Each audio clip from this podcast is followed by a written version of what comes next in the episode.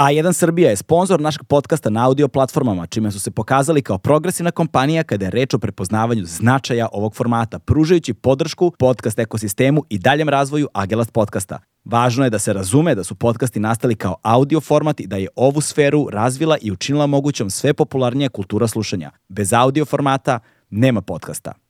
Legend Worldwide je domaći modni brend prepoznatljiv po džinsu i stilu, fokusiranom na stvaranje smirenog dizajna sa prizvukom modernog nasuprot bezuslovnom praćenju modnih trendova. U pitanju je čovek koji je na lokalnoj i underground sceni poznati pod nadimkom Zgro, njegovo ime je Igor Todorović, legenda underground, punk, hardcore scene, čovek koji je uh, uh, menadžer Bine na Exitu, Explosive Bine, nekada Metal Hammer Bine, kako god hoćete, posljednjih desetak, 11 godina, neko ko je doveo nebrojno veliki broj bendova, neko ko je zaljubljenik u englesku kulturu i engleski futbal, neko ko zna jako puno o underground punk i hardcore muzici, hroničar jednog vremena i neko ko je ceo svoj život posvetio upravo ovoj kulturi iz koje potičem ja, iz koje potiču mnogi naši a, poznati umetnici, ali i mnogi naši zajednički prijatelji takođe. Dakle, naš sledeći go, gost je Igor Todorović Zgro, a naravno razlog je drugo izdanje njegove knjige koje nosi naziv Moja engleska. Čućete u razgovoru o čemu se radi. Uživajte.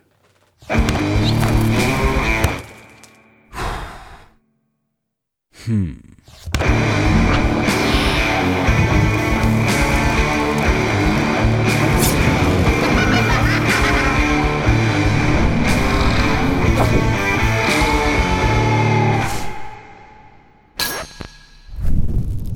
Zgro, kućo moja. Nemoj to. Kreći od nule. Od nule. Da. Zgro. Tako da, bez Sa, onog. Bez kućo. Da ti ne objašnjam zašto. A, stvarno. Da. Dobro, dobro, dobro. Desi, zgro. Ove, ovaj, a, dobrodošao.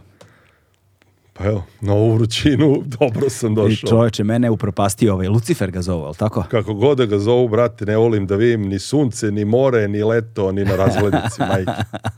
Kako si u knjizi jednom napisao, vratio sam se belje nego što sam otišao. Pa da, pa beš.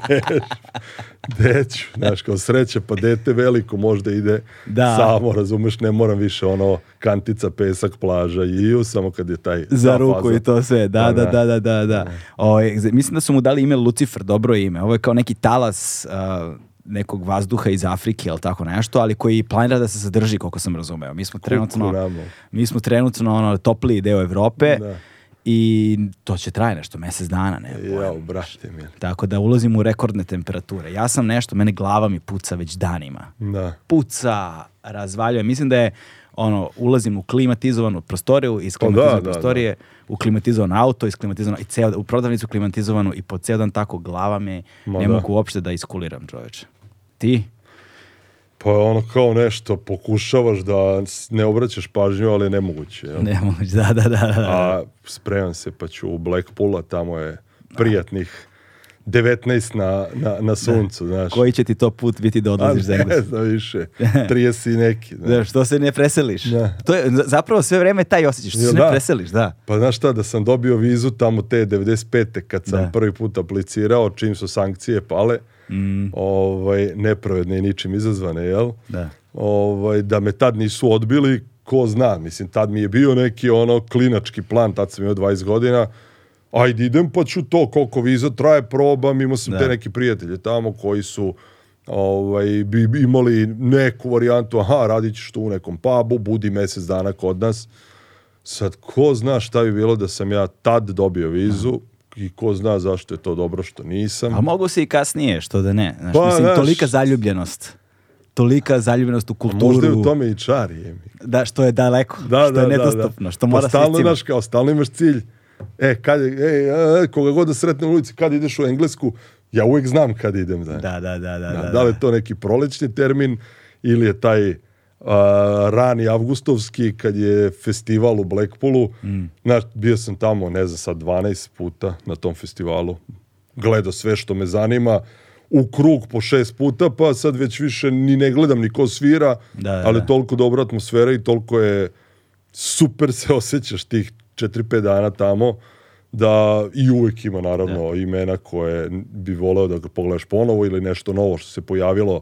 Da. što nisi ovaj video pa kao wow super tamo ću ili onih koje ono ni ne znaš ko su kao ajde idem da vidim pričaju preporučili kao nije loše pa kao bog te vas dobro je a dobro, ne. dobro pazi ovaj, reci Dobro, dobro, sad čekaj, nema veze. Ali snimamo sve, samo da ja moram da utišam malo svetlo na akvarijumu, pa i sad ovo. Ja to sve daljinski. Zato što je kontra svetlo za kamere, znaš. Aha, aha.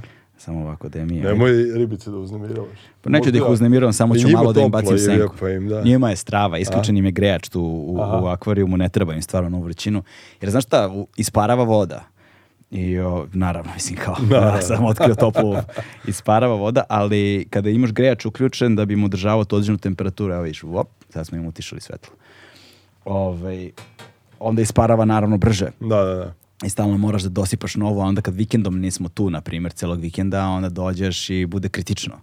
Da, moraš svaki dan da se vodi računa o tom Aha. akvariju. Malo je ono zahtevna stvar, ali... Pa dobro ali ko voli, idealno. Ne moraš da ih vodiš 3-4 puta dnevno napolje, da, da istračavaš To je istina, to je istina, dakle, to je istina. Da. Ovaj, a, samo da počnemo za ljude koji ne znaju, dakle, Igor Todorović Zgro, legenda a, domaće, domaće punk, hardcore scene, ali pre svega urednik, je li tako, u Novosadskom SKC-u, programski urednik, programski tako, urednik, tako, programa programski urednik. SKCU, da, tako je, ovaj, menadžer uh, uh metal, e, hardcore punk bine, eksploziv, uh, metal hammer, promenila imena kroz promenila godine. Nek, nekoliko imena, 2025. će biti 20 godina te bine na, da. na tvrđavi, Mila Rakić s kojim sam ja tamo da, da. Ovaj, pozdrav ovaj, za Milana. u ekipi, pozdrav za Milana ovaj, nas dvojica vodimo tu binu, ja sam pod navodnicima na ono papiru, taj kao stage manager te bine mm. i kao funkcionišemo dobro, ja sam se priključio 2012. znači 10-11 godina sam na toj bini. Lodimo. Ovaj, I stvarno ono kao sve što možemo, mm. a da nam je u tom nekom da se uklapa u budžet i da, da na, pola na poznanstva, pola na neke ono kao tapšanje po ramenu, ali... Takva je scena. Tak, pa Takva tako je scena. Je, znaš, da nije DIY, brate, ne bi imao pa, smisla. To. Bukvalno, da. Ove, ovaj, ali najvažnija stvar je tvoja knjiga moja engleska, a, kada je izašla knjiga, kada je bilo dali prvo izdanje, da sa sto strana su me ono, pankeri zvali, kaže, moraš zoveš zgrova, moraš zoveš zgrova, ali evo sad je došao pravi trenutak. Daško me prvi zvao, pa ne znam kome sve zvao živi. Izašlo je treće izdanje prekić. Ovo je drugo? Da, o, ti imaš drugo, treće. Da. Mislim, znači prodaje treći... se. To je po soma primjeraka, koliko je tiraš? Pa da, valjda, hiljadarki. Znači, Ma ni Soma, hiljada, da, da, da, da, da, wow. To znaš kao, je li to okej, okay, valjda? To je odlično, čoveče. Da, to je da. odlično, to je odlično. Znači, postoji interesovanje.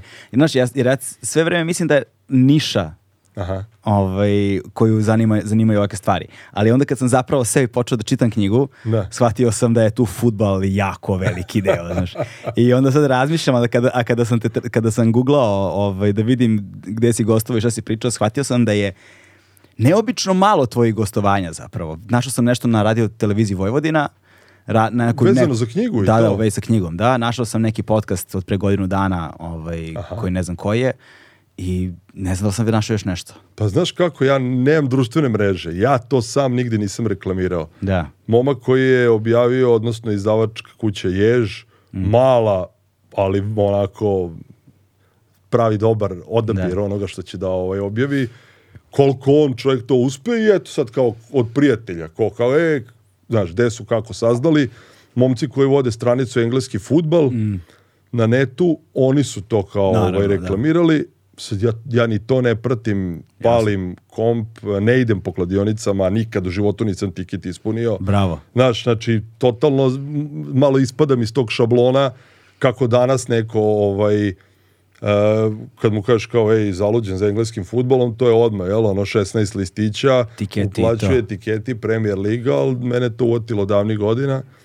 I u toj knjizi je to otprilike sumirano. S tim što je sad ono navala sa svih strana, ajde piši nastavak, mm. jer ova se knjiga završava mojim prvim odlaskom u Englesku. Da. Vratio sam se odande i tu mi je i Strahinja koji izdavač rekao, stani, nemoj više ni slovo, da ne bi napisali ono rat i mir. Da, da, da, da, da. Ovaj, tako da ima materijala za nekoliko nastavaka, ali nećemo sad praviti špansku seriju, ali pa- mislim pa. da bi još jedan da u njemu Još jedan zaokružim. Pa jedan će, moram početi, ono, kao već ovaj je krajnji. Pa ne, nikako, znaš, kao, ej, te daj ovaj fanzin, te daj onaj da. fanzin, te izlazi ova ploča, izlazi ona knjiga, izlazi ovaj CD, non stop sam u nečemu, mm. ovaj, pod navodnicima, kreativnom, jel? Da. I onda, a za ovo, e, nije meni toliko vremena oduzelo samo kuckanje i pisanje, mm. koliko dok ja nisam prelisto sve svoje čage papire, sveske. Da, pričat ćemo o tome. Da. Pričat ćemo o tome da, da ljudi Tako shvate da, eto, zapravo. Ono, kao knjiga, ono, otišlo 2000 komada, bog te mas. Bog te mas. A, no. Tako, drago mi je. Baš, baš mi je drago. Pa posebno, uh, kada se čita ova knjiga, prvo, prvi komentar jeste neverovatno mi je da od svih sportskih podcasta koji postoje, ovaj, evo, eto te kod mene, što je sjajno.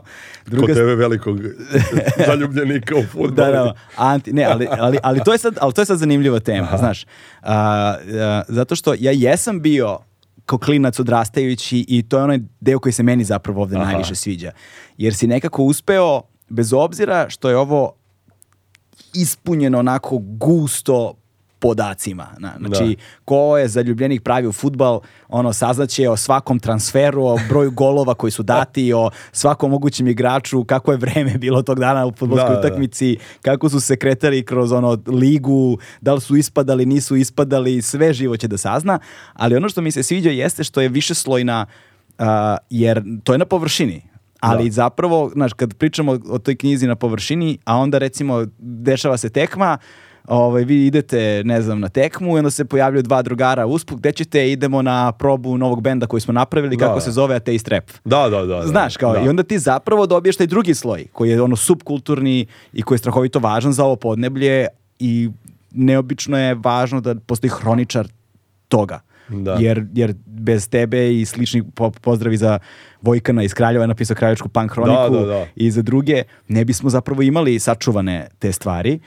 Ovaj, a treći sloj je taj kako bez obzira na sve to dočaran je, romantizovan je nekako taj, sviđa mi se uh, kako je Aleksandar Hemon uh, definisao, definisao nostalgiju Aha. kao retroaktivnu utopiju. Znaš, I onda Aha. ima taj utopistički moment vremena kojeg više nema. Pa naš, čim se ti baviš nečim da. i doživljavaš ovaj, pišeš bajke o nečemu što nisi doživeo, jel? Mm -hmm. što, je, što su ti pričali da je onda bilo bolje, da. a ti pišeš o tome u superlativu veci da, već, već nije to, okay to. s tobom sve. Ali sam, ti si nešto stariji od mene, ali da. sam dobrim delom ja ta generacija. Brojne stvari koje pominješ ovde te, uh, su tačke kulturnog identiteta kojima ja pripadam. Ovaj, I sećam se i sam brojnih emocija. Da, da, da. Si me, vratio si me nazad u te trenutke i to je zaista od ogromne vrednosti. S time da čini mi se da je ta romantična verzija tog sveta 90. godina polako iščezla. Barem, barem je u mom slučaju Kod to. Kod nas svakako, Znaš, sa u... ja sam eto, imao stvarno sreće što sam rođen mm. u vreme one Jugoslavije i onog futbala i kao sva deca Znaš, kao šta radiš, Keva i Ćale ne znaju, ono, doručkovo si, jel, letnji raspust, ti piči napolj, igraš futbal, vratiš se na da. večeru. Mm. Kako crno cimanje na mobilne, ovamo, namo, jel, da. dođeš uveče kad se smrkne. A ti odigro do tada 32 neka mala futbala sa društvom, ono, preko puta u školskom dvorištu ili gde da. već na betonu. Ovaj, stvarno smo svi, ono kao znao si napamet sastave od Slobode iz Tuzle, Čelika iz Zenice, Sarajeva, Želje, Hajduka, da ne pričamo to, Partizan, Zvezda, Vojedina. Ovaj, Jer su i onda ono, sve to imalo više smisla. Futbaleri su odlazili u inostranstvo tek sa 27 napunjenih godina, tako je pravilo bilo. Ne. I mi klinci smo imali s kim da se identifikujemo iz naše lige, iz našeg futbala. Da. Znaš, kao Moca Vukotić mi bio sve na svetu. Znaš, kao ti si znao, ej, tu i to, u toj zgradi živi Jimmy Marić, legenda Voše. Mm jao, eno ga ide u radnju, pa nas deset klinac trčimo za, da vidimo kako, šta, kako Jimmy Marić, mislim, znaš, to, to su na taj način bila ono oduševljavanje tim nekim futbalerima i kao super da, postoji Maradona koji je velik, postoji Ziko, postoji neki Platini, jel tako, ne znam, u Engleskoj Brian Robson, ali su nam ovi naši futbaleri, šta sad klinac ima za koga da se uvati, razumeš, da. kao Neymar i Ronaldo, Mbappe i Messi i vrti u krug od ovih domaćih, ne uspe da spoji uh, sezonu dve u Zvezdi, Partizanu ili bilo kom drugom klubu, da. već je sa 19 e, gleda da, da beži negde, pa se zezne, pa se vrati posle dve godine jer je otišao kao klinac, mm. jel da, koji ne zna veže pertlu, a ne da se snađe u nekoj Belgiji, Francuskoj ili gde već. Da, da, da. Tako da je ovaj, je, sve to znatno drugačije. Ali i kulturološki je bilo drugačije. Van samog yes, sportskog. Meni je, meni je taj deo važan, jer fascinantno mi je da posmatram ono razvoj i ono punk i hardcore scene, da, da, da. ali sa iz ugla futbala. Aha. Znaš, i tačno, ali to tačno postoji ta podela negde. Znaš, imaš ljude koji su na toj sceni iz sveta muzike i imaš ljude koji su na toj sceni iz sveta futbala. Ali su iz sveta futbala čini mi se uglavnom sta, sad već starije generacije. Tako je. Sve manje će na punk sceni vid, ćeš vidjeti nekoga ko dolazi sveta futbola. to se ne, ne dešava više.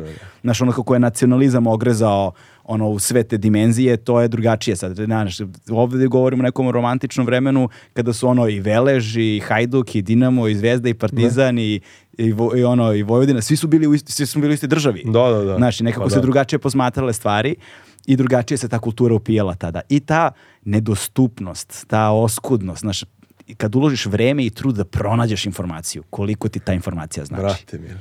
Svi smo imali te sveske gde smo popunjavali, pa da. pisali nešto. Pa znaš, kao i znanje engleskog jezika na najniže mogućem nivou, Aha. polovinom 80-ih, i sad ja imam, držim sportske novosti, voleo sam sportske novosti da kupujem, mm. ovaj, zagrebačke, jer tamo se nisu frljali sa prevodima da, da, da. ovaj, naziva. da, pominje da. se u knjizi. Znaš, kao čoveče, ja svaki put kad kupim sport, aha, zadnje strane, izvešte iz engleskog futbala, svaki put je drugačije napisan. Da, da, da li je Middlesboro, Middlesburg, Mil, znaš, pa, pa za, zafali dva slova, pa dodaju dva, da. Leicester i ostale da, da. frljanja. Le, to ovaj. je Leicester, je tako? Leicester, da. tako je. A onda kao sportske novosti, pa bar skontam kako je u originalu, ali i dalje ne znam kako se izgovara stvarno, jer nemaš ti to nigde da čuješ, nigde da, da, da vidiš. Da, da, da, da, Znaš, da. nema prenosa, nema izveštaja. Onaj majstor na sportskom pregledu uveče isto pet minuta zadnjeg bloka budu ono golovi iz inostranstva.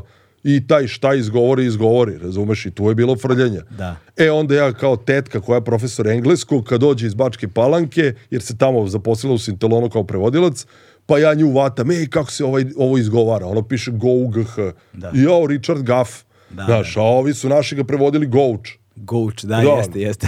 I, o, tako da u tom nekom periodu, recimo da kažemo, hm, dokad sam ja ono, znači pratio sam kao klinac naravno, uh, Italija 90. Uh, Amerika 94. kada zapravo nije bio Panini album. Da, da, da. Nego je da. bio neki... Zbog sankcija. Zbog sankcija, tako je. Nepravedno. Da, i, ovaj, i onda sam pratio posle samo svetska prvenstva, Francuska da. 98. I onda idu one I onda Japani, Japan, Koreji, pa Nemačka 2006. Mislim, sa Nemačkom 2006. Da. sam zvanično završio a, i posle toga više nisam pratio ništa. Ništa, ništa propustio. Verujem. E, ovaj, ali da se mi vratimo negde na početak. ovaj, a, ovo putovanje počinje zapravo 1986. godine. Je tako? Četvrte ili šeste? Pa, ajde da kažem, u knjizi ta moja najranija sećanja kreću od 82. 84. 5. 6. sam ja već ono kao klinac koji sve secka skuplja, da. što ima veze s futbolom. Još uvijek veze nemam s muzikom, ništa. Da. Drugar iz kraja gde sam nekad živeo u Novom Sadu kod železničke stanice ima starijeg brata koji je 67. čini mi se, mi smo bili to 74. treće i sad ti kao ono visiš kod njega letnji raspust, odande nešto trešti neka muzika, i sad kao između postera futbalera, ovih onih, i neki majstori s gitarama. Sad šta je ovo i sad onama, šta vi klinci kao a, ložite se na engleske ovaj, futbalere. I to sam sasvim slučajno, 82. u Španiji, kao ej, neću navijam ko svi za Francusku, za Platinija, Bosisa i Žiresa, ja ću za ove druge, ono bili Englezi. I tako krenuo da kao simpatišem Engleze ovaj, e, ovo je prava muzika za vas, napaljene klince na da. futbala, engleska muzika, šta je ovo, punk, wow, znaš, i sad meni to kao super mi nekako, nekako mi se da. uklopilo. Znaš. Ali čekaj, pre nego, što, pre nego što dođemo do te tačke, ja bih volio da se vratimo još unazad, znači još ono, da, da, na sam početak, zato što mi je važno da oslikamo negde uh, tebe, Dobro. Ono, tvoje okruženje, tvoje odrastanje u Novom Sadu i da steknemo tu sliku kojoj, da, da, vid, da osetimo tu sliku koju ti zapravo se prvi put dolaziš u kontakt. Jer Aha. ništa ne pada ono s neba pa u rebra. Znači ti si odrastao u jednom okruženju gde se futbol strahovito cenio. Ali ja mislim da je tako bilo u manje više svakoj porodici. Ne nužno. Ne nužno, ali većina to kao otac familije, jel tako, dolazi sa buntom novina s posla u tri sata, i kreće se od nazad. Da. Sve novine su se čitale uvek od nazad, od sportskog dela i onda raširiš po stolu, aha, da vidimo ko je kad s kim igrao, koji su parovi, koji su rezultati, čuveni ono kao mali tranzistor i deda mi ono koji je isto zaluđen bio za futbalom, pratio sve, s tim što me je deda vodio ko klinca i na boks mečeve u Novom Sadu i na hokej, e, tad još na otvorenom klizalištu na sajmištu, Uh, kad je ono kao ovaj stoni tenis zbog kojeg je Spence ovaj, otvoren pa smo išli da gledamo i, i ping pong da, da, da. ovaj, da 81. i kao non stop si pratio sport kao olimpijada naravno odma ideš cap s dedom da kupujem svesku da se upisuje sve što ima mm. veze s olimpijadom taj je Los Angeles 84. sve na pamet sam znao znači bukvalno sve sam na pamet znao budili se u 3-4 ujutru da gledaš waterpolo protiv Amerike i ne znam šta još. Uglavnom, ovaj, stvarno, svi oko mene u familiji užoj, široj su imali veze Mislim, imali veze. Bili strastveni zaljubljenici u futbol. Da, da. A, gde si odrastao u Novom Sadu? E, to je sve deo, znači prvo nešto kratko na limanu, uh mhm. -huh. blizu Štranda, a onda taj rani deo detinjstva kojeg se dobro sećam i gde se to sve dešavalo je kraj kod železničke stanice, kod e, mašinske građevinske škole, u toj Gagarinovoj ulici. Mm. Ovaj, sve je isto kao i onda i dalje ima ta, ti, te neke garaže i neki futbalski ono, teren beton ovaj, na kojem i danas igraju neki klinci futbala, ali ajde kao ok. I, I tu je odmah preko puta bilo dvorište mašinske građevinske škole sa nekoliko terena mm. tih rukometnih na kojima se non stop igrao futbal. Znači, Igrala se i košarka, ja. Da. ali u mnogo manjem ovaj, obimu. A1 je prvi prijatelj audio izdanja Agelast podcasta. I kada si pomenuo tranzistor, nekako, e, znaš šta sećanja, rana sećanja iz detinstva koja odu na dno zaborava i onda se samo ni od kuda pojave, ali nekako što sam stariji sve mi se češće to dešava. da. I onda u, u, sa ovom tvojom knjigom Moja engleska se desilo beskonačno mnogo puta pa da. i onda se meni vratila ta sećanja slušanja tranzistora. Čovječe, to je cela kultura pa da. slušanja toga. Dakle, slušali su se prenosi tekmi, slušali su da, radijske čovječ. emisije. Mislim, to je bio za mene način da saznam za novu muziku. Između ti, pa naravno, znaš, kao ti si to kao tranzistor i slušanje to vreme sporta i razonode. Da. Ovo, ovaj, ovaj program je kao torta, red muzike pred sporta. Da, da, da, da, da, da. E, ali s druge strane, samo da napomenem jedan komentar, a, razlika u, je, u jeziku između hrvatskog i srpskog je prevashodno u tome što je na srpskom, srpski jezik je a, fonetski jezik, Aha. a hrvatski jezik je etimološki. Dakle, i onda se zapravo etimološki jezik se, se oslanja na poreklo reči. I onda oni zapravo sve nazive pišu izvorno. Tako je. Ove, da. Što ima svoje prednosti, kao što, ali ima i svoje mane šta ako govorimo recimo o nečemu u Kini, na, šta ćeš, da, na da, da. kojem ćeš jeziku da napišeš etimološki. Četiri simbola. Da, ili na norveškom da. i slično, da, onda da, imaš problem da pročitaš. Ove, ovaj, Četiri y na jedno do drugog. A kod nas su fonetski i onda se sve bukvalno Aha. ovaj, prenosi kako izgovaraš, tako pišeš, yes. ali onda ne naučiš da pišeš ispravno. Mm. Znaš, ili ako ne naučiš da izgovoriš ispravno, ovde sve dođe volerga, tako i prenosiš u tekst. a, da. Ove, ovaj, ali da, i ta kultura tranzistora je bila stvarno ovaj, stvarno velika i stvarno važna u tom periodu. Nosili smo te i one boomboxove na terene i pustili muziku i a, slušanje prenosa i slušanje u kolima i ono, čekanje radijskih emisija. Ja sam recimo obožavao među ostalog, ono, ne znam, geto emisiju na radio politici Aha. sa Čeko Đankića u 9 da čujem, znaš, i gomilu Šta drugih nekih. da, da. Jer jedini način da čujem novu muziku, između ostalog, pored čitanja fanzina, pored nalaženja kako znaš i umeš stranih magazina, A kako znaš i umeš da bi to isto bilo redko, ono, gledaš ga iz izloga, nemaš parine da ga kupiš. Pa da, pa da. Da, to, ali je bilo čekanje, jel te, radijskih emisija. I, ovaj, I sve te neke emocije su zapravo jako lepo dočarane ovde. Znači, Ti to si ovaj, to kao slušaš radio prenos. Mm. U momentu dok onaj ne vikne šta je, nego samo se ubaci, znaš, prebaci kanal po, po huku, po, š, po zvuku, ti znaš da je pao gol u Titogradu, na primjer. Da, da, da. Kao, brate, za koga, ajde, ali te dve, tri sekunde da ovo ko ne kaže, da. ovaj, ko je dao gol, brate, kao dva minuta da su, ni, ajde, izgovori ga mamu mu njegovu, znaš. ono kao, znaš, pa onaj drekne, samo, znaš, kao ovaj prenosi, iz, ne znam, sa Zvezdinog da. stadiona, ide Marko Marković, bla, bla, bla, melje, melje, i samo ga probije, ono, e, e, onaj grubi glas penalti ku Sarajevu Znaš, i sad kao čovječe igra tamo, ne znam, Partizan, pa za koga je penaltik u Sarajevo, da. Pa dok onaj prebaci, to prođe tri minuta je, znaš, da. ta, ta, mislim, to su eto tako neke stvari. Jeste, i on, ali one ti ostanu u, u tom periodu života, nekako ti se urežu i um, mi, ono što mi se čini jeste da danas nekako nedostaje, danas nam nedostaje malo romantizma u, u, u svakodnevici. Jer ta nedostupnost, nemogućnost da saznaš pa da. informaciju, da je činila da ti taj prostor između dvije informacije moraš nečime da ispuniš. I onda ga ti yes. domaštavaš ga. Onda u razgovorima se domaštava. Šta je istina, šta nije istina. Svi ti mitovi u kojem smo verovali kao apsolutne da, da istine, da, da. koji su bili ono tračevi sa ulice. Znači, smo pa da. nekako činili lepotu življenja ili smo mi samo matorili pa nam to nedostaje. pa znaš, e, on, nek, nekako ajde sad kao vrtiš film, pa gledam danas eto i čerku i te nove generacije, Uh, eto kao ja i dalje piskaram neke fanzine, čuda da, da. neka. Out of, I onda, the, znaš, out of the darkness, da, fanzin. Da. Ovaj, I kao pitam, ima klinaca nekih novih na sceni i sad je, pričam s jednim, kao evo sad s tobom, rekao, ajde iz tvog ugla, ti napiši koliko imaš godina, aha, 19, prva, završio je srednju školu, četvrti srednje umetnička u Novom Sadu. Rekao, ajde napiši koliko hoćeš, 10 rečenica. O, evo, sad ti, zbog čega si ti sad stavio X na ruku, straight edge. Da. A on kao, a kako misliš da napišem? Pa rekao, sedneš i otkucaš. Stani, stani, kao, gde da sednem, šta da otkucam, na čemu da otkucam? Podigni samo mikrofon malo. Aha. Ovako, pak... Na gore, tako je. Na gore, na gore još. Eto. Ovaj... I znaš kao, rekao, stani, stani, jel pričamo istim jezikom? Rekao, uzmeš pa viš kako ovo što piše tu, da bude tako, pa si ti potpisan.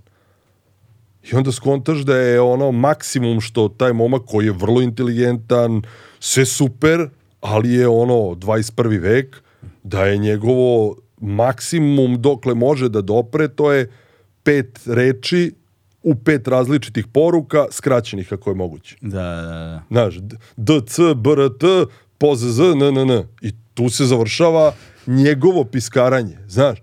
A onda kao, vrate mili, znači klinci nemaju vremena ni za šta oće, ono kao instant uh, uspeh, sad, odma, ako se nije desilo, prelazi na nešto drugo ili pada u oči. Nema, znaš, kao čoveč, stani polako. Da, da, da, da znaš, ja se sećam ko sad uh, počinju je to sranje od ovaj, rata u, u, u, na prostorima bivše Jugoslavije, još uvek nije jako zakapijano, ali tu je pred kraj. I Čaletov kolega, radili su zajedno u Nov Kabelu dok je to bila ozbiljna velika ovaj, fabrika, firma, kompanija, proizvodila sajle i užad. Uh, I on čovjek ide na međunarodni sajam u Nemačkoj, u Minhenu, neko čudo. I ja Ćaletu reku, molim te, evo adresa, World of Music, sećam se Kaufinger štrase, znači napamet si znao, nikad bio tamo nisam, znam kako se zove i ulica i, i, i radnja i sve reko, izlazi album, taj, taj Chrome Exa, molim te daj koliko go, joj, kao nije problem. Taj čovjek tamo u odelu stoji u prodavnici. Sad on to prepričava kad se vratio. Ovaj, stoji u prodavnici kao dobar dan, da li imate ovo? I ovaj mu Nemac kaže, ej da, evo sad je stiglo u kutijama je, dođite sutra, još nismo polepili cene. A ovaj kaže, gde da dođem sutra? Man? Kaže, ja letim za sat vremena. Molim te, ja taj CD moram odneti u Srbiju, kako u Jugoslaviju tadašnju, kako ne smem se vratiti kući. Oj, sad upravo, pa kao ne mogu ti ga prodati kad još uvek nije uveden u sistem.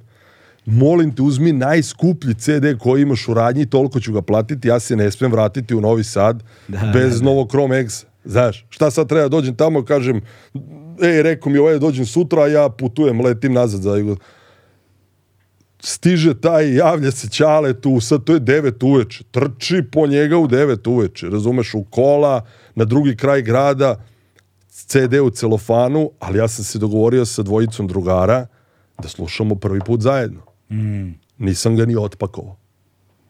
Aha, sutra dok prođe prva smena, pa kod Ljube s kojim sam, ovaj, kod kojeg smo dosta visili, s kojim sam i svirao u bendu No Speed Limit tih 90-ih, sutra u dva popodne. I sad zamislim, ako ne možeš zaspati, okrećen ga, rado bi ga, ali neko, vrate, ne mogu ispasti jara, da, jevi, ali, ga, sam rekao, ali ga gledaš. Ali ga gledam, imam ga, stigao je. Da, ali da. nemam kako ni da javim, znaš, da. kao zovem na fiksni, ne javlja se niko, ne, znaš, niko ne zna da je to stiglo u, u, u Srbiju u tom momentu u Jugoslaviju. Ovaj, I sad kao, čoveče, sutra ujutru ja u školu, nosi CD, gledam ga ceo dan, čekam kraj, kad ćemo, i znaš, da se skupimo nas trojica koji smo se dogovorili, koga prvi nabavi ne sluša bez ovih drugih. Da, da, da. I znaš, to se poštovalo. I brate mi ili tako je bilo. I to se poštovalo. Ja se da, da. sjećam da. tako kako sam ja zavolao gomilu neke muzike. recimo, to sam pričao već ovde u podcastu, funk, kako sam zavolao funk, tako što sam imao prijatelja koji mi je narezao CD funk kompilacija koji je bio funk DJ Aha. ono ranih krajem 80-ih početkom 90-ih u Beogradu. I onda je video mene kao klinca koji voli muziku, ja sam tada imao koliko sam ja imao tad čoveče, 12 godina, pa da. 3, znaš to. I dolazio sam kod njega u Nintendo klub da igramo igrice, znaš, znaš da igramo igre, pardon, znaš, tako. Ljudi koji su gameri vole kažu igre. Igre, da. Da, da ovaj, idemo, idemo da igramo igre, ono, cepali u to vreme, ne znam, Donkey Konga, Super Mario i šta ti ja znam šta smo se igrali. Mortal Kombat, da, Aha. drugi, tad već na kabinetima sam igrao prvi. I, ovaj, i on mene dovede, dovuče me sa strane i kao, e, imam nešto za tebe i narezao mi je kompilaciju funk muzike, ono, George Aha. Clinton, Bootsy Collins, na James Brown, ali ja nemam CD player. Znaš, nemam, niko u mojom ekipi nema CD player. To da. je, imanje CD playera je bila ekstremno redko. Pa sam, da.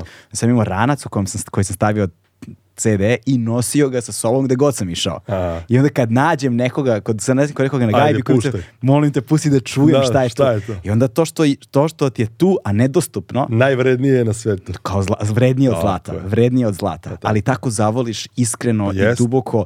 I onda kad zavoliš ono dečije, naivno i bez kritičkog odnosa. Tako je. Pa da. To ti ostaje za ceo život. Znaš, meni su neki od najdržih filmova, neke od najdrže muzike, knjiga su one koje sam čitao sa tom dečijom naivnošću i mm. zaljubljenošću, mm. iako možda danas ako ih posmatraš nisu, ne znam, kao veličina umetničkog eh, do, do, nam, da, kakak, da, da. nije važno.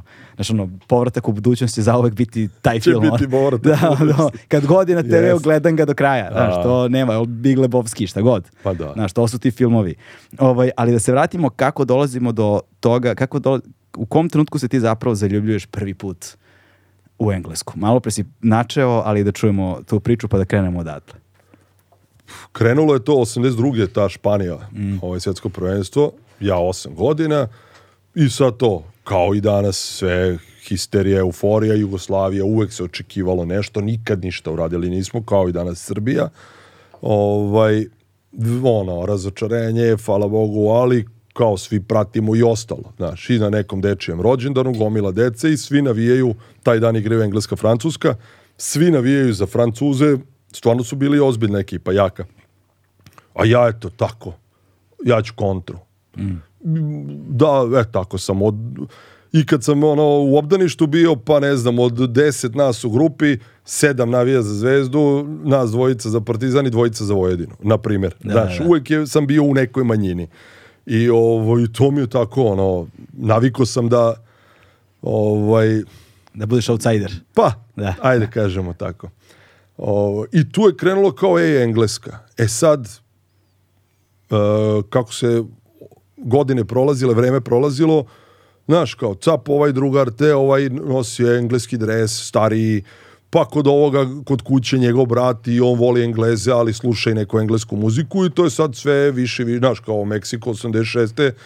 je opšta pomama bila, ovaj, tu nije igrala Jugoslavija, ali smo tamo iz tog društva kod železničke stanice se vi mahom navijali za Engleze.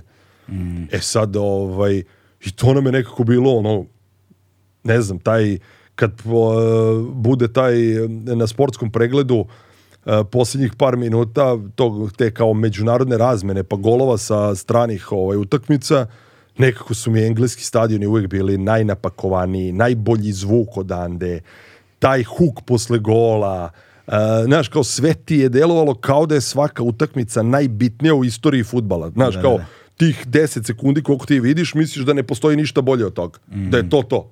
Znaš, ono, kao gledaš posle, kao, e, italijanski, ok, ono, baklje zastave, ali su mi taribine daleko, ima ona atletska staza, pa znaš, kao, nekako mi, na, a ovo, majko, imaš osjećaj da onaj ne može da izvede ovaj aut, da će mu iz publike uzeti loptu, da, da. korner kad izvodiš da imaš maksimum ono da možda uzmeš zamah, zalet od dva koraka, tri koraka, jer upašćeš u prvi red, neko će te povući za nogu. Znaš, sve mi je to i malo davalo neku čar. I sve to prema Engleskoj je krenulo odatle od tog nekog kao ono, e, engleski futbal i otkrivanje novih imena, e, timova, naziva stadiona, gradova, znaš. Da. Ovaj... Ali to je zanimljivo kak, na koji način na koji si ti kreirao mapu Engleske. Sve je to bilo prema, znaš, kao, gde se koji klub nalazi. Ali ne samo gde se koji klub nalazi, nego, ono, pozajmljivo si mape od prijateljice, da, da si donimo de, detaljnu mapu, pa si precrtavao. Precrtavao na pausu rapidografom, pa da. pa to je znaš, koliko... kao Čale je koristio rapidograf jer je u Nov kabelu imao dosta tih nekih, kao ono, tehničkih crteža i šta ja znam.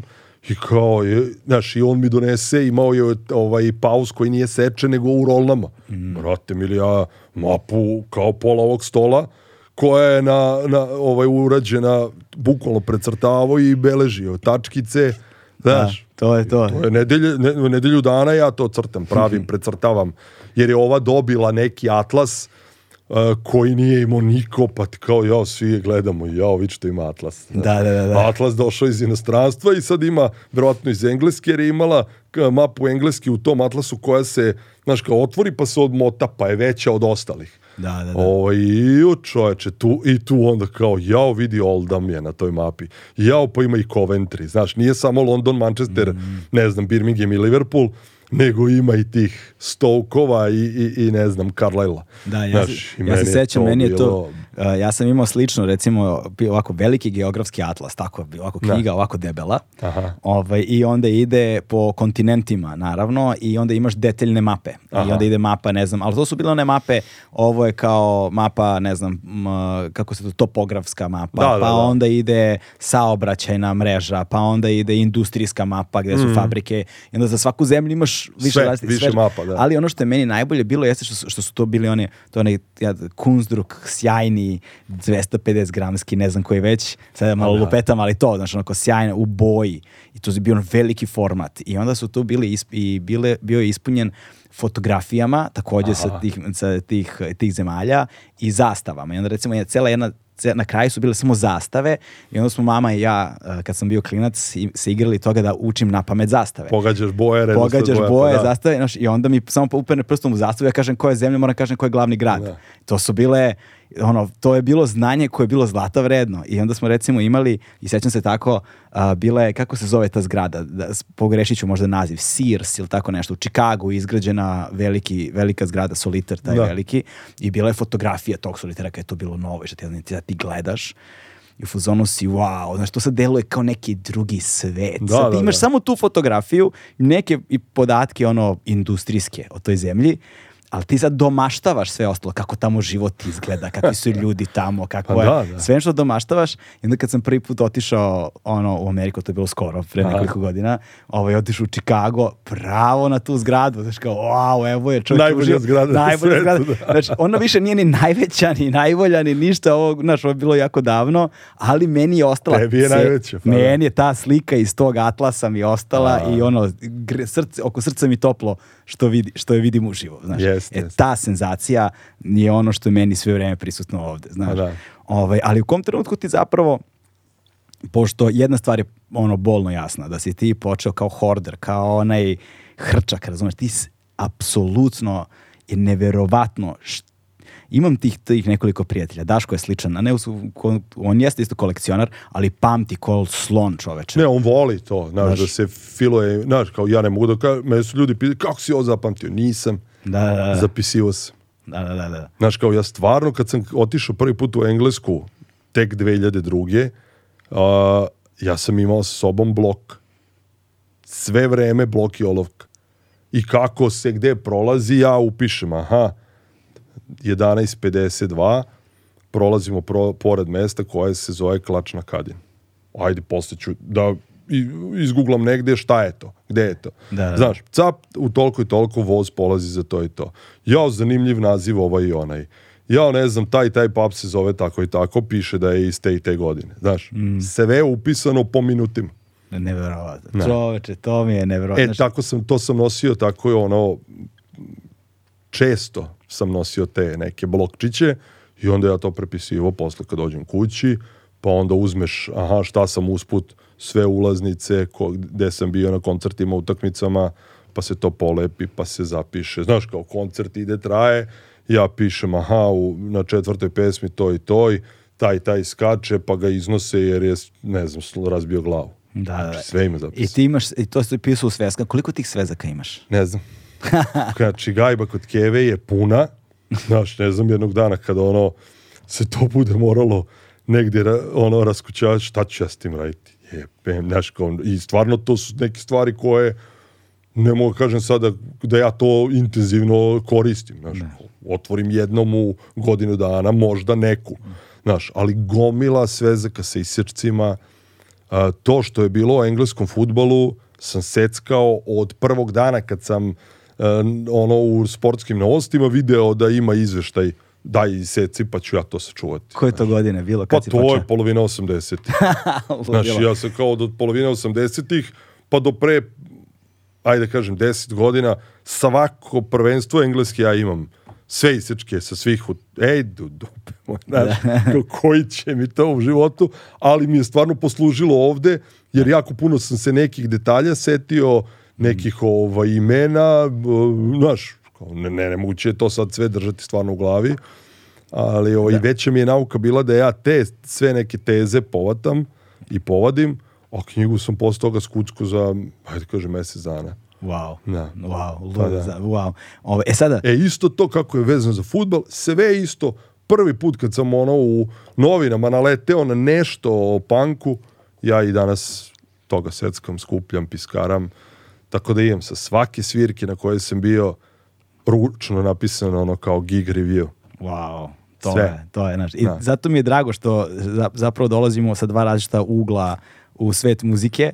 Ovaj, I meni je sad strašno zanimljiv taj tvoj iz ugla futbala. Znači, no. Da. sretao sam i znamo obojica jako puno ljudi koji iz tog sveta dolaze, ali nikad nisam zapravo seo sa nekim, znaš, od vas i kao Aha. da zapravo, aj sad da razgovaramo tri sata o tome kako izgleda zapravo rođenje panka, a, rođenje hardkora, i kao cele te neke alternativne subkulture, da kažemo, kako po, po, po u Engleskoj prevashodno, po, po Evropi, naravno, Sjedinje američke države su ne. Da. za sebe, i kao dolazak svega toga ovde. I ono što sam ja negde laički skapirao u jednom trenutku jeste da je to usko povezano sa futbolskom kulturom, u velikoj meri.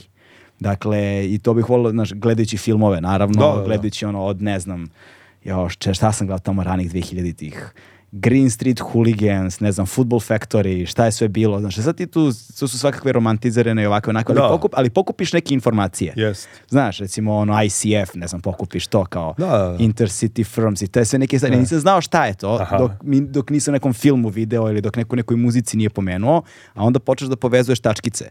I onda da. počneš da povezuješ, ne znam, kako su kako su postojale kolonije britanske, ne znam, na Jamajci, ali onda su Eh, ta, ti kolonializovani jamajčani vremenom dolazili u Englesku u vreme industrijskih ono revolucija, ta ono vreme 50-ih, 60-ih da, da. godina, kako su se oni naseljavali u tim krajevima, kako su ne znam klinci jamajčani koji su čija je rastafarijanska kultura, ovaj nosili dredove, onda su mm. oni kao kontra toj rastafarijanskoj kulturi brijali glave, brijali glave, i nazivali sebe skinheads. A ja da. kao klinac ovdje sam bio ubeđen su skinhead nacoši. Da, da, da. Ovamo da. crnci skinheadsi kao, pa čuješ Lorena Nešto Najtke. ne valja. Nešto ne valja. Ali da. futbalska kultura zapravo prenosila tu modu, prenosila tu muziku uh, i eh, kroz nju si upoznavao sve te svetove na neki način. Znaš. Yes. Ja sam to nekako sa ono sidelines, znaš, kao sa strane da, da, da. sam kupio, ali nisam bio unutra toga, a ti jesi ja stvarno ovaj, e, s kim god sam bio u kontaktu iz, sa Ostrva, a jako puno sam imao tih ono pen friends, pa ono neke koje nisam nikada upoznao do prijatelja s kojima sam veoma blizak, ali svi su jako u muzici. Mm. Znači, nije to isključivo punk, ali ono kao British. Neka, da. neki, znaš, kao, e, ako su iz okoline Manchestera, to je cela ta mančesterska scena Manchester. 80. 90. te pa da, od Joy Divisiona preko Smica do ovaj, Stone, Stone Rosisa, da. tako i Oasisa kasnije. Ovaj, ili su ono u nekom ranijem glam rock, ti koji su kao stariji, razumeš, pa su slušali ovaj, te neki, ali svi znaju, znači nema šansi da, da sretneš jednoga, da ne zna i Specials i Madness i Pistols i Baskokse i znaš kao to je najnormalnije tamo ko što ovde kao svi znaju lupam Bajegu, jel? Da, da, na primjer, Zako Čolića. Da, da, da, to da. je to. To je prilike to. Ne, to, to je neverovatno. Ovaj, Znaš, i, izvini samo, znači, jako je dobro da kao kod tog jednog ono drugara stjuerta kod kojeg idem redovno, ovaj, njaš kao ima neki kalendar na zidu, njemu je u svakom mesecu po tri datuma su mu crvenim koji koncert ide da gleda. Znaš, tu ima svega. Da. Mislim, svega sve su gitare, sad ono kao on prati i taj novi zvuk, ono gitarski, ovaj, po engleskoj bendove koji sad su aktuelni neki Ladams, Dry Cleaning koji je održao fenomenalan nastup na Exitu prošle nedelje, uh, ne znam, Wet Leg, uh, naš ima nekih tih imena novih, ali to kao Happy Mondays, ovaj Stone Roses, on, to mu je ono Da, to, su, da. to je kult. I, znaš, kod cape onda vidiš, aha, ide, kod ti da ideš na Stranglers, kao, e, idu drugari, voli oni Stranglers, ide na Damned, ide na, ne znam, znaš, kao, čovjek koji ove godine će pogledati 20 ozbiljnih uh, rock and roll koncerata. Da, a kod nas je to ono incident kad se desi tako da, nešto da, da, da dođu, da, da. a sve manje nažalost i dolaze jer sada komšije jelte su u Evropskoj uniji, pa, sve je da. mnogo lakše, nema ata karneta, jeftinije su cene, bolje saradnje sa evropskim agencijama, sve stiže sada kad hoćeš slušaš takvu neke koncert uglavnom u Hrvatsku mora se sad. Tu blizu je. Blizu je, blizu je, sva sreća pa Mađarska, blizu. Hrvatska, pa Da. Ovaj, e sad uh, um, tvoja ljubav prema dakle engleskoj kulturi ula, i ulazi kroz engleski futbol. I onda ima ta rečenica koju kažeš u knjizi, pa naravno, znaš, kao ako volim, ako volim engleski futbol, tu i engleska muzika, ide mi jedno uz drugo. Tako je. Ove, ovaj, ali je, je fascinantno takođe kad govorimo o tome šta, koliko je stvar nedostupna. Znaš, a, ti nisi imao gde da čuješ ni engleski jezik. Ma kakvi. To je... Beze nisam imao. Ali beze nisam imao, bukvalno. Da, znaš, kao da ja sad znam o kome, ko o čemu peva, pa gde znaš, sediš, gde, gde ja prvo da navatam tekst neke pesme. Znaš, gomila tih starih ploča nije imalo ono insert unutra, znaš, samo cap ploča u belom papiru i... Butleg. Ni, pa nije bootleg, ali je vrlo skromno urađena bila, da. znaš. E onda kao desi se ne, čoveče, sad šta radim, kako ja to da, da skontam, o čemu je, šta je pisac teo da kaže, po rečnik, pa reč po reč. Mm. On nigde veze, znaš. Da, da, da. da. Nigde da. veze. A, koji su bili prvi, ka, šta su, šta je prvo što si video ovaj, od muzike tih 80 godina? Gde si video i šta je prvo što si čuo? A, šta ga se, čuo, sećaš? Da, to je taj ovaj, od drugara Burazir koji mi je dao isto ko što je tebi ovaj dao, jel, na da. CD-u da. funky, a ovaj, on je meni dao, e, kaže, evo ti kaseta. I ono odno kući, kaseta, ono bučip, trešti, vriska, cika, ja skačem po kući, sam od sebe, jel te ponelo, znaš, kao navijam nešto, ne znam ni šta ovi izgovaraju. Ali ovaj, nije bio album, nego je bilo od desetak bendova po pesma dve, tri, mm. znaš. I tu je ono kao bilo od Pistolsa do Pitera, Cockney Rejectsa, benda koji se zvao i Razorhead, koje smo mi čitali je Era Zerheac, jel da. tako je pisalo jebi Da. Pa koliko puta bude da mi, da mi na, naš kao taj koji mi snimi da pogrešno nešto napiše. Jo, koliko puta kokni bio bez k ili bez drugog c, znaš, cokne i cocne u, da, da, da, da. ma katastrofa. Ovaj, znaš, kao uotio sam ja, i sad ono, nešto mi je više leglo, nešto manje, pa sam desa, aj daj da nađemo tih kao Peter and the Testy Babies, da li imaš, pa mi ovaj snimi ceo album tih, znaš. Ovaj, u tom momentu se nisam ukačio na Clash, jer sam ono kao Clash, prvo čuo sam Dinistu, kao brate, on nije to, znaš, da, nema da. veze s tom muzikom. Tek posle sam provalio da je isti bend i ono, kao prvi Clash, pa i drugi, pa i London Calling. Ovaj, ali to, to kao pitanje Testio Babies, GBH, discharge, je li bilo ono besno, agresivno, znaš, kao, meni je to bilo da, vrhunsko. Da, šta si, šta si prvo mislio da znači GBH? Pa GBH, ma ne mislio, pa svi kao, a, Great Britain hooligan. to je to, te udri, ne, pa ne možeš bolje, jel? Da, da, da, sve se, sve se uklapa. I sad idemo na sajam, ono kao, poljoprivredni sajam u Novom Sadu, ovaj, majski i ti, oni majstri što prodaju te divlje majice, ima exploited majica, ali me uvek ne znam, nisam bio fan od starta. I kao ima GBH, ali ovaj drugar kupi GBH, pa sad je se ono glupo od da nas dvojica, non stop smo zajedno da idemo u istim majicama i onda on kupio GBH, ja kupio onu majicu sa britanskom zastavom što je bila bez rukava, znaš. Da, da, da. E, da. E, tako sam tu majicu forao. Ovaj, a, gomilu stvari si imao koje su ti nažalost uzimali, zaplenjivali i koje nikada nisi prežalio, posebno s obzirom na tvoj kolekcionarski duh vredne stvari. pa krivo mi je posle što sam gomilu ploča mm. ovaj, koje sam naručivo, kupovo dobijao to kraj 80-ih, početak 90-ih, menjao za CD-ove. A, Jer da. kao kad se pojavio CD, stvarno je u tom momentu, po meni i dan danas, najbolji zvuk, ne možeš da... da ne, znaš, kao, e, spram uslova u kojima ja slušam muziku. Znači, nemam ono najozbiljniju spravu, u, no, nabijena mala sobica, sve mi je tu, čovječ, ubaciš CD, lagano rukovanje, možeš da ga slušaš u kolima, e, lak je za pakovanje, ako treba nekom da ga pošalješ, znaš, kao ploča je suvo zlato, ali e, znaš, kao sve to vuče neke svoje, da, da, da, da. kao, brate, znaš, sad kao treba šaljem ploču nekom, uvek se preznojim, to je ozbiljna procedura, upakuj da stigne da, da. neoštećena, znaš, ali... A kako, ovaj a, kako, a kako slušaš muziku danas? Uh, nisam od onih što kao, aj, nemoj CD, ne, kao, nije problem, kupi mi CD, kupujem ploče uglavnom. Ploče, da. ploče da. uglavnom, a da, koristiš, većina, koristiš recimo ove streaming servise, Spotify, ništa, ništa, ništa bukvalno, ni, nemam ništa od tih onaj programa instalirano, tih platformi, ono kao, ej, pošalju mi link, ej, poslušaj ovo, pojavio se, ne znam, aha, neki novi demo, neki novi single nekog benda na Bandcampu, ej, tu čujem, ako mi legne, naručim odmah. Da, da, da. E, da, tako da. i onda ga da slušam stoče. Ali, ali za, za, za razliku od mnogih i dalje čovjek si koji dalje aktivno prati scenu. A, kad mi ne, kao jao, nema, ne, ne, ne, ne, ne. Ima jako puno svega, jako puno dobrih bendova, nije vreme stalo 95. Mm. A, znaš, ovaj, jako puno tih, da kažem, ljudi, aj kao moje generacije, tvoje generacije, pa su prestali to tako, da, da, da nazovemo to intenzivno, da slušaju muziku, da prate, da idu u korak sa, sa vremenom pre 20 godina. Znaš, da. kao ono kad je, ne znam, uh, Sick of It All objavio album taj i taj ili Biohazard, ne znam, Urban Discipline ili šta već, kao, e, sve, to je to kao, znaš. Da, da, da. Ovo, ovaj, ja stvarno nisam kupio u posljednjih 10 godina album uh, benda koji nije iz ovog veka.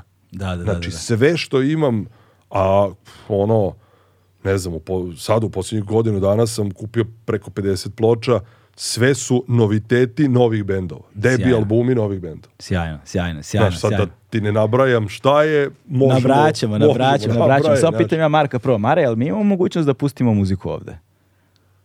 A? Tipa ako, ako na laptopu, brat, nađeš na YouTube-u pesmu, pa pustiš, a?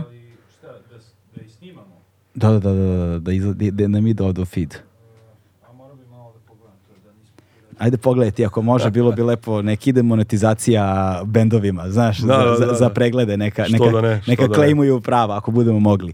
Ovaj, e sada, dok kada si otkrivao tu muziku, uh, mi smo imali tu sreću da je nekako punk, uh, a pričaš mi ti za hardcore scenu, bolje znaš, svakako je bio si svedok tog vremena, nekako nastajala relativno brzo nakon britanske eksplozije. Ono. Mislim, ja sad znam recimo da je već 79-a, 78 79 da. ali 80-a svakako u Beogradu su već postojali neki punk bendovi. Znači bili su, prvo je bila ona kako se zvala, Ara je bila tako radnička, artistička radna, al, ta, da. artistička radna akcija, a posle toga su bili ono, ne znam, defektno efektni, urbana gerila, bili su tu neki bendovi ovaj, koji su već formili decane, pevo među da, primal. Da, da. Kako je generalno ta scena izgledala ono, Novi Sad, Beograd, Srbija, bivša Jugoslavija u vreme kada si ti otkrivao muziku. Šta je bilo prisutno? Kako se kod nas razvijalo? Ja to, znači, opet ponavljam, nisam uvatio taj period, da, da. ja sam da. bio baš Nackle. dete. Ja da. sam od, ono, druga polovina 80-ih, ali, ovaj, uh, znaš, interesantno je da je punk prvo stigao u Rijeku, Ljubljanu i Novi Sad. Mm. Pre Beograda, Zagreba, Sarajeva i drugih velikih centara i velikih gradova znaš, kao pekinška patka je to, novosadski, verovatno u tom momentu i najveći jugoslovenski punk band e, sa ovih kao prostora Srbije sigurno, ono kao album Plitka poezija je fenomenalan, e, to je, naš kao kraj 70-ih, da, još da. uvek je, znaš, i to je generacija koja je, ljudi koja je starija od ovih koji su i dalje aktivni na sceni, koji su 60 peto šesto Znači, to je sve generacija koja je rane 60. Ovaj, tako da nije, uvek smo mi bili tu negde. Ko, godinu, dve smo, da kažem, kaskali, ka, da. ono, kasnili za onim što se dešava, ali je to pogotovo u ono vreme kao, naš kraj 70. pa 10 ti mogu da čuješ, otkriješ, vidiš. Mm, da. A kako se hardcore... A ja kao ono dete, e, imali smo Eh, kad sam se preselio sa iz tog kvarta odakle sam došao u novi kraj kao ošišan, kratko majica britanska uh, sa pet snimljenih kaseta i kao ja sam punker, znaš. Čoveče, ulazim u školu, sve metalci. 87. Svi sa repovima. Ovaj, donesu, donesu mali kasetofon crveni, drugar donese i pegla i pre ovaj početka škole na svakom malom odmoru, na svakom velikom, samo Slayer Sodom, Testament, ne znam, one, znaš, kao... Da, da. Udri, zavija i vrišti, ciči, davi mačku, rada. Da. Da, da. Znaš, meni to ništa nisam voleo od toga, ali kao bili su mi drugari, znaš, kao i primili me u društvo, ali sam ja... I sve kao, ej čoveče, ovom jednom drugaru ide baba, išla u šverc u Minhen. I stalno mu dolazila ploča iz tog ovaj čuvenog World of Musica i uvek za kusur mu ovaj stigne i Metal Hammer, znaš, da, magazin, časpis, da, da. da, koji je tad izlazi. I on meni je kao, ajma, se takmičimo ti sad za ovaj čas, pa kao ko više zna ti bendova. punk bendova ili ja metalskih bendova. Brate, de znam, ja znam 24 benda da nabrojim, on majstor prepisuje iz recenzija. Znaš, tamo jeste na nemačkom taj Metal Hammer bio, ali oni bar gledaju fotke, vide no, neke nove nazive, mm. znaš tu on dođe sa listom od 150 imena, ja na 22. 23. nikako da se porodi, znaš.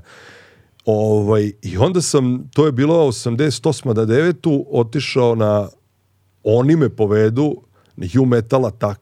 You Metal Attack. Da, prvi festival metalski koji se dešava u Novom Sadu na klizalištu na sajmištu, april 89. Ja sam tada još uvek ono kao 14 godine imam. Išli smo u osmi razred I na tom ovaj, kao aj ti s nama, a onda ćemo mi sutra ići s tobom na koncert Friska generacije. Ajde. I na tom koncertu ja upoznajem ekipu koja štrči vizuelno jer nemaju duge kose ovamo namo, a vi im drže bunt nečega ispod. I rekao, izvinite, šta je to? Pa kao novi fanzin. Mm, kao šta da. znači reč fanzin? Uh, znaš, kao Pa, I onda ja ukapiram, jebote, pa to je to što bi trebalo da bude. Znaš, pa izašao je tada novi broj boljeg života, ta, ta, tako se zvao fanzin, kultni, jugoslovenski, koji je radila ekipa okupljena oko bendova Kapetan Leš i Firov Dog iz Novog Sada. A, izdali, objavili su četiri broja u te neke dve godine. I meni je taj četvrti broj ovaj, fanzina Bolji život bio ono sve na svetu. Jesi ga sačuvao? Imam, naravno. Imam. to mi reci. Kasnije, kada sam ovaj, počeo da radim u SKC-u, jedna od akcija je bila da sva četiri broja objavimo u knjizi. Mm. Tako da to postoji ono kao dokumentovano, zavedeno u Matici Srpskoj da Ima. se sačuva. Treba da, da postoji. Treba da postoji, bravo, da. bravo, bravo. Tako da ovaj, taj bolji život i onda kao čite i nazad recenzije. Mm. Ponaš pa, kao, jo, 50 recenzija, 50 novih uh, imena bendova, uh, albuma, singlova, saznajem ko šta gde kad, znaš kao, onda sad kao, ej, te, dvo, te dvoje, ja, jel imaš ovo da mi snimiš, pa mi on zna snimi neki negacione, neki, nekih finskih bendova, tu bilo svega, razumeš, ali je to stvarno period kada je taj ono američki zvuk redko šta je ovaj, iz Engleske dolazilo u to vreme, mm. to što je i dolazilo, to su bili bendovi koji su baš cepali hardcore, ono tipa Heres i Stupids taj ono, mm. brzo, furiozno, kratko, trrr, znaš, ono, da ono, završiš pesmu u minut. Minut pesme, da, to se da kaže, da, da. I manje. Ovaj, ma, kakvi, do, ko, ko navuče minuta je ono... Ko je najkraće? Napalm Death ima najkraće, ali tako nešto? Ja, brate, bilo je posle tih, ono, grind buke, Anal Kant koji ima single, da. uh, ne znam, ono, 215 pesama na singlu, na znaš, kao, cp, cp, cp, znaš, on, Ali dobro, to je ono... To je druga priča, da. Da, da to je druga priča. Ovaj, I mi, znaš, kao, tako krećeš da ono, e, ha, nemam više 22 kasete, imam 24, pa 28, pa 30, pa sad sam počeo i da imam, znaš, kao, od ovog benda imam i dva albuma. Ovaj, I onda mi Mic kao kreni, kupuj ploče i gde si se kako snalazio, što od starijih, što od neko koji je išao u inostranstvo pa donosio. Ali ovaj... A šta ovaj- si slušao na tom metal festivalu? pa išao sam više zbog njih, ništa mi se nije sviđalo. Ne. A šta je bilo domaćih bendova tu? Od domaćih Blood bendova... Bloodbath, Bloodbath posle Bloodbath da. je svirao posle, e, godinu dana posle toga. A godinu da, bili su, ali je svirao Bombarder. svirao je onaj pergament novosadski, anatema novosadska, ne znam... Grč me uvotio, izvini. Aha. Grč me uvotio u nozi. Nastavi, molim te, izvini. Ovaj, bilo je nekih i Slovenaca, je bio Heller, na primer, beogradski bend, ili wow. pa onda neki Helior to je slovenački bio, kasnije se pojavio Epidemic Zone, Mm. Uh, Bloodbath, ne znam šta je još bilo tada tih metal band. Anatema kao novosadska koja je bila tada jedno od većih imena Wow, da. da. Ali u, u, kombinaciji sa tim drugarima metalcima u Novom kraju. Da. Ove, ovaj, ali kapiram, tu je pulo, bilo, bilo je tu neke puno muzike koja je mogla da bude, ajde, po znacima navoda, prelazna, koju ste mogli zajedno slušati, tipa, ne. tipa DRI, recimo. Ma, DRI, Suicidal Tendencies. To, Suicidal, Sav da. taj njujorski hardcore, to je sve nešto, znaš, kao ono da. SOD, kad je, znaš, kao, i, i, i ono to, Agnostic Frontovi, Sikofitol, kromex ono, to da, je da, sve da, bilo nešto što sam ja voleo, a njima bilo prihvatljivo. Znaš. Bad Brains a, ja voleo baš, a oni onako. Onako, da. da, ovaj, e sada, a, kako se... A, e, Znaš kako, izvini, ovaj, kod metalaca uvijek bilo bitno kao, ja, on nije mi produkcijski, ja. Da. tajne serije. Da, da, da.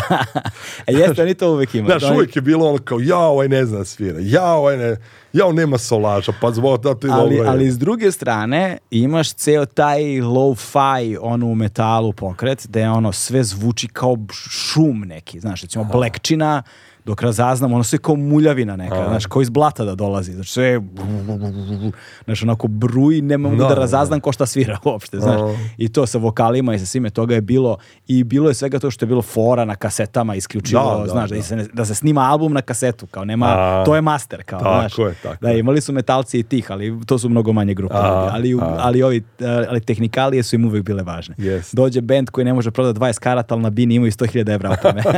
da, da. to, je, to je isto... Ali, e, Šta mi je jako bitan moment u svemu, u celoj toj, znaš, kao poklopilo se da ja u celu tu priču ulazim to druga polovina 80-ih.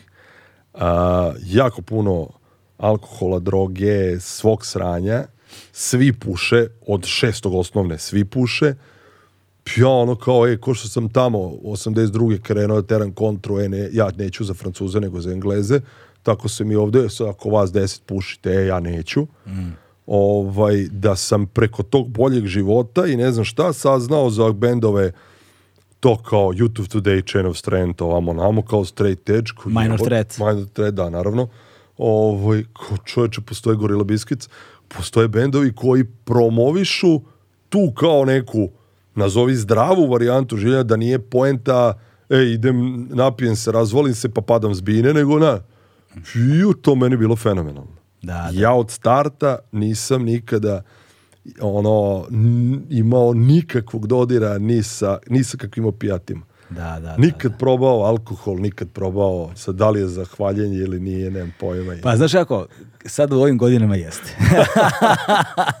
Čovječe, jel viš, ja ono kao kasnije odem u Englesku prvi put, pa kao to 2002. pa utakmica, krcat, pa up stiže pinta za pintom, znaš, pio ja ono dok, pa da li ja ne pijem? Pa onda me ovaj pita, ne piješ danas?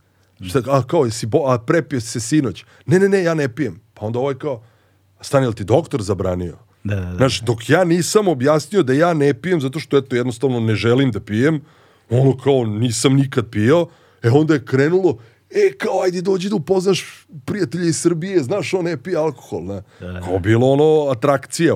Ali te nisu terali da piješ. Nisu me terali. To je zanimljivo. Nisu znaš, ovde, te teraju. Da, znaš, da, da, ovde, te, ajde, brate. Ali tamo te, al tamo, te da. ne, tamo te ne teraju. Ali njihova kultura razvaljivanja je ono A, u, brate, svetski mir. poznata. Znaš. A, u sunci. Znaš, Ala, vole da se zviznu i to rano popodne u pić.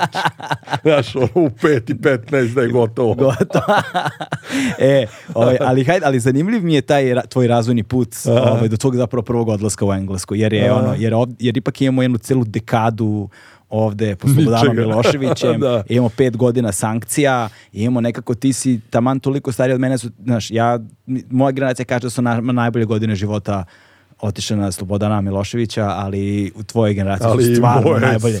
Drugar me je skoro, pozdrav za njega, ovaj, neću mu reći ime, ovaj, me, je zvao, me je zvao skoro, slavio 50. rođendan, znaš, i kaže, i kaže ovaj, uh, Trebalo bi da slavim svoj 50. rođendan, ali ne, ne računam prve dve godine života, ne računam tri godine covid i ne računam 10 godina pod Miloševićem, tako da zovite da prosimo moj 35. 35 rođendan. ja. Da, da, da. 35. Da. rođendan. Ove, ovaj, a ti kao neko ko je zaljubljenik, jel te, u, u englesku kulturu, u engleski futbal, u muziku koja nam dolazi, jel te, u velikoj meri iz Engleske, barem, barem u toj meri što je na engleskom, pa nam je da, da lakše da, da razumemo. I na, bilo je nju i u Nemačkoj i u Španiji i svuda, ali nismo razumeli jezik. Tako je ovaj, Uh, nisi uh, i op, obskurne i malo, inf, malo informacija koji si dolazio čak i 80-ih, ali 90-ih sve to staje potpuno. Znaš, kako si se snalazio ovaj, mislim, čitao sam knjigu pa Aha. kao znam, ali da, da. da. želim da ti ispričaš, jel te, znaš, kao kako si se snalazio, kako su, koji su te informacije bile i kako je izgledao život za tebe tada. I ono što mi je takođe zanimljivo jeste kako se desio taj, ta, ta, to pomeranje kulture zapravo na tribini, između ostalog takođe. Aha. Jer, jer ti, kad, ti kad pomeniš u knjizi ti si pravio sam prvo svoju prvu englesku zastavu, ne znam koja je to godina bila. Da, 87. 87. Pa promašiš pa si je, pa pa kombinaciju tako, boja. Pa, si je ka, pa si je kačio da, na, da. na, na, na, na, na stadionu, pa su ljudi dolazili sa različitim šalovima, sa različitim obeležima, pa je, i nikome nije bio problem. Znaš, tako je. Nikome tako. nije bio problem. Znaš, ja kao nacrto na zastavi Partizanovoj kao šestokraku zvezdu. Znaš, kao posle negdje kao simbol Izraela. Ja nemam pojma kako izgleda zastava Izraela. Ti klinac ona tada. Znaš kao što bi to bio simbol Izraela, ja precrtavao sa zastave Severne Irske, jel ima šest, alster, jel, alster šest tih ovaj, pokrajina, meni je to bilo kao iz te, iz grba. Zato sam crto šestokraku zvezdu, ne zbog Izraela, nego da, da. zbog, zbog ono britanske ove. Ovaj, ko nemaš pojma, to je ono stvarno im, protok informacija u minusu je. Ovaj, ali... Uh, šta, šta smo... Da, da, da. Pričali smo o tome kako je, e, zanima me zapravo ta, ta, to kulturološko pomeranje na tribini, znači kako je 80-ih to na Vinji izgledalo, ali onda 90-te kada su počinjali, to je sve otišlo s jedne strane dođe vola. Pa, znaš, kao ono, to što je na stadionu, to ti je, mislim... U narodu. I u narodu, znaš, i samo je neko ono kao cap, odjednom više, više nema, kraj, ajde, da. vozi. Ti, ti od onda ne možeš da prikupiš da se normalizuje. Tebi da. i dalje vučeš danas posledice svog tog ovaj, bezumlja koje se dešavalo 90-ih. Da, Znaš, da. ti i danas na veštački puniš na zvezdinom stadionu, ne znam, e, daj na besplatno, daj ko sipa gorivo, dobit će kartu, daj... Brate mili, nema toga nigde napolje. Znaš, kao ideš na petu ligu u Engleskoj i platiš ulaznicu. Najosnovnije je da platiš ulaznicu. Da, da. Znaš, kao, jel možeš doći u prodavnicu i reći, je, izvini, molim te, treba mi Pavlaka, ja, znaš, ja nju jako volim, veliki sam fan Pavlake i jogurta, jel mogu da do, dobijem džabe? Da. Pa ne možeš, znaš, kao, jesi veliki fan tog i tog kluba, pa i plati ulaznicu za početak. Da, da, da. Znaš, kao ovde, da, kao partizan, pa proda 32 ulaznice, na, brate mili, mm. šta, šta, o čemu mi pričamo, da.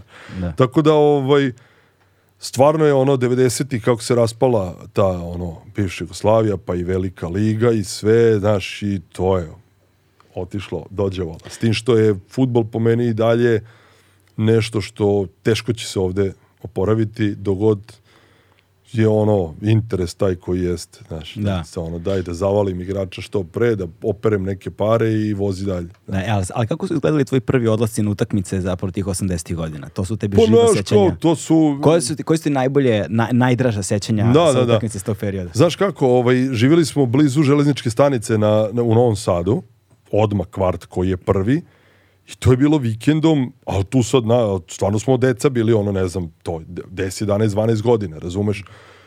Znali smo na pamet uh, red, red vožnje kad koji voz dolazi, odakle. Aha, ajmo, idemo na stanicu da čekamo da vidimo hoće li doći neko igra Dinamo iz Zagreba, razumeš? Ne. Ja, vidi, izlazi njih, jo, pa nama to fascinantno.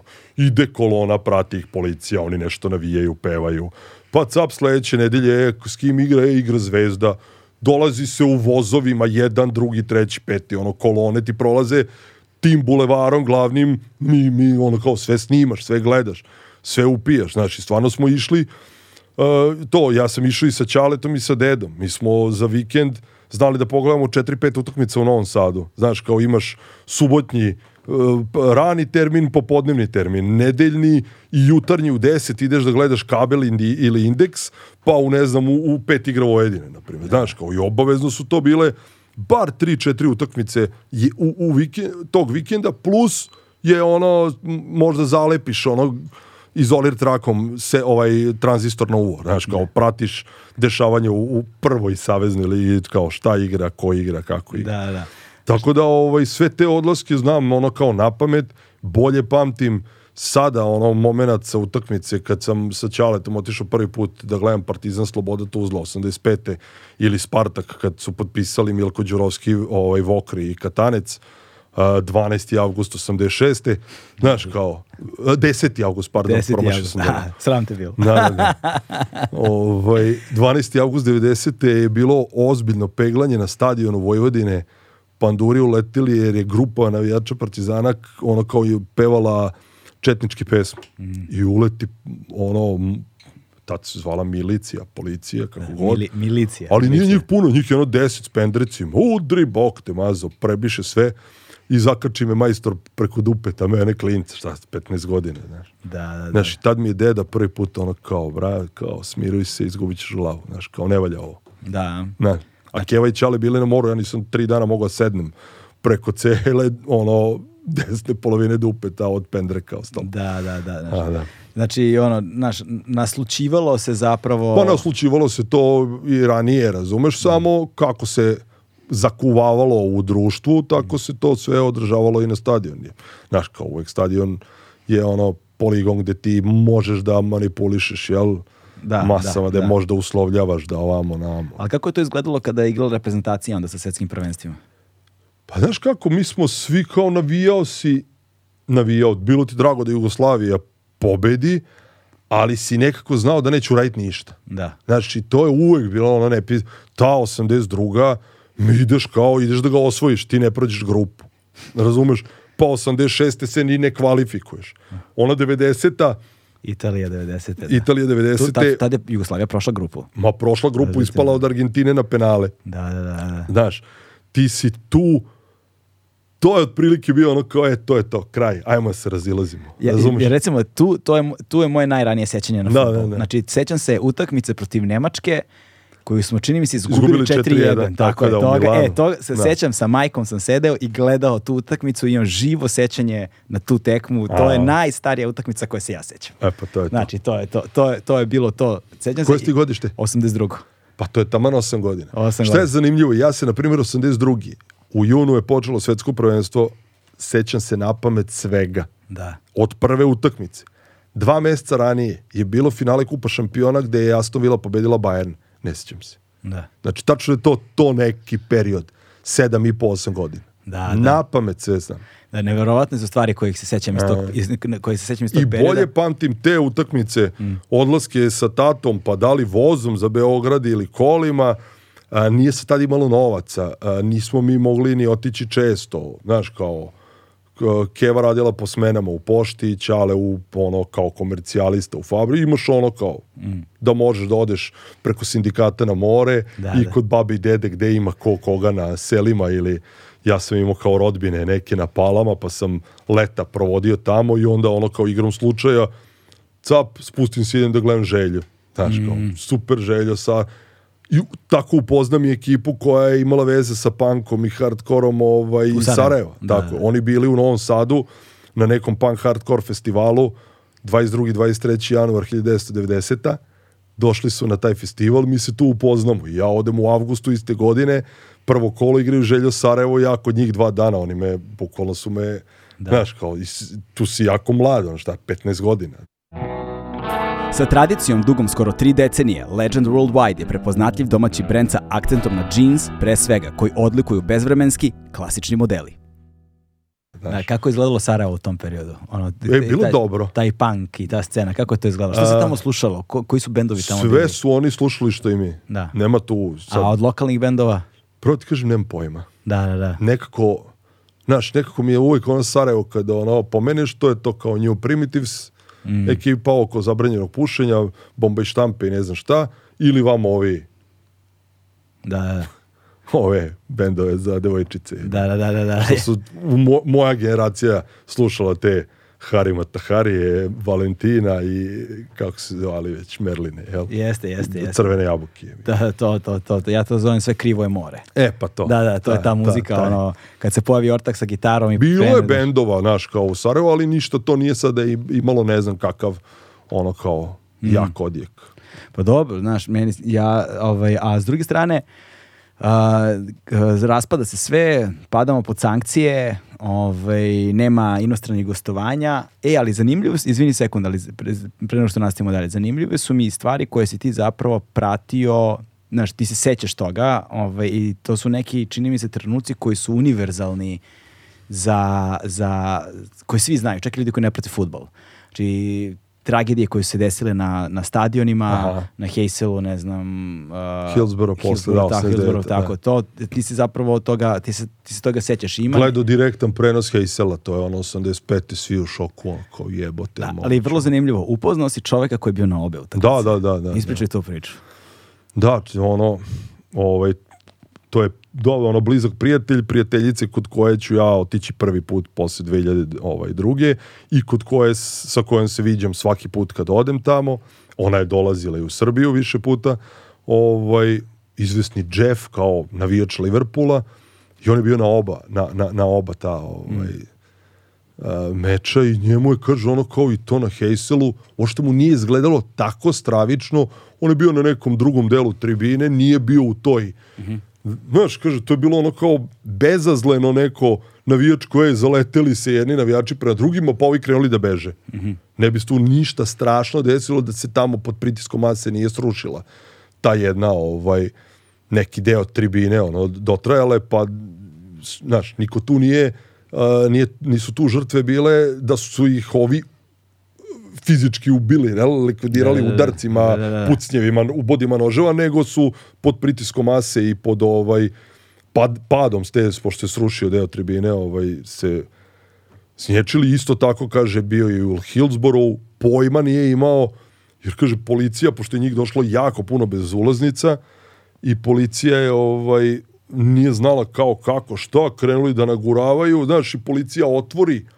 jer u Engleskoj je zanimljivo, imaš uske prolaze za ulazak s onim turnstile, mm -hmm. s mhm. onim... Okretna vrata, okret, šta e, da, da, onim, znaš, kao cap, štek kartu, pa ti onaj poja i ti prođeš, obrne ti se i ti prođeš. I tu može stvarno jedan da prođe. I ti ih imaš deset. A kada je kraj utakmice, onda otvore veliku kapiju da bi ono si se jedan. brže ispraznilo. Ta. E, oni su njima na Hillsborough kao otvorili tu Veliko. da bi mogli da uđu jer su uplašili nereda napolju kao velika masa. A da policija nije skontala da je tribina već dobro puna i da sva ta masa koja je napolju ne može da stane. I ovi su krenuli da naguravaju, ne znajući da oni one svoje dole u prvom redu pritiskaju na ogradu i na one šipke, znaš kao. Mm, da ih gnječe tamo. I da. tu se ono sto ljudi po, po, podavilo je katastrofa, da. Užas, užas. Da. i ovaj, onda i to, ali to je stvar koja je, koliko sam razumeo, transformisala onda engleski futbol. Znači, pravila i zakone i su tad uvedene stolice. Tad je, da, kao ono... Sedišta, ali tako. Sve po redu krenulo od, od to je bio pa kao prelomni moment ta 89-a. Da, i oni su dobili Hillsborough. nekoliko godina zabrane. Oni su od Heysela, nisu mogli da igraju pet godina, mm -hmm. ni u čemu ovaj, ni jedan engleski klub nije mogao da, da igra. Igrala je reprezentacija ali klubovi nisu. Mislim da je Liverpool čak nešto dobio i produžetak zbog tog Hillsbora, možda godinu dve više. Ovaj, I sad kao tamo, ajde, vrać, ono, kao svi stadioni sa stolicama, ulaži grne novce u renoviranje svega toga, stvarno su stadioni u to vreme bili ono masovno ruinirani. Ne. Da. Ovaj ali su evo kao ubili malo taj šmek, atmosferu. Da. Znaš, kao sve ok kad ti je stadion pun, da, pa da ti sad kao, aha, svako je na svom mestu, ali, znaš, kao u nižim ligama, druga, treća liga, gde je, ne znam, stadion nije pun, pa što moram ja da sedim baš na mestu gde piše, ono, 32 broj, jel, a pet mesta praznih. Ne. Sad su krenuli da vraćaju. E, aj sad svaki stadion ide sa probom da na jednom uh, delu stadiona može da se ovaj, stoji navije. Sad im fali ono, atmosfera od, od pre 30-40 godina. Da, da, da, da, da, Jer su bukvalno time ubili. Znaš, sad ti i ja odemo na utakmicu zajedno, to 90-ih, 2000-ih, ako nismo kupili ulaznicu u paketu zajedno, mi ćemo biti zajedno do stadiona, ali na stadionu nećemo. Nećemo sedeti zajedno. Nećemo sedeti zajedno, znaš, kao... Numerisa nas Nas 20, dođemo zajedno, ali sedimo na 20 različitih mesta. Mm. Na, to je onako prilično bez veze. I uvek, ono, kako sam ja krenuo da idem na utakmice u Engleskoj, uh, bolju atmosferu su provili navijači koji dođu, koji su gostujući. Jer oni dođu u paketu, svi su sa ulaznicama, znaš, nabijeni su u, u 3000 tih mesta, ne kontrolišu ih toliko da li je svako baš seo na svoje da. ono numerisano mesto. Ne mora znači ni da govore engleski. Da. ovaj, I, znaš, kao, a ovamo su većina sa sezonskim kartama, svako ima svoje mesto i sad ti dok pokreneš tih 25-30 hiljada da nešto skandira, a ovih 3 hiljade, boga mi to... Već napravilo haos. Već, da, da ono, da, da. kao dobrano. Da, i sada, i sada znaš, kao, de, informacije su, jel te, postale a, još ređe nego što su bile. Samo se... E, da, doli. Opa. E, bravo. Da. Dakle, o informacije kojih je bilo malo i ovako 80-ih, 90-ih, sve staje. Ovaj, kako si se ti 90-ih dovijao da dođeš do informacija, da dođeš do muzike, Znaš, to je bilo zanimljivo, ti si u jednom trenutku slao pisma, bio neka... Pa znaš kako, svi smo ono, kako si dolazio do, do muzike i dok nije ovaj sve stalo, bilo je nekoliko tih, eh, hajde da kažem, distribucija, jel? Mm. Neki Frontline, V-Byte, e, Gema Records, nekoliko ovaj, po nemačkoj, engleskoj, eh, pakuješ pare u pismo, šalješ, narut na papiru napišeš šta, šta treba iz tog kataloga, jel ne znam sad kao u ovom, i ovom fanzinu, aha, taj, taj bend i dole bude adresa, pa pišeš bendu, pa ti bend pošalje između ostalog, na primjer, sa njihovom pločom ili kasetom koju si naručio, pošalje ti katalog tog nekog izdavača koji je njih, znaš, kao, sve se, znači, širi putem nekog flajera, nekog kataloščića, ono, štampane stvari poslali smo redovno pismo u, u, u, ovaj, u kovertama, ovaj pare u, u pismima u kovertama, razumeš? Nikada mi nije nestalo. Znači, nikad se nije desilo da, da, da, da neko mazne. Jako dobro bila ta Gema Rekordca engleska, primali su dinare. Wow. A, dok nije ono 91. Da, da, Ali da. to 89. 90. 91. On je jugoslovenski dinar. Jugoslovenski dinar si mogao da pošalješ bez problema. Wow. Oni tamo obračunaju po nekom bio stabilan kurs, razumeš? komotno si mogao da šalješ dinar. To nisam imao pojma. Da, tu da, informaciju da, prvi da, put da. čujem. Zato što znam za informaciju ono ranih 90-ih, jel te znam kako su se drugari snalazili da nabavljaju ploče. Uvek je bila ona tužna priča. Dakle, znaš, pišeš izdavačoj kući, jao, jadni Moliš, mi, kukaš. kukaju jadni mi, mali, nemamo ništa, ovde je sa, sankcije, ovde bla, bla, molim vas ono, pošaljite nam neki vaše promo materijale, da, da šta da. god. Posebno ekipa koja ti rani raveri koja je radila, elektronska scena koja se rađala u vreme kada je bilo najgore, da, jel te?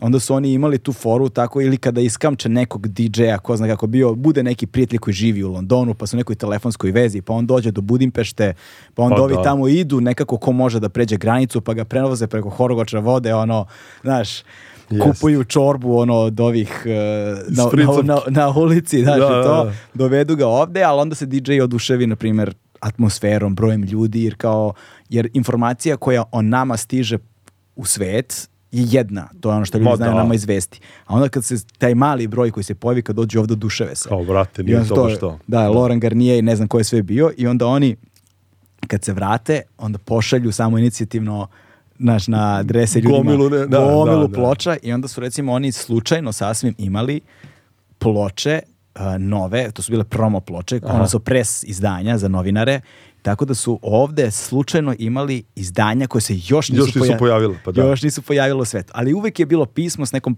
pratećom tužnom pričom. Da, da, da. I znam da su dovijeli kako da sakrivaju novce. Ma da, te u Indigo, te dupla koverta, Tako te ne, je, da. ma jao, brate. To, to, to, ali nisam znao informaciju da su jugoslovenski dinar primali. Da, to je bilo do 91. da si mogao da šalješ tim englezima i jugoslovenski dinar. Wow, znači da. konvertabilna da, valuta. da. E, onda kao šalji marke i stvarno od većina, ono stvari, većinu stvari sam naručivao od V-bajta. Mm.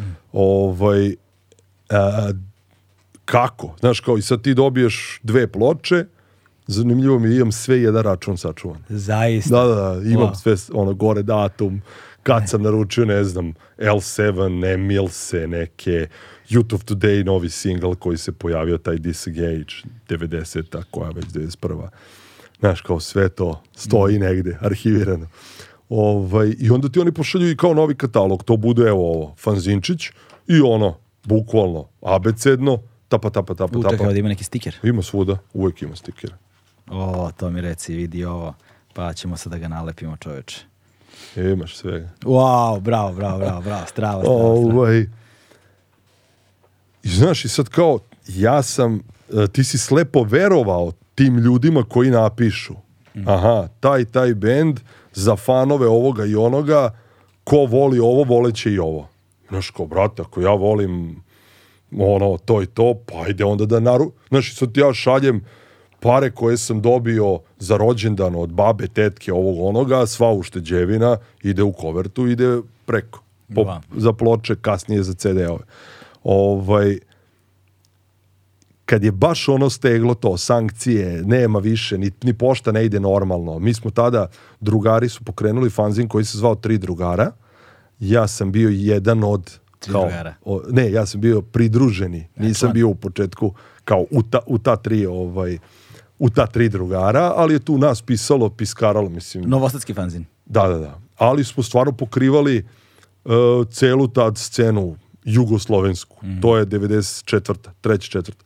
Kako je scena tad jugoslovenska izgledala? Koji su bili najznačajniji bendovi? Pa ne, naš kao, ti, i bilo je svega. Stvarno je bilo. Znaš, meni je interesantno da si ti u Novom Sadu ta scena koja je krenula od moje generacije bila mnogo veća brojnija nego druga polovina 80-ih. Mm. Evo baš neki dan sa drugarima koji su ta generacija s kraja 70-ih, početak 80-ih, rekao, aj majki, šta je u Novom Sadu bilo od punk bendova, punk hardcore bendova od 85. do 88. u te dve, tri godine bukvalno ne možeš na, na prste jedne ruke nabrojati četiri, pet imena. Ili su krenuli da ono u neke druge vode, ili je to bi više bio neki to kao new wave, rock and roll, ovo ono, ali to baš da je nešto sirovo, a da je ne. E, tek onda to od 88. 9. kreće ovaj, masovno, ide onda u moje generaciji, svi smo imali neke bendove. Mm. Na, I isto se dešavalo i u Beogradu. Da, mislim i u drugim ja. Da. gradovima. Ma, i u drugim, ti si onda stvarno ima i po manjim mestima, znaš, kao ono, pa, pravi se punk festival u Kosjeriću, jebi. Znaš, kao imaš izdavača iz Lučana, da. znaš, da. koji je objavio ozbiljna, ozbiljno bitna izdanja na kasetima, kasetama tih 90. godina. Mm. Znaš? Kako meni pričao... Ovaj... Znaš, kao hoću, neću iz Kraljeva, kao brate, ili ozbiljan bend. Da, da, da, da, da, da, da, hoću, neću iz Kraljeva. E, ovaj, a s druge strane, uh, Uh, kako mi je Vojkan pričao, recimo kada sam se upoznao sa Darkom Perićem, uh, ovim glumcem da, našim da, da, da. što je u La Casa de Papel, upoznao sam ga preko drugara Vojkana iz Kraljeva. Uh, drugi put pozdravljam Vojkana ovaj, u, u ovoj epizodi. A, a on mi je rekao kako ga je on upoznao. Kao on ga je upoznao, sad ću da lupim, krajem 90-ih recimo, ili ranih 2000-ih, na punk festivalu u Trsteniku, čini da, da, se, da, koji da. se zvao Poletarac ili tako nešto, što je popuno ludilo, znaš. Pa da. Sad... Si što je stvarno bilo zeznuto u 90-ih, kao sad ja iz Novog Sada treba da dođem u Kosjerić. Kako, brate? Mm, kako je... Voz ne postoji. Naš voz Novi Sad, Beograd, danas dođe jedan vagon u 10 ujutru. I 700 ljudi treba dođu da u taj jedan vagon. I sad ti do Beograda imaš problem da dođeš, a ne i sad kao kako do Kosjerića. Mislim, znaš, ovaj, stvarno je bilo zeznuto. A sad, a, s druge strane, drugar koji je odavde s Novog Beograda, evo, pozdravljam ga ja ovom prilikom, a, Boki Metalac. A, on je godinu ili dve stariji od mene. Njegova sestra je bila u vezi, kasnije se udala za lika koji je živeo u Francuskoj, Francuz. A lik je radio na, sad zamisli da radi na 200 dvojici. Na, na primjer, da. Znaš ta radio stanica je dobijala te tako promo kopije svega što izlazi u svetu u Parizu, mislim, znaš, kao ono najveće, najveći radio ono u Parizu, je dobijala po mesec, dva, pre nego što izađe stvarno, zvanično. Govorimo o 94. Znači, najgore moguće vreme. A, on čovek sve što iza, sve što dođe, oni dobiju po pet kopija. Da, da, da. Nečega. On tri komada spakuje, punu torbu, jednom nedeljno je slao onim švercerskim busom i dalje su te ture neke prolazile, nisi mogao preko Hrvatske, ali si išao okolo pa preko Austrije, Mađarske, čekaš 15 sati na granici, ali prođeš. Stizalo je u Beograd puna torba CD-ova najnovijeg novog što se još nije pojavilo nigde. Wow. Kako stigne, on me zove, ja sedam na voz, idem kod njega sa 15 praznih kaseta i ostajem od ujutru do uveče. I snimaj sve tu je kompletan taj kao ono e, talas epitav bendova Aj, od ne znam ono kao ne znam kad su krenuli da se pojavljuju jedan s drugim od Leg Vegona, Noise for Name-a Good Riddance-a, ne znam, I Kao Better Legion FX to je već bilo veliko, razumeš, ali svi ti znači e, ono kao RKL Riches to Rex, mi smo ga imali uh, ovde u, u, u Srbiji, u Beogradu, ja ga doneo to veče u Novi Sad, um, mesec, dve nedelje pre nego što je zvanično izašao u svetu.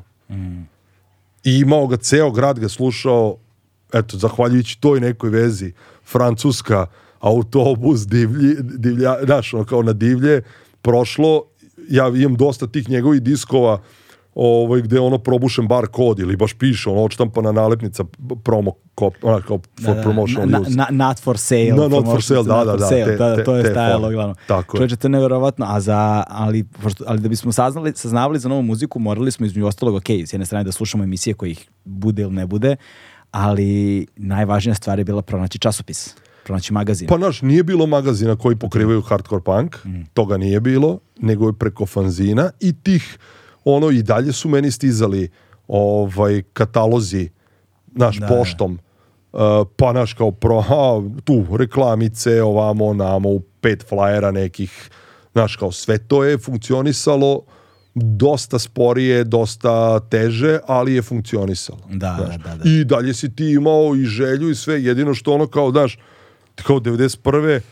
kad je ja sam, još nisam napunio 17, rekao, sve čekaše, aj konačno daj punoletstvo, da mogu da idem u inostranstvo i na koncert i na utakmicu i na, znaš, i da ja odem u tu prodavnicu da kupi ploče. Da, da, da. I ma pa da vidiš ka... sve ono što si gledao u časopisima i sanjao. Ma nećeš, brate, nigde. Ne ideš ti niko, sedi kući pa se slikaj. Da, da, da, da. Pa da. ne, znaš, neko je samo odlučio da nema mrdanja, znaš, ono, da će cela generacija 10 godina da ostane kod kući. Da, ali to je, čini mi se, s jedne strane, kad kažeš eksplodirala je muzika i stvarno jeste eksplodirala muzika. Dobro, na, o, eksplodirala je ona i u svetu i negde smo mi pokušavali koliko smo mogli da pratimo te trendove, jer kad posmatraš i hip-hop muziku i su tako, da, da, da. rano su ovde nastajali prvi albumi, jel te, ranih 90-ih su već bili, mislim, imali smo ove Budweisere, čoveče, ono godinu da, da. dana da. posle Beastie Boysa, znači, nije mm. to dakle, bili smo negde u toku sa vremenom, bez obzira na... Znaš kako, mi ti si tada imao stvarno 90. koliko god je bilo stegnuto. Da.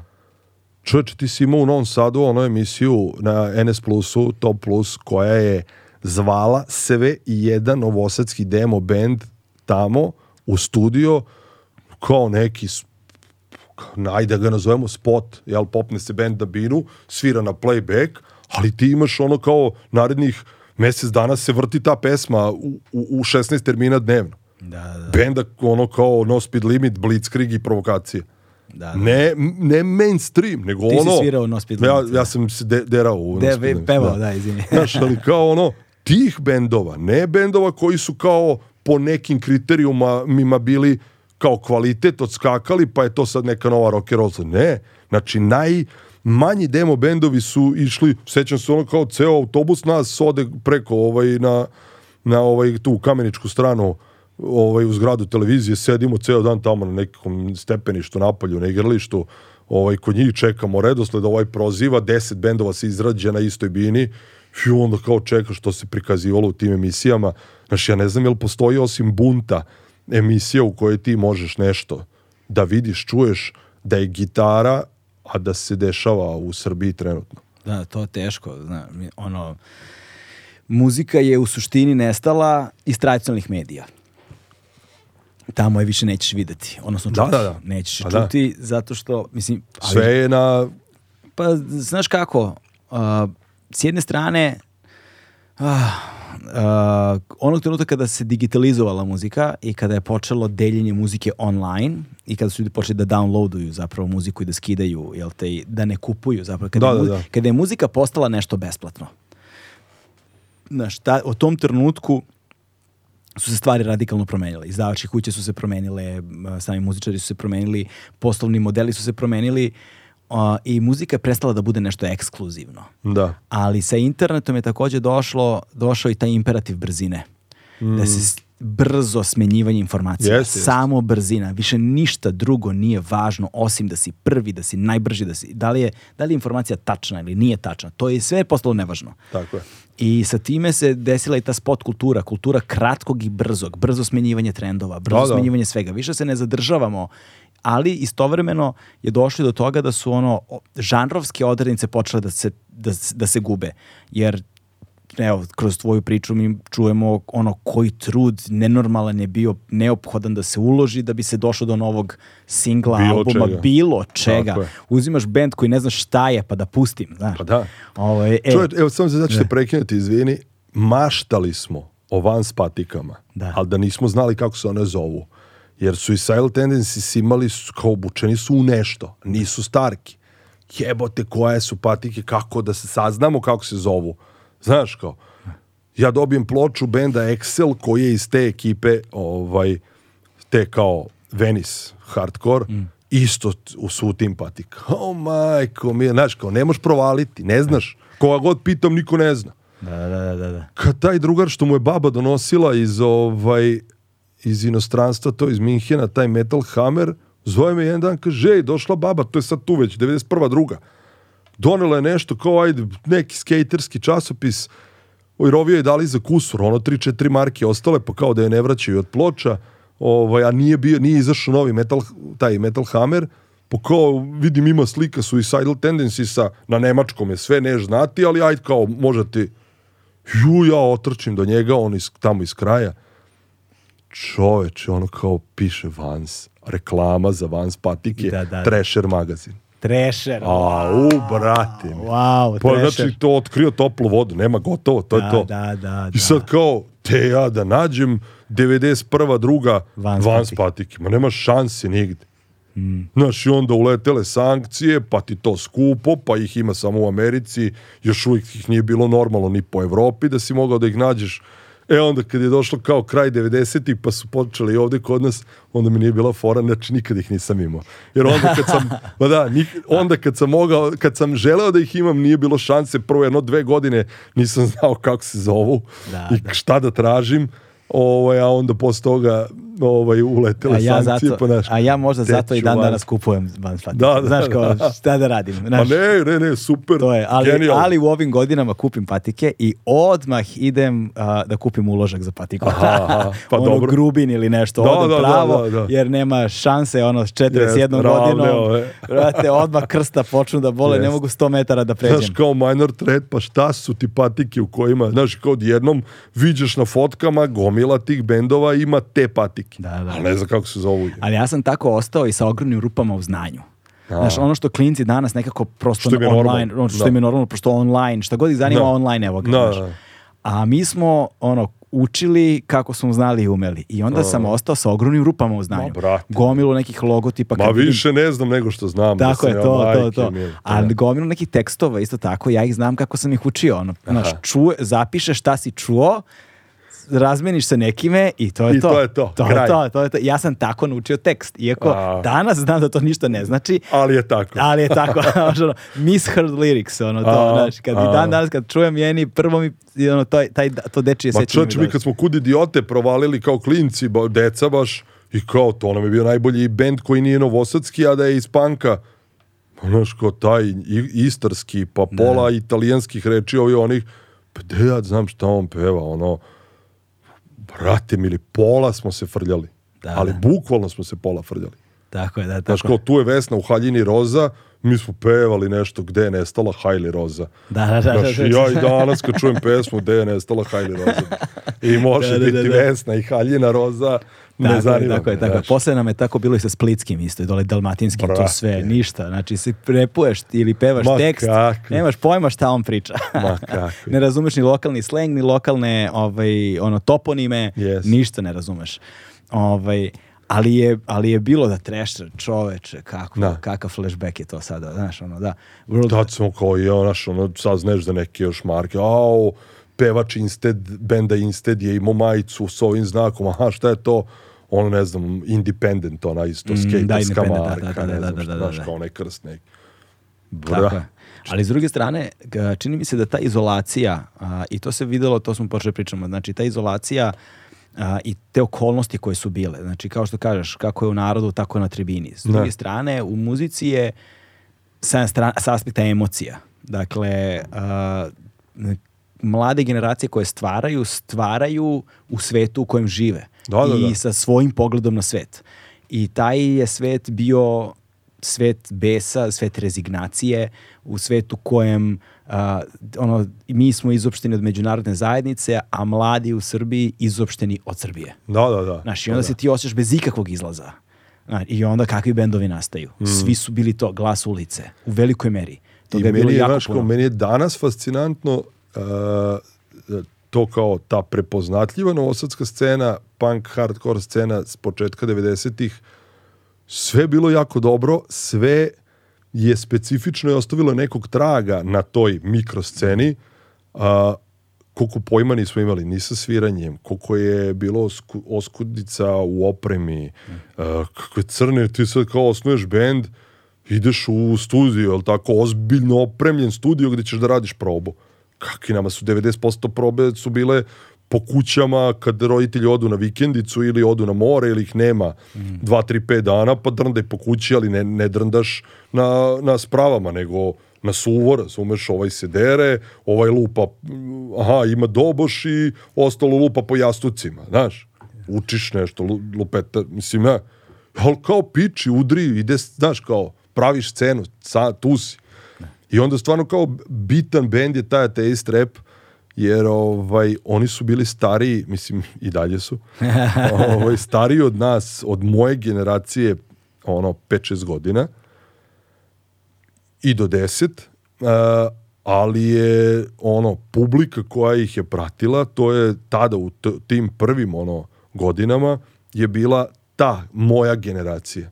Nama je, znaš, kao, gde god su oni, ideš, Ima... ali to, to su bilo ono kao tur de Novi Sad. Bilo je, znaš, ono kao zima 92. Uh, e, popularan kafe, klub Atrium, podrum je eno kod ono saborne crkve u Novom Sadu, a Taste Rap svira u četiri, pa u osam, pa u ponoć. Taj dan. Sviraju dva sata, pa dva sata pauza, pa dva sata, pa dva sata pauza, pa od ponoć. I sad kao nas tu 50, ceo dan si na raspustu u gradu. Čekaš, aha, idemo prvo u četiri, pa u 8, pa u ponoć. Ti si od 3 do 3 ujutru, 12 sati si na, naš, kao ono, tu. Na te Motaš se na te istrepu, tu su i stariji, tu, aha, ovaj dono, donosi kasetu, ovaj, aha, stigle neke majice, su se, znaš, kao nešto se dešava. To je kao taj tvoj mikrosvet koji te zanima. Da, a pre godinu dana, ili ima godinu dana, Ima, a, godine dana, je bio 2000-ti koncert. Jel tako? Da, te ili 1000-ti, ili... Ja mislim da je 2000, ili 1000-ti. Puno je 2000. Puno 2000, jeste, nemam pojma. Ja mislim 1000-ti. 1000-ti možda, a? Da. 1000-ti. ovaj, a, koncert Ace Rap u Beogradu. Prvi je bio 22. maja 89. 89. Čekaj, a ti da. si A, ima u knjizi kada si prvi put čuo za Taste Rap. Išao si na teku. Brat, ne, igramo, igramo to kao kod nas u kraju, to, tu na novom naselju, ono, nožni tenis. Šta je nožni tenis? To sam, znači... Po pa ovaj, uh, nacrtaš kockice, Mm -hmm. tako? Da. Mi su to zvali kockice. Pa, je li kockice? Kockice, to, to, to. ta, da. to da. su posle kao, ej, kockice. Nacrtaš, je li, da li su dvojica protiv dvojice ili jedan protiv jednog. Uglavnom budu dvojica protiv dvojice, budu četiri kockice. Da, i onda... ovaj baca, onaj nabacuje, ovaj prebacuje, je li da, tako? Da, da, da, da, da. da. O, da. ne, mora, ovaj. mora je neko da primi, ali nije smelo lopta da odine pod. Da, da podine, tako, tako da, da, To, pa to je to, kockice. Kockice su mi to zvali, ovaj, I prolaze Pećinko, Željko Tom, znaš, on njih e, kao samo, znaš, kao sad sviramo, e, imamo bend Koji bend šta? Kao, čućeš, super je, mešavina svega, ali ono, pičimo, punk, HC osnova. Kako se zovete? Kao ateist rap. Brate, mi stali ovako. Niko ne zna šta znači reč ateist.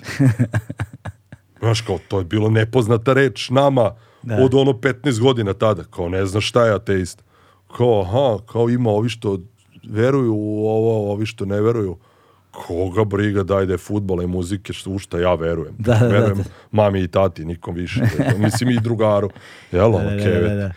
Ovaj, kao rep. Vrate, pa ne mogu da idem na rep, jem. Da, da, da, da. Znaš, da, da, kao da, da. ne volim rep. Da. Znaš, i onda kao odeš na tu svirku i ono je bila fora da su oni maltene imali više svirki nego proba, jer stvarno su uslovi takvi bili. Mm. I onda ovaj krene da čita doktor Pop čita, a Pećinko ponavlja. To je tako bilo i onda je to kao su bile ta repevs, reperska napevavanja, a ovamo gitare, udri, skači, drnda i zeze, znaš. Da, da, da. da, da. Ovo, ovaj, I ono kao, od te strepa benda koji je svirao za drugare i zezanja, pa ono kao sledećeg godine 35 godina. Da, tu 35 godina. A od, a od beogradske scene šta ti je zapalo u tom periodu? Najbolji bend koji sam ja video ikada, beogradski, ali to mi je bilo tad, ovaj, pojavili su se na tom dvodnevnom festivalu u Novom Sadu ovaj, 90. To je bio overdose. Overdose. Ali overdose A, pre da nego što su, da, pre da nego što ono, ušli u onu industrial varijantu. Da, da, da, to je bend koji se zvao pre toga Kerozin. I te pesme koje su oni svirali su bile pesme tog Kerozina. Sad, zašto se to promenio naziv, da li se neko promenio članova, nisam ono ispratio pretpostavljam da neko ko je ono hroničar beogradske scene znaće tačno da kaže i moment i sve. Hroničari beogradske scene vole da ostanu underground, neka, znaš. Neka, dobro, ali brate, taj nastup ono benda Overdose, dva pevača, a u sunc, tip, ono najbolji mogući hardcore crossover, a, malo metalizirano, ali ma, ma jako dobro. I tad ja prvi put uživog kao došla sa njima ekipa 30 ljudi koji non stop cepaju stage diving. Da, da, da, da. Znaš kao, wow je. Svi su bili malo stariji od nas, dovoljno u tim godinama kad ti imaš 15, 16, znaš, a oni 18, velika razlika, velika znaš, to dve, tri godine. Ovaj, meni je taj koncert Overdoza, prvi koji sam gledao, bio fenomenalan. E onda kao Overdose sledeći, to je posle dve godine, Nema bubnjara, ritam mašina, stroboskopi. A jebate, ja se razočarao kao, nije to to. Ono je stvarno bilo ispred svog vremena. Č, genijalan bend i u toj industrial fazi, samo što je meni, meni nije prijelo, razumeš? Da, da, da, da, Ali kao, to je mi je bio bend broj 1. Brainstorm bio dobar, a, ali mi, znaš, meni uvijek bilo kao cap ipak overdose. Ne? I onda kad je krenula ge, generacija ta naša, moja, ovaj, pa krenuli da se osnivaju i Definite Choice, i DDDS, da, daš, da, da. i da. onda ti, Unision. ono, Unision, pa par manjih bendova od Austerity-a, Mobloa, Stonewalla, ovo ono, znaš, kao, po, po, posle pojavio i Doghouse, znaš, kao, sve smo to ispratili i gledali. Da, da, da, da, da, da, čoveče, Doghouse, sećam se kad su Doghouse imali povratnički koncert u Domu omladine, 2013. Aha. 12. jel tako nešto, ja sam tad radio domak, to je bilo ludilo. Ko se sve pojavio na koncertu? Izašli su čoveče. I kuso ono, i repato. I ispod kamena, znači nisu 20 godina izašli nigde, da, došli da, su da, na da. House Reunion, A. to je. To su lepi trenuci, znaš. Da kako vidiš da zapravo ta scena i dalje živi. Yes. Na, i, ovaj, I sad kad smo se mi ovih dana dopisivali šta, šta sam ja sve saznao da zapravo od muzike novo ima, samo sam živeo u zabludi da nema. Samo ne, sam... znaš šta je, ovaj, i onda je stvarno jedan period uh, u Beogradu, uh, uh, ok, početak ovog veka, sjajna ekipa bendova, od Hitmana, da. ali ekipa koja je bila okupljena oko pod navodnicima labela Hako, mm -hmm. distribution Hako Bastards, gde su bili Let's Grow, Haibo, 36 Daggers. 36 da. Daggers, da. da. Fenomenalni bendovi. Path da. of Decay, uh, Homesick Home, 4-5 bendova, to je sve period tu, 2000-te. Znaš, do 2010. 2011. je Original svira posljednji koncert. Čini mi se čak u Novom Sadu 1. novembar da bio. Da, ja sećam da je posljednji koncert Hitmana bio u Ganu 2012. 12. 2012. Bio sam. Da, bio pa sam ja. Chelsea ja. pobedio Bajerna u finalu Kupa šampiona. to ne znam. Maj, maj ali, ima, ali, ima, ali ima trenutak kad se prekinuo koncert zato što sam ja pao na bubanj. da, li, sorry, Lemilica i ja smo se nešto Aha. gurali. Uh, nisam ja pao na bubanj, Lemi je pao na bubanj ne mogu da setim, ali to je bilo ludilo to. to znači, Dobro, dobro, to, pa je... kao dole je bilo ono...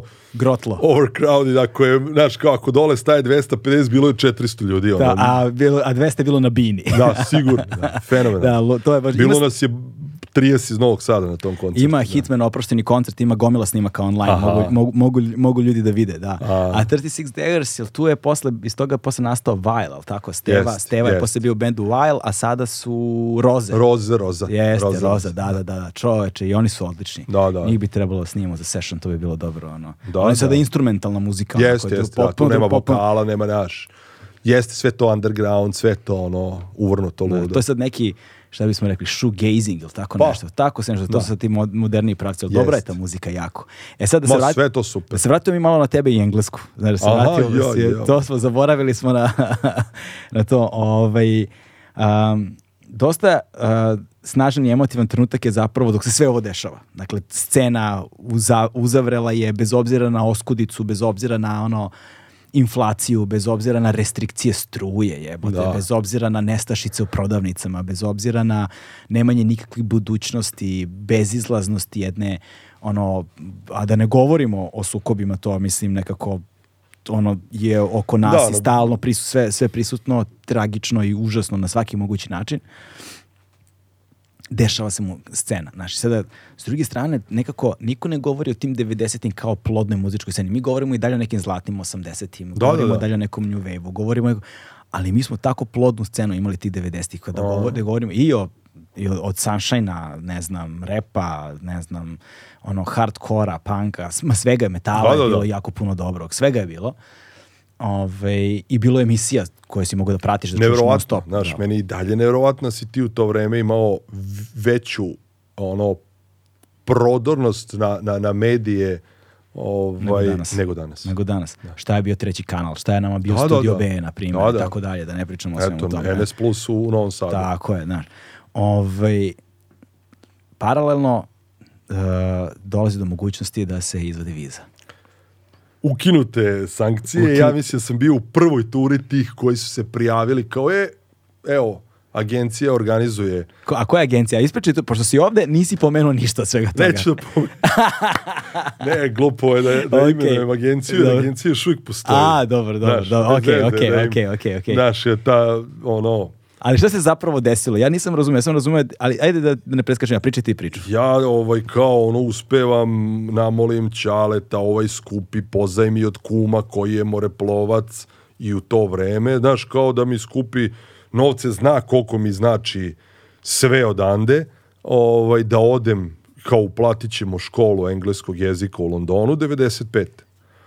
Ovaj, a ono treba kao na leto da odem tamo, avgusta u to vreme ja se intenzivno dopisujem sa devojkom, ženom, u stvari tada već, koja ima i dvoje male dece, Uh, ne znam, brata, ono, idu na Chelsea. Čekaj, izvini, onda moramo da zapravo odemo korak unazad, jer mislim da je, posebno za mlađu publiku, taj koncept malo stran.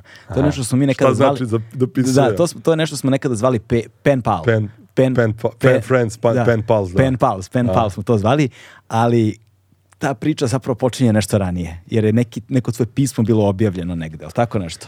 Da. Šta je zapravo bilo? S, um, to što je objavljeno pismo to je, je Chelsea. da Chelsea Independent Fanzin, ja u nekom od tih magazina koje sam uspeo nekim kanalom da kupim ovaj, znaš, kao, ej, da li je to bila ekskurzija letovanje u Grčkoj početkom 90-ih, bile adrese fanzina, znaš. I ja onda napisao na taj neki Chelsea Independent.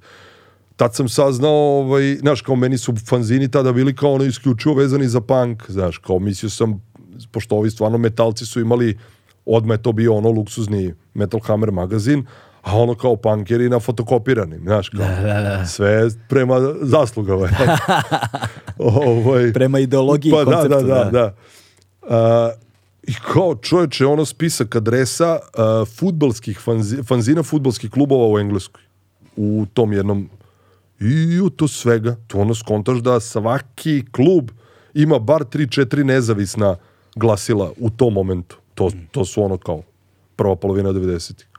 I ja nekako capa, ha, Chelsea Independent, napišem im pismo, e, ja sam, baba, ma ništa, ono, kao, koliko sam znao. A kakav ti je engleski bio? Pa, to za nijansu bolji nego malo pre toga i tu naš kao tetka koja mi pomaže. naš pomaže naravno i složim ja jedno deset rečenica i dole eto kao voleo bi da se dopisujem s nekim i stvarno mi se javi njih par i ostanem u kontaktu s tom jednom ovaj uh, devojkom ženom tad sveže udatom znači ona je starija od mene ja 74. ona je mislim 67. 8. bila mm. ovaj I mi smo se intenzivno dopisivali tih, ono, 94. 95 kada je ovaj, njena cela familija imala sezonske karte za Chelsea, brat je išao i na gostovanja i tad je Chelsea igrao ovaj, u inostranstvu, ono kao posle dugo godina pauze, igrali su i drugu ligu početkom 90-ih i kao prvi izlazak Chelsea u Evropu, ovaj je išao na to sve i bio u toj nekoj, da kažeš, ozbiljnoj navijačkoj ekipi. I ovaj, non stop su meni stizale od njih i časopisi njihovi, i fotke, i ne znam, suvenirčići, značka, onaj pin badge, znaš. E, pa... taj, ali zanimljiva priča za taj pin badge. Aha. Zanimljiva je priča za taj pin badge. Zapravo ti si video nekog čovečuljka da, kao ne koji, koji je zapravo originalni grb, grb Chelsea. Da, kao šta je ovo, nemaš pojma, ono čiča jel, znaš, kao uniformi vojne, kao Chelsea penzioneri, šta su Chelsea, znaš, kao sve to saznaješ 10 godina kasnije i taj nadimak, zašto, da je, da je, ne znam, kao, ha, u, tu, u tom Chelsea hospitalu ima deo gde su ti veterani rata pa su vrlo usko povezani sa klubom pa da imaju svoja mesta na tim nekim utakmicama i šta ja znam i da je u prvom grbu bio taj ovaj taj čičica sa, sa onom kapicom crvenom ne. ovaj uglavnom Uh, znaš kao, ja dobijam, o, sa njom se dopisujem, ali smo konstantno i sad kao pojavljuje se mogućnost da odem u Englesku i ja njoj napišem, reko je, evo jedna agencija organizuje Summer School of English, bla, bla, bla, ja bi se prijavio, jao, super, pa to nije daleko od tu gde mi živimo, ajde, kaže, onda taman, ovaj, dobit ćete vizu, pa ka, ostaneš još, kao, pa budeš kod nas gost, znaš. Mm i ka, koji je to teren, ja, pa moj brat taman tada ide u Ameriku kod druga, pa ti možeš biti u njegovom stanu koji se nalazi blizu stadiona Chelsea, pa je, e, e, e, ona napisa meni, je, evo, izvadili smo ti kartu, pre, ovaj, prijateljska utakmica. Jebote, kartu su ti kupili. Ne, kartu za utakmicu, znaš. Wow. I kao sve, i kao prvo kolo Chelsea Everton, valjda igriju. I meni kao sve to, da li moguće, evo, ja odlazim u agenciju sa Ćaletom, on pozajmio novce da bi mi platio taj aranžman u ono dvonedeljni recimo škole, ali ja hoću da ostanem još jedno bar dve nedelje, ali ko zna, znaš. I uh, tad su se ručno popunjavali zahtevi za te vize i to je bilo ono kao, aha, u, treba dobiti vizu, ma kao dobit će svi nikakav problem, to je grupa od nas jedno 20 tih nekih ono studenata, đaka, jel, koji treba da idu tamo, ovaj. I kao, okej, okay, kad zove ovaj, po, mi to predali, u stvari nisam ja popunjavao, popunjavali su za nas sve ovaj, ljudi iz agencije, znaš. Ovaj, kad javlja se pa neki, aj kao trebao bi da ideš na razgovor. Pa dobro, ići ću na razgovor, znaš, šta ću. Ja u ambasadu. U Beogradu. U Beogradu, general Ždanova, kako se sad zove, Resavska. Resavska, tako dakle, da, je, Resavska, tu, da. Gde je Čekaj, to je, to je, to je dok, dok je još uvijek postojala ambasada. Pa tako? ima i dalje je tu. Ali nema više ambasade.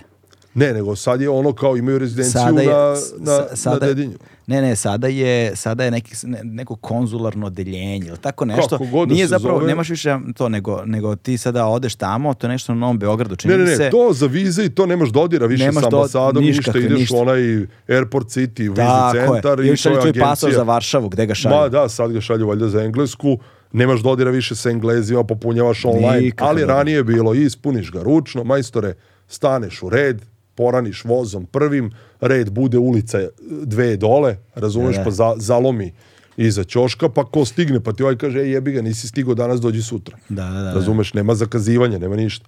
Ali ova kao meni, ej, kao, evo, mi smo predali sve, ali nešto hoće da te vide, ne. I kao, ajde, okej, okay, ja odem.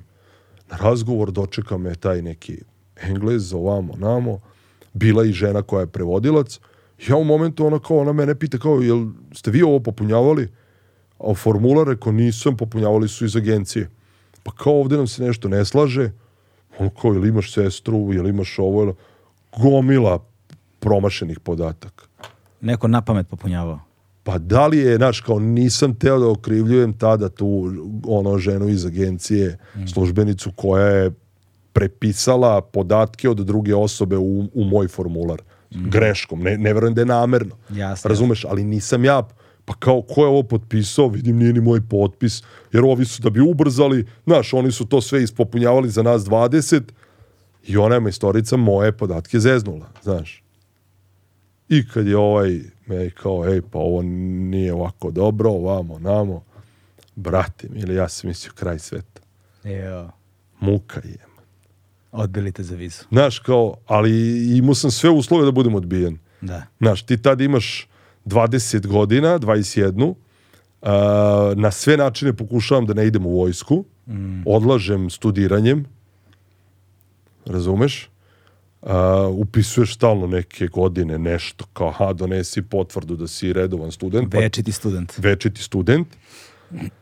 ovaj, nisi zaposlen, status je, znaš, kao, aha, ti već pet godina studiraš, a tek si na drugoj godini, ne žurim nigde, koga zabole, jel? Da, da, da. znaš, kao šta ti je cilj u životu? Ništa.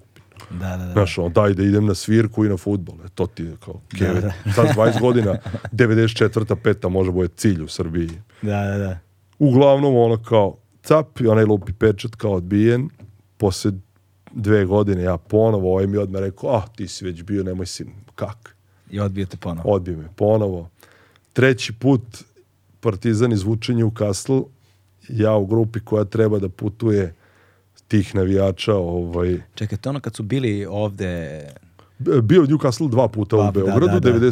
pa, pa 2003. Ja sećam 98. Ja sećam 98. 98. 98. Ali je i tu bilo napeto, kao, e, hoće nas bombardovati, neće nas bombardovati, pa nećemo vas još bombardovati, bombardovat ćemo vas za pola godine. Znaš, pa kao, da, da, da. da. i tu su se i dalje popunjavali ti zahtevi, ali od ono kao sto i nešto, 200 ljudi koji su otputovali, nas dvojica odbijeni. Jedine dve i ovaj me zove kao, brate, šta si ti s zgrešio?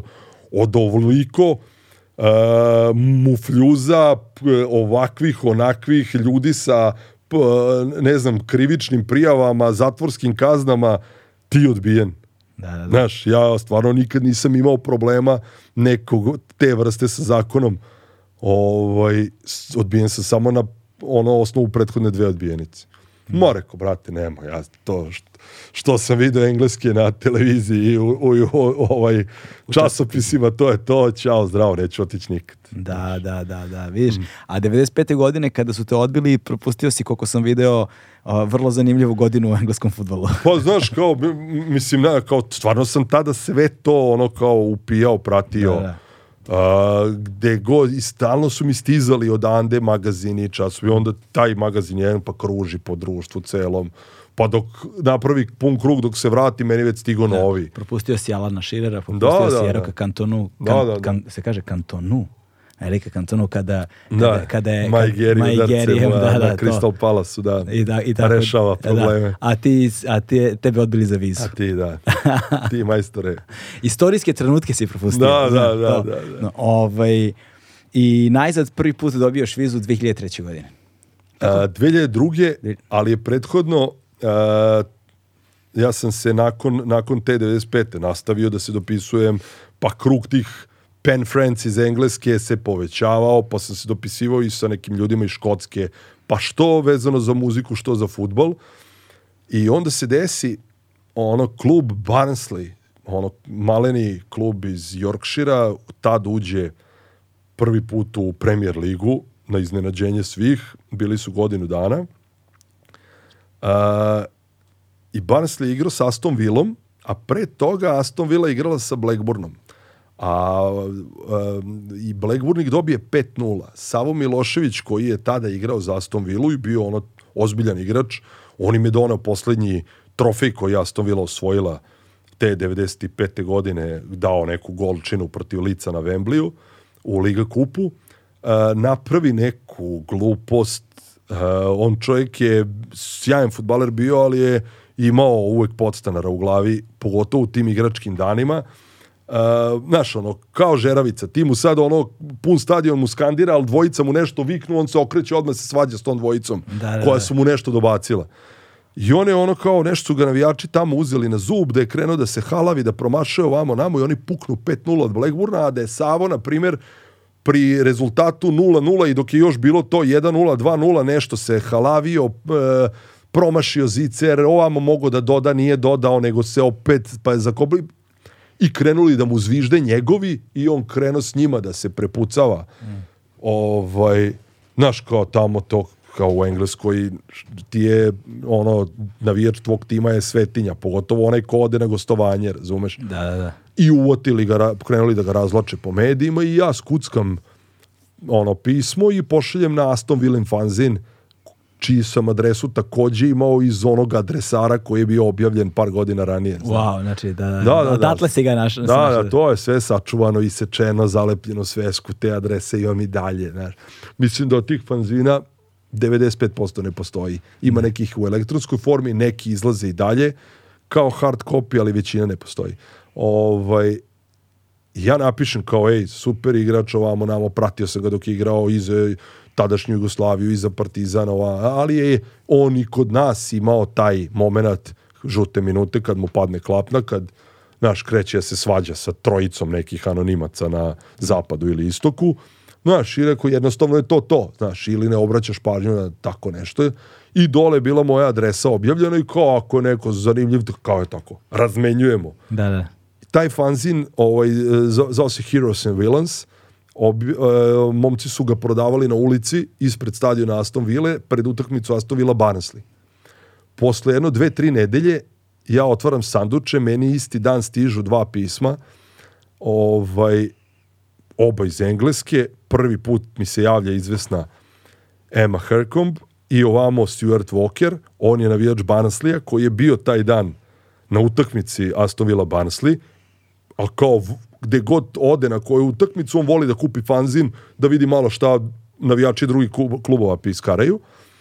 Ovaj, ja taj dan, ono, maltene, počinjem, ulazim u komunikaciju sa njom koja ima sezonsku kartu, koja je ono samo Aston Villa i njega koji je hapšen x puta bio i u Španiji na svetskom prvenstvu i neka tamo švajcarska 84. i u Luksemburgu kad su nešto Englezi napravili neki pitchways ono, ako čovjek koji je ono, e, usvojen bio u velikoj porodici, ne zna ni majku ni oca, mm. iz nekog tamo sirotišta u rudarskom tom kraju Yorkshira, ovaj, usvojila ga je familija koja je imala nešto puno dece i on je tamo, ono kao zidar iz Banaslija, razumeš Da, da, prava radnička klasa. Da, da, da, i ja s njih dvoje krećem da se dopisujem, ovaj, to je 97. 8. godina i mi intenzivno na, na mesečnom nivou su meni stizali i s jedne i s druge strane, a on, majstor iz Banslija, povezan sa svim ekipama po Engleskoj, a, gde god se desi neko sranje, neki incident, on je to sve piskarao. Ja imam njegovih pisama, on kao pošlje mi pismo koje je na 18 pisanih strana. Krasno pisa. Ne da. možeš da veruješ da je to ono pismo ovaj, e, znaš, kao zidara jednog iz Banslija, da ne pocenjujem nikoga, ali kao čoveku svakako je moguće ti svako slovo isto. Da, da, da, znaš, da, kao da. ono, papir koji je ono, blank nema linije, znaš, nego beli papir, svi redovni, ravni, man, i krasnopis. Wow. On je meni crtao map, maketice stadiona, koja grupa, aha, ovih je došlo 40 odavde, ovih 30 odavde, ovih probili pandure, tuča ovde, ovde uhapšeno tro... Ma sve. Rekonstrukciju događaja. Ej, live kompletno, brate. Znaš, Ovaj, a ovamo kod ove Eme ona već, znaš, kao ona ide i Ćale njeni, Burazer i svi idu na Aston Villa, znaš. I sad tu kao cap dešava se da ona kao, znaš, ajde, ćeš da dođeš ti kod nas, kao prvog. I ona bila moj gost 2001. Taman posle Miloševića godinu dana. I mi taj dan bili u Beogradu. Kako je njima bilo kad su došli ovde? O, ona je mene zvala telefonom, hteo bi njen tata da priča sa mnom. Znaš, da, sad ono kao, jeste ona dve, tri godine starija od mene, ali opet ti 2001. puštaš čerku u neku zemlju gde je ono deset godina nisi čuo ništa lepo je. Da, da, da, da, da. da. Ono katastrofa, da, razumeš? godinu dana revolucija. Ono. Znaš, revolucija, pre toga bombardovanje, pre toga 10 e, godina BD ničega, razumeš? Da, da. I ja njoj rekao, ej, kao ne brinite, znači mi smo stvarno, kad kažem mi, kompletna moja porodica, prijatelji, svi, svi su je upoznali, a ona je došla, pošto je ona zbog mene tad krenula na časove srpsko-hrvatskog. Wow. Jer ona radi na univerzitetu u Birminghamu kao mm. neki library nešto pri biblioteci veliko, ogroman je univerzitet. Birmingham drugi najveći grad, tamo drugo, ono drugi centar posle Londona. Ovaj, I ona je majstorica tamo pri tom univerzitetu imali su dosta stranih studenta i dosta tih nekih kao ovaj, fakultativnih, e, znaš, kao nastave, kao ko hoće pa ide uči i upozna. Da, da. Par naših nekih e, koji su rođeni tamo, čiji su roditelji otišli posle drugog svetskog rata iz ovog ili onog razloga, i koji nisu znali reč srpsko-hrvatskog, a hteli su da nauče. I imali su nastavnicu, profesoricu uh, koja je govorila jekavicu i ona došla žena, bog te mazo, sa, i kao, jel može da dovede drugaricu? Može, kako se zove drugarica? Svetlana Vukilić. Odakle, koja je, kaže, ona ne zna ni reč srpskog. Naučila je koliko i ja. Nikad nije bila u ovaj, Jugoslaviji, Srbiji, nigde. Tata Besan iz onog rata pobegao znaš, kao, nije hteo više, tat kad je pobegao 45. 6. više, nije hteo da ima ništa sa ovim krajevima vamo. I ja, ovaj, ok, reko, dođite vas dve. I njih dve dolaze, ja ih čekam na aerodromu i provele su 7-8 dana ovde. Znaš, kao čoveče, da viš, ja je vodim u Kragujevac na utakmicu. Znaš, genijalno. Pita ona... Ko je igrao? Pi, Radić Kragujevac Partizan. Partizan, da. da. August 2-2 bilo, avgust 2001. I mi sad taj neki kao gostujući sektor, ono kaldrme, krša, korov raste sa tribine, u peklo ko danas o 35 stepeni, da. jezivo, ona prišla policajki tamo, znaš, kao pita gde je ovde WC, ovaj gleda da, kao crni WC, ono kod prilike što dalje, razumeš? Da, da, da. Livada pa to. znači, stvarno, ono, znaš, kao i ona kaže, čovječ, ja ovo nisam nikad videla, nikada. Da, da. Stvarno smo ih ovaj, vodali nju i tu Svetlanu, nema gde ih nismo ovaj, proveli po, po gde smo mogli po, po Novi, Sad, Sremski Karlovci, kod mene na vikendicu, iznad Petrovaradina koju sam imao nekada, e, tamo peciroštilje, društvo celo okupljaj, ne znam, e, ajmo jedan dan u Beogradu da obiđemo Beograd, yeah. od Knez Mihajlove, znaš, kao šete i Dorčolom, vamo, namo, na, kao pat kram, pa, e, tako te znamenitosti, znaš. Yeah. Ovo, ovaj, I ona mene pita kao, e, gde je ambasada? Rekao, evo, tu nije daleko, mi baš negde bili tu blizu. Da. Yeah. Aj, kaže, odemo do ambasade. Tako, bez veze, ono, u po dana nema gužve jer ono je bio termin, na primjer, kao za predaju vize, recimo od 9 do 1. Da, sećam se to, tih redova. Neki termini su bili. Znaš što smo mi radili u to vreme? Mi smo, ono, dođemo noću, recimo, pa, ako da. su bila Nemačka, Kanadska, ne znam koji su bile najpopularnije ambasade. To, to Italija, Nemačka, brate, to mi su to redovi, e, pod... I onda ja sam sa drugarima dođemo dan ranije ili noću, znaš, i da. onda sa većom za spavanje, onda budemo celu noć u redovima na smenu, na, smenjujemo se i onda ujut i dok ne dođemo prvi. Kad dođemo prvi, onda iskoračiš, kažeš, prodaje mesto. Brate, nije. Proti toga smo zarađivali lovu. Da, da. To da. je bilo ono. Zamisto. Uglavnom, ona kao, ajde, odemo tamo, sreli portira, ona se, kao znaš, kao britanski državljanin. Mm. Da li mogu ja da pričam s nekim? Na, na. Joj, kao, ajde, sad ću minut, ode dole i nas primi neki službenik. I ona kao, evo, samo da vam kažem, ja sam taj ta, mi se, evo, ovo je moj domaćin ovde, oni, kaže, ima problema, već tri, četiri puta je odbijen za ovaj, vizu, mi se dopisujemo već evo, četvrta, peta godina, ovaj, sad sam njegov gost u Novom Sadu, ugošćena sam, primljena, divno je ovde, sve super, svi ljudi divni, kao šta treba da uradim ja da mu uzvrtim gostoprinstvo. Mm -hmm. Znaš, ovaj sad, na, meni je bila zanimljiva konstrukcija tog pitanja njenog. Znaš, kao nije pitala, e, šta treba da se desi da on dođe, ne, da on dobije vizu, nego kao, šta treba ja da uradim da bi mu, znaš, kao, moramo uzvratiti. Da, da, da joj kao, pa okej, okay, ne znam, evo vam, vam e-mail ambasade, napišite pozivno pismo, vi, pa naš kao šta ćete, gde ćete, na, na, na, ok, hvala, zdravo, doviđenja, prijatno. Ona je bila kod mene u avgustu 2000, ovaj, 2001. Prve, 2001. Da, 2001. Da, da. A ja sam išao onda tamo u martu 2002. Naš, posle manje, pola godine. I onda si, bez problema si dobio vizu najzad.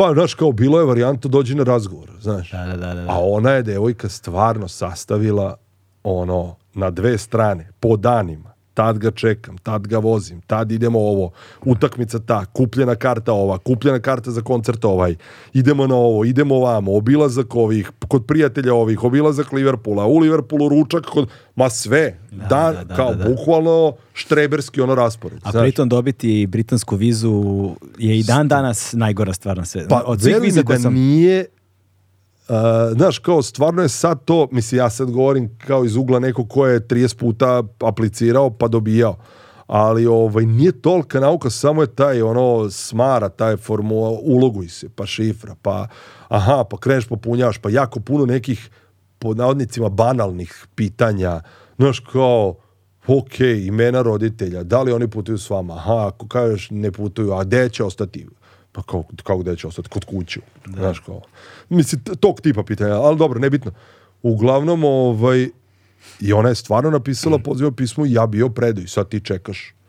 Kad meni ona ca poziva odande, da kaže, možete doći na razgovor? Marko, ajde, dobro, doći ću. Možeš misliti, kao, da. bio sam već tri puta, ne košta me ništa, ajde idem u Beograd pa ću doći na razgovor. I ja sad tamo, I gledamo, ovaj je M prošao, rekao, jebote, ako je on prošao, ne zna ni da bekne, ni engleskog. Znaš, ono, na, na, na, na vizuelno da ga odbiješ. Da, da, da. Znaš, kad ono vidiš kao, brat, gde ćeš ti je? Znaš, mislim... Tako su mene odbijali. Ali, ovaj, prođe on, prođe ovaj, tap, ko ja dolazim na red i ovaj me gleda, znaš, kroz pro, taj, kroz staklo. Šalter. Kaže, ovde piše da ćete ići na stadion Evertona. Kao u vašem pozivnom pitanju. Kao, pa reko, tako bi trebalo. I on mi pruža pasoš, već viziran. Kaže, srećan put, kad se vratiš, ovaj, donesi fotku sa stadiona. Wow, stvarno? ja otvaram ono kao, brate, viza Ima u knjizi ovde viza, stoji, vrate, da. Igor Todorović. ne stoji zgro da, duše. Da, da, ne piše zgro. Ju čoveče, znaš, kao da li moguće. ja mm. stvarno, kad sam odradio putovanje, celo i ja, nije me mrzelo, rekao sad, izradio fotku sa Evertona, tamo, dole, i stvarno, i preko izvide, aha, eno ga, kad on izlazi, sad nije on mene poznat njemu, šta on vidi dnevno. 5000 ljudi, ona pojma. Da. Milion nekih faca, znaš.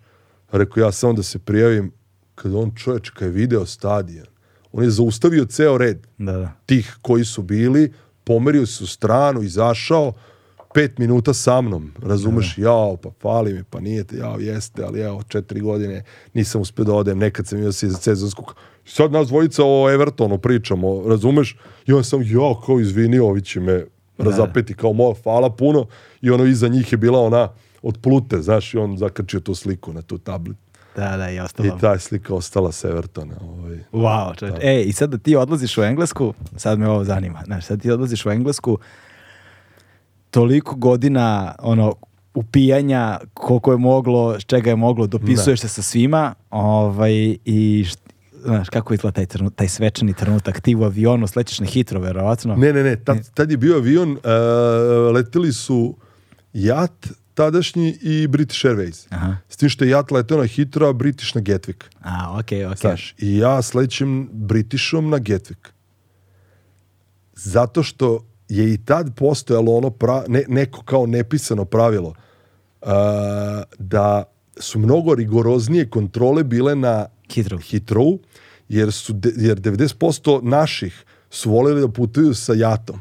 Da. Zato što ne znaju engleski, ne znaju naš ovde ipak, aha, stewardesa priča na srpskom, pa kad sleti, znaš, da je tamo bilo zeznud i veća gužva je bila na Hitrou. Ja sleteo na Getik, nigde žive duše. Mm. U celom avionu, poluprazan avion bio, nas par koji smo bili sa vizom, sve ostalo bili britanski državljani. Da, da, da. da. Razumeš, došao u red, nema reda, ono kao, sva pone mi lupi, e, kao sred, Najlakši mogu. Kakav je osje bio? Jebote, Znači, prvo osjetiš taj miris, ono specifičan, samo za ostrvo, da. blagi miris vlage. Da, da, da. da. Znaš, koji, ti koju god stvar da kupiš, ono, odevni predmet da kupiš tamo, kogod da ga pereš, on se 17. put nakon pranja ima taj šmek na englesko, da. se osjeti, da je odande. Ovo, ona me dočekala i onda kao vozi za Birmingham. E sad ja sam u tih mesec dana koliko sam ostao. Imao tefterče? Blokčić je zapisao i bata sve. S tim što sam bio prvo nedelju dana sa njom, pa sam nedelju dana otišao kod drugog jednog s kojim sam se dopisivao, koji je takođe bio, tog čoveka upoznam tako što je on došao da gleda Hearts protiv Zvezde. A. Znaš, 96.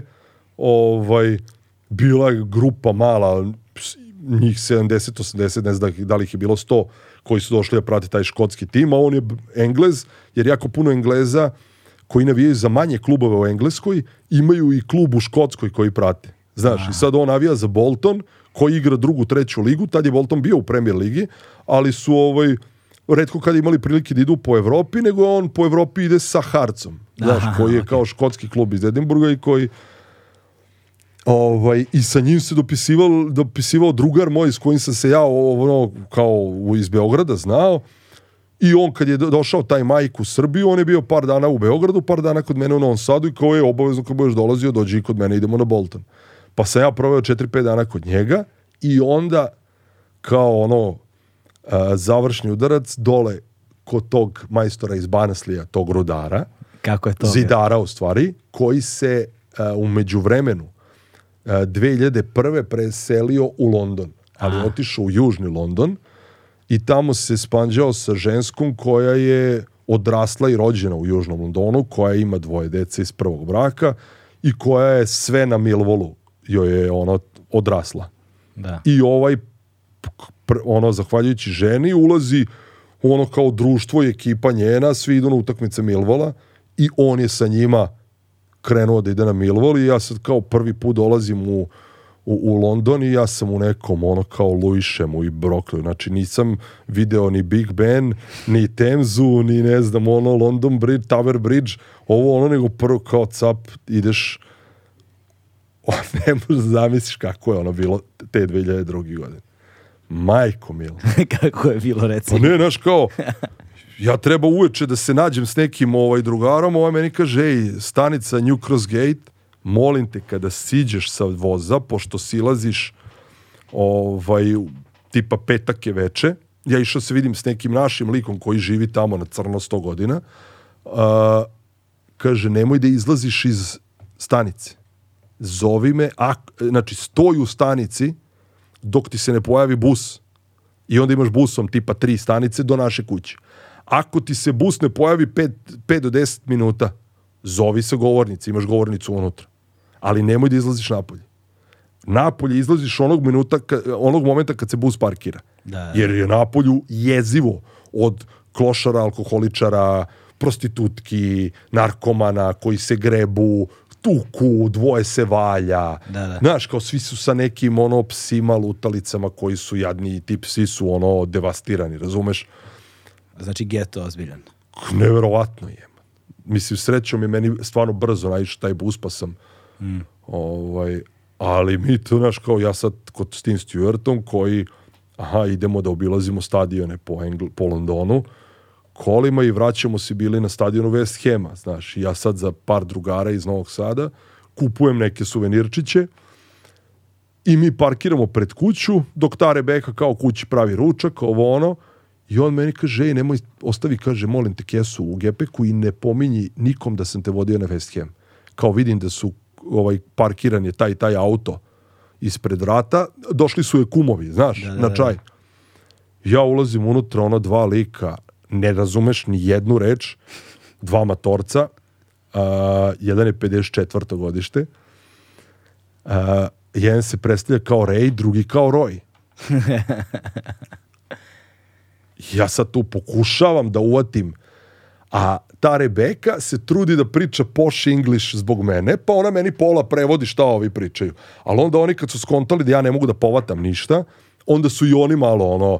Iskulirali. Iskulirali sa slengom i sa tim ono wow, wow, wow, wow. Ovo, I krenuli da malo sporije pričaju da ovo, da ono, i da se meni direktno obraćaju. Znaš, sad ja kao ovaj s dugačkom kosom, vidim da ima nešto problem s okom, znaš ali oni su došli tu da bi se dogovarali za odlazak na utakmicu koja se igra sutra u Coventryu. Sutra igra Coventry sa Milvolom. I iznervirani što im je uh, e, Futbolski savez pomerio utakmicu u poslednji čas sa subote na petak. Jer iz bojazni da će ovih otići milion, da će napraviti nerede gore, znaš, kao ipak ne može petkom baš da ode tolika mm. brojka kolika More da može radi. subotom, jel kao moraju da rade. ono otišlo ih tri po iljade je. Katastrof, Katastrofe 5.000 koliko ih je bilo. Cela tribina. I on meni ovaj, znaš šta, ja sad u toj nekoj priči, aha, super, ovaj kao, e, el možete vi da idete kolima, znaš, kao on je meni rezervisao i mesto u jednom od autobusa tih navijačkih, ali ipak da idemo kolima, da povezemo dva momka koji su malo sumnjivijeg, ono, da, da. Znaš, pa kao, malo sumnjivije malo istorije. sumnjivije istorije, pa da oni budu s nama u kolima ići i njegova čerka od tog Rear, oj, sad ja nemam, ja šta sad mogu, ne mogu, tu sam, pa sam tu, znaš. Ne. Da. A ovaj, naš kao prije, ovaj ga sad pita, kao je, kako si ti provao, pa kao, bilo je super, bilo je dobro, bilo je ono. A gde si, e, aha, bili smo tamo, tamo, tamo, tamo, i sad ja pokušavam da uđem u, u tok razgovora. Ja skontam, on je bio sa nekim bendom negde. Znaš, ja ga pitam, a ko je to svirao? rekao, ti imaš bend? Kaže, imam ja bend, ali kaže, nisam išao ja ovaj, sa mojim bendom, nego sam pratio drugare, znaš. A rekao, ovaj, koji je žanr, šta je to, ko je? Pa kao ne da znaš, kao punk muzika, ovaj, band Antinover League, znaš. Pa ja rekao, brate, de, bre, ne znam. Svirali u Srbiji, nedugo, za, znaš, kao, rekao, čoveče, da, ja, ja u momentu, rekao, stani, stani, stani, ti, ovaj, kažeš da imaš drugi bend, oko stakleno, rekao je, pa kao Roy Pierce, jesi ti Roy Pierce, pevač Last Resorta, oni stali, tišina, 15 sekundi, kao, ej, no fucking chance, someone knows. Znaš, krenulo ono vriska da, da, da cika, da, da, da. Jel, ima, jel moguće da neko u Srbiji zna za Last Resort, znaš, da, da. za Roy Pierce. znaš, kao, a tebi uvijek bilo ono, kao, stakleno oko, bio skinhead, da, da. a sad ima dugačku kosu. Znaš, ugojen, debeo mator, ja mu znam ono tri fotografije iz 80-ih, da. I u brate mi, znaš, kao sediš, a njih dvojica, taj matori Ray i Roy Pierce su krst, krst, kršteni kumovi od Rebekinog i Stuartove čerkice, da, koja ovo. se rodila mesec dana pre toga. Da, da, Znaš, a da. ona iz porodilišta u pub Znaš, ono, ova kolevka na, na, korpa, na šank, cap, cap, cap, tu udernjava, vriska cika, pukne neka flaša, čaša, ovo, i njoj sjebe oko i ona dobije neku ozbiljnu nadoknadu. Mislim, e, to je taj fazon da, da, način da. života, razumeš? I mi sutra na tekmu, ja sa tom ekipom, kuku majko, ja to, e, taj moj steward je vozio kola, u tim kolima su bila dva West Ham Hesse ste sklonili. West Ham nismo pominjali nikom, da. Ovaj, jer je to kao ono na krvi nož West da, da Ham da, da. Gledao sam da. ovaj, kako se zove film, Kes, Kas. A Kas, da, o Kas Pajnent, da. Da, da, da, da. Uh, I ja sa Stuart vozi, sedimo ta Linzi koja je čerka od tog Reja i ta dva momka koji su ono, znaš, kad ih vidiš, debeli rumeni u kaputima a onda preko kaputa zlatna kajla izbačena da, sa da. nekim medaljonom, pa pečati ono, znaš? Da, da, da, Kao Del Boy varijanta. Znaš, ti kontaš da su to si, sitni neki, ono, lokalni dilerčići, lopovčići, nešto. Znaš. Hoštapleri. Ho, pa, ono, da, klasične te barabe, ono, Hasleri. južni London je mi. Ovaj, I onda te, znaš, sad ja nemam predstavu taj rej ko je, šta je, znaš. Ali ti kontaš da Rebeka koja je ostala kod kuj, ona pizdi, evo šta sam ja dočekala, zaljubim se ko budala u ovu budalu sa severa, znaš, kao da. iz jebenog Yorkshira i sad mi on ide s mojim društvom na Milvola, ja moram kuće da dojim dete, znaš, da, da. besna u Ovaj, I ona, ali ona javlja, ej, kao evo, javili su rej ovo ovaj, idite u taj, taj pub. Pa javlja, ej, nemojte u taj, taj pub opkoljen murijom, nego, znaš, kao da idemo znaš, kao na, na u, ono neke gerilske ono, akcije, kao da je front, ono, znaš, kao, pa kao je nemoj opkoljeno, šta je opkoljeno? I mi stvarno neki pub budemo kod železničke stanice u Koventriju, uh, kad stiže poruka, nema tog reja i stiže poruka ovom, ajte vi se na taj pub u kojem ste, ima zadnji izlaz kroz, ba, kroz baštu pa prođeš kroz ne znam šta, tamo je taksi stanica, uvatite taksi i taj, taj pub u centru. I ovaj mene povuče, ona dvojica ostali, ovaj, i čerka ostala, ali nas dvojica, ja i taj Stuart, odosmo. I stvarno tako i u taksi. I mi stižemo u centar Coventry, ulazimo u pub gde je njih jedno stotinak, atmosfera onako prilično e, tiha, mračna, napeta. Mm. Znaš, o, o, tih stotinak je došlo tu da napravi sranje. Da, da, da. Ja ono razmišljam, rekao, jebote, prvi put sam tamo, jedva dobio vizu posle 100 godina. Sad šta ću ja onda kažem, niti znam ja sad gde ja idem, razumeš? Šta ću mu kažem, ej brate, nemoj da idem, ne, da, ono kao, idem, gde on tu i ja, jel? Kasno je sada se. Je, nema nazad, da. da, da, da. Kaže ono, ovaj, kad ja vidim ovaj, znaš, kao Rej i tu ekipa neka, ja rekao šta se dešava, znaš, stalno je neko domunđavanje, stalno ovaj prilazi jedan drugom pa prođi pa mu nešto, znaš, sad, znaš vidiš da je nešto, da se nešto vanredna situacija. Ma kaže ništa, kaže, ovi su prošli put kad se igralo s Coventry Milvol, neke klince su Milvolove negde prebili, pa su se hvalili po, tad su počeli forumi ti, znaš, kao Aha, po netu da. i internet forumi, da. internet da. forumi i kao hvalili se kao ovi su kao izvikane jajare iz Južnog Londona, bla, bla, bla, ajde ih vidimo, pa kao, evo, došli smo, pa se onda vidimo, znaš, kao, ko je taj ko je prozivao, da I sad ti skontaš, svaki pub ima te bouncers, ove, kao Do, obezbeđenje. obezbeđenje da. Gospodin velik, ogroman, ovaj, tamnoputi, odelo, sve, ko je majstor mu naš kao stavi mu, tutnu mu. Kintu. Kintu. Policija ne ulazi u pub, policija napolju policija prenese tom šefu obezbeđenja ili security-u kao, ej, okay, vreme je da krenu. A on, ovaj odbroji nas 14, odvedena su se pare gore i kao, tu ste okay. neće vas niko proveravati. I sad sam ja među tih 14. Da, da. A ovih ostalih 70, 80 koliko ih je bilo stotinak, oni su izašli napolje i krenuli u prati policije prema stadionu. Posle 15 minuta, ovaj viče, ajmo sad mi. Dećemo, sad naš mi sami, naš, ja 13, ja 14. Ovaj, e, brate, oni od jednog do drugog paba. Sad pubovi su puni. Da, da, da. Znaš, to je večernja tekma, ovo je, na primjer, utakmica počinje u 8 po engleskom, ovo je negde pola 7-7.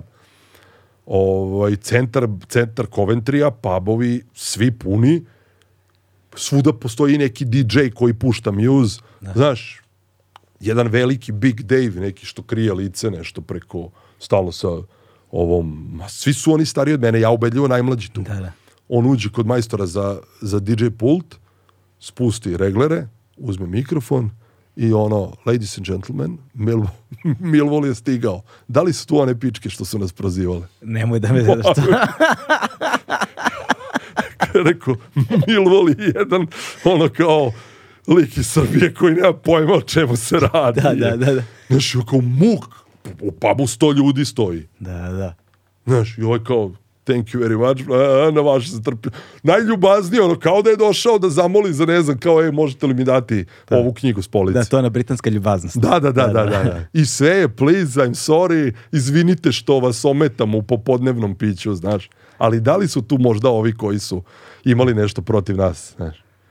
pa drugi pub, pa treći pub, rekao, znaš, mi ulazimo u treći pub, ono, dosta njih u Coventryevom obeležju, s šalovi, majice, znaš, kako smo se pojavili, kako je ovaj, ono kao, znaš, sad tu nije bio DJ, nego kao, ono, gents, please, da, da, da, kao, da, da. eh, eh, kao, we arrived, eh, imali, niko ništa, niko reči. Ništa, mi izađemo napolje i tu nas negde primeti Murija. Mm. I kao, ovaj kaže, ej, pandur preko onoga megafona. Da. Vič, kao, ej, momci, primećeni ste, kao, zaustavite se. Krojević, ajmo, bežmo, zna, on tu ima podzemni prolaz. Brate mili, znači ja bežim sa 13 nepoznatih Engleza, Stuarta kojeg znam dopisivanjem, da, da. upozno sam ga zvanično juče da. i, i ono dva, i ono ostale likove koje sam upoznao pre sat vremena da. trčim kroz neki Coventry, kroz neki podzemni prolaz gde ono nas na izlasku s podzemnog dočekuje kordon murije, svi kao uza zid, frka, širi noge, širi ruke. A ti s vizom. ja sa vizom jedva dobijenom, da. da. I ništa, stvarno nije bilo, ovaj, niš, ništa mi nismo ni, na, ni napravili, da, da. ovaj, nije bilo tu incidenta ali su oni samo sačekali tu kolonu veliku, jer oni su skupljali te milvolove mm. od stanice po gradu i kao pratili ih prema, prema stadionu. Znači, problematična ekipa. Na, da, da, da, vrlo problematična ekipa. e, onda je, ovaj, znaš, od ovoga sam ja dobio redovne informacije šta kako, taj Matori Rej da. je mjesec dana kasnije, ali to je bilo ovaj, moment kad je Milvol ušao u play-off da uđe u Premier ligu. I igrali su polufinale tog baraža sa Birmingham Cityjem i izgube, ali nešto sumnjivo jako. Prva utakmica bila nerešeno, revanš se igrao u Londonu, mm. E, ojadi ih e, sudija, nešto ne prizna go, neki offside, Birmingham u zadnjoj minuti da gol, Birmingham uđe u finale tog ovaj, play-offa, ovi ispadnu, demoliraju pola grada tamo. Katastrofa. Katastrofa, da. da. Pohapšeno milion tih, kaže, ovaj, od te ekipe koja je bila tad tamo, Znaš, ili su se pritajili, ili su se raselili, ili su u zatvoru. Da, da. A sve novine svetske kod nas je bilo na, na ovaj, u tadašnjem građanskom listu, u, u sportskom žurnalu i ne znam gde, kao uhapšen najstariji huligan na svetu. Ray Everest predvodio nerede tog dana i kao ima snimljen sa CCTV-em kako on ispred gomile udara valjda Maj Geri udarcem policajca na konju, on udara konja, pa se konj izdigo, pa je policajac propeo, da. pao, propeo se, da, pa je policajac pao, pa je, ne znam šta, slomio ruku, rame, nemam pojma. Uglavnom su Matorog našli i dobije pet godina zatvora. Ima tu baš isečaka ovaj, pred kraj knjige i to kao o, o, suđ, o, uhapše najstariji ovaj, huligana. Evo ga, ovaj. Ha? Ne. ne, ne, ovo je sutradan. Evo ga, e. dead, 50, evo ga, to e, je. to, to, to. Oj, ovaj, brat. E, taj, taj, taj. Da, da, da. da. da. Ludilo, vidi ga kakav je. Jer vidiš sad, okreni sli, mislim da je slika dve pre... Pogledaj, konj udario konje. Konj udario konja, da, da, da, naslov da, kod nas čovjek. Da, da, deda huligan u zatvoru. Da, da, da. Nije lako biti konj. Zavisi. Najstariji osuđeni huligan u Britaniji. Da. Ludilo, čoveče. Znači, milo li iskustvo, a, kako si se izvukao, koliko si bio tamo? Uh, 7 dana sam bio... Kod njega? Kod, kod ovoga Stuarta. Da. A ovo se desilo fazom prvi dan? Ne, ne, ne, ne o, ovaj Coventry se desio prvi dan, ali ti neredi se dešavaju mjesec dana kasnije. Da, da, da, da. da znači ja nisam bio tada tu, da. ali su mi slali ono kao poruke i mailove i šta se dešava, ali smo ovaj... A ta narednih 6 dana je bilo mirno? Ma kako im je? To je svaki dan nešto se dešava. Da li će se on i žena popičkati u kući, pa ona njega gađaš, tanjirom puniš špageta, da, da. ali je sve uh, zbog futbala. Da, da, sve zbog futbala. Šta ti znaš kad sam ja bila tamo, ja sam... Znaš, jedan dan, pošto on mora nešto da ide da šljaka, onda me ona e, aj idemo da ti pokažem ja gde sam ja bila uhapšena 84, lupio sam sad, da, da, da. ali ima tačno ovdje jer imam izvučeno iz onih mojih zapisivanja ovaj, koje godine protiv Nottingham Foresta, kad su, ne znam, stari stadion Milvola u Južnom Londonu, to kao na Bermanciju, i a, a, policija ih pojurila, ali ona je imala kačketa, pošto se furala i ona je iz panka, znaš. Aha. I nosila je ovaj mi kažemo kombat, svi kažu kombat, fajerku. Da, da, fajerku, fajerka, jel? da, da, kombat jakna. Da, u Novom Sadu je kombat jakna. Kod nas je bila fajerka. Da, fajerka. Da Uh, znaš, kačket, fajerka, beži, trči, ono, kišica i oklizne se negde i pandur na nju. Ali pandur ne zna da on sve vreme juri ženu. Razumeš? Aha. I kaže, pandur kad me je, znaš, kao, pa okrenuo, kad je skontao da mi se rasplela kosa, da je pao kačket, on samo ono opsovo, znaš, kao, da. da. pu jebe, na, otprilike, da, da. i digu se i otiš. Znaš. Tako da, ovaj, ona je tu Glavna o, ta koja je problematičan lik. A ovaj jadan se samo zaljubio u nju. Pa, pa samo, da, da, da, da. Ali ne, znaš, ispod jabuke orah ne pada, znaš to je. a, a, nema šans. Našla krpa za krpu. Da. Čovječe, koja ekipa. Znaš, znači... kao sutra, ja, ono da je stigli iz Coventrya, utakmica u 8, završila u 10, da. dok smo mi sad došli od stadiona do stanice, u kola, na, pa da. do Londona, južni London, spusti se dole. Znaš, mi došli kući u 2-3 ujutru lez, ja, ono, premoren ceo dan, si u pokretu nekom. Ovaj... Da sad razmišljam, nama je bio Andonov, on je bubnjar u Miki Pirsu. Aha. Da, da, da to sam se setio kad si pominjao ovu dvojicu. Ovaj, ali, a, šta sam teo da ti pitam, a muzika, šta si, jesi sigurno si što tamo nešto od muzike da čuješ? U to, 2001. godine. 2002. treća, 2002, tu, pardon, tu, da. sam, da. tu je krenulo kao, ej, up sa tim majkom u Boltonu, e, idemo u e, Ashton Underline, to je predgrađe Manchestera, mm. kao na UK Subs Vibrators, znaš, wow, kao, wow, super, Sub, da. znaš, kao idemo, gledamo punk koncert, znaš, i meni tad to bilo ono, e, ne mogu kažemo da sam očekivao u tom momentu više, ali kao u Engleskoj gledaš punk band, mislio sam, pa mora biti veće nego što je kod nas, jel? Ne, A ne, kao, to je isto to. Pub, 150-200 ljudi, svi skakuću, svi veseli, svi se znaju, znaš, kao i onda kad kažem... Kao i ovde. Sve isto, razumeš, to je to, to je tih 300 da, kritičnih. 300, kad dođe to je ono puna kapa. Znaš. Da, da, da. To bilo, da, kod nas, da. mislim, ja sam ja sam zbog situacije kakva je bila relativno kasno počeo da idem na te koncerte, znači, da, da. zato što ovde je 90-ih, znaš i sam, ono, znači, ono, Nacoš ekipa su bili svuda. Da, da, da. Znači, svuda, da, znači, na panku. Pa, 90% oni koji su imali veze sa nekim skinheadima, 90%. svi su bili to. A bili su svuda prisutni. Možda ne toliko, da, da je sad on nešto ideološki imao veze sa nečim, nego je jednostavno bilo nasilno i sad kao njemu mogu misliti kao ti. Ja nisam mogao se pojaviti. Jedina puta osoba u mm. Beogradu da, da, 95. Da, da, da, da, da, da, da, da, da, to. prilike. Znaš, ja nisam nigde mogao da idem, ja sam tek posle 2000-ih počeo da odlazim na koncerte. Da. Ovaj, sećam se, 97. je bilo kad su bili onog Dušana Jovanovića da, u da, da. Beogradskoj ulici, pa su bili Maksimovića glumca, jel te, pa je bilo svašta nešto probleme smo imali na svakom ćošku. Ovaj, to sam ja nazivao tada casual rasizam, znaš, tako sam, tako sam ja to nazivao, jer je bilo puno stvari koje su se nekako provlačile, koje niko nije obraćao pažnju zato što oni nisu bili ti koji su drugačiji, Aha. znaš. I, ovaj, I to je ono što je meni smetalo. I ta ekipa nije bila usko spet, uh, samo na, ne znam, ono, uska niša koncerta. Oni su Tako bili je. svuda. Non stop. Svuda, znači, Tako to je bio je. mainstream, jebote, da, da, da. skinhead u to vreme. Da. Znaš, ono, mlađe generacije ne znaju, stare generacije koje slušaju znaju veoma dobro o čemu govorimo. Ja sam ja jako kasno počeo da odlazim na koncerte. Ja sam tek tamo posle 2003, 4, 5 recimo počeo da odlazim, tada su već krenuli ove, ovi derivati metala, razno razni, krenuo je Screamo, krenuo da, je da. da. metalcore polako da, da se da, da. pojavljuje, da. znaš to, ali je ono hardcora panka bilo svuda naravno.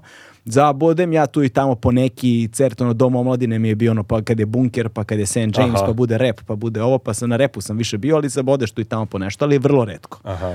Ja sam baš kasno počeo da izlazi, odlazim na te koncerte, ali to je i dalje bila ista stvar ti kada u malom klubu doma omladine prodaš 200 karata, to je to je pobeda, to je pobeda, pa da, pa to je pobeda, da, pa to da. je pobeda. Ne pravimo e. mi u Amerikani ili ne znam gde. Kakvi, to je ono 200, 250 karata uspeo go, doga, događaj godine. Pa idi bre. Događaj godine, znaš, tako da, ovaj, ali stvarno uh, uh, zanimljiva činjenica da je to zapravo svuda tako isto. Pa da. Čak i na izvorno mesto dakle znaš, dolazi ta muzika. i danas ok, naš, veći festivali ili bendovi koji su trenutno u nekom hajpu, pa pra, ili mm. bendovi koji imaju, naš, kao ozbiljnog staža, da. Uh, koji su prerasli taj klubski underground nivo, mm. ajde kao iz panka konkretno, ti nekim odmatorih The Damned ili Stiff Little Fingers da, ili da. Cox Parer, to su bendovi koji Na Cox sviraju... se skupljala najgora ekipa, brate. Da, ono je 2006... Da, da, da. E, Koje godine? U Barot, Barotani ono što... Ne, ne, ne, ne, to je, u, to je bio SKC. To je bio SKC, SKC, ali da. to je najgora ekipa. Da. Tu i 2005. Exploited u SKC-u, to su... To su za mene najgroznije iskustva. Da, da, da. Vrlo problematična ekipa. Uglavnom ovaj ti, punk, da, pa da. da. da, da, Tu je bilo na, na ti, ti bendovi prodaju veći broj ulaznica i po inostranstvu, pa su to koncerti gde ima ono mm o, hiljadu i više. O, Najmasovnije ovo... na kom sam ja bio je na egzitu, uh, to već bio eksploziv tad bi na Madball.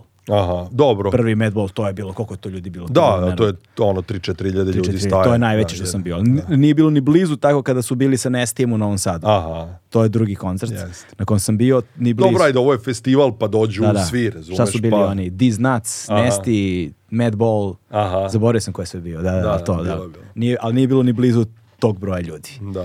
Na, da, ovaj, ali... na, da, da, zanima me dalje iskustva u Engleskoj to. Ti si bio, zapao si metar dana, koliko si zapao? Pa to nešto, 25, 67 dana Samo sam London. bio.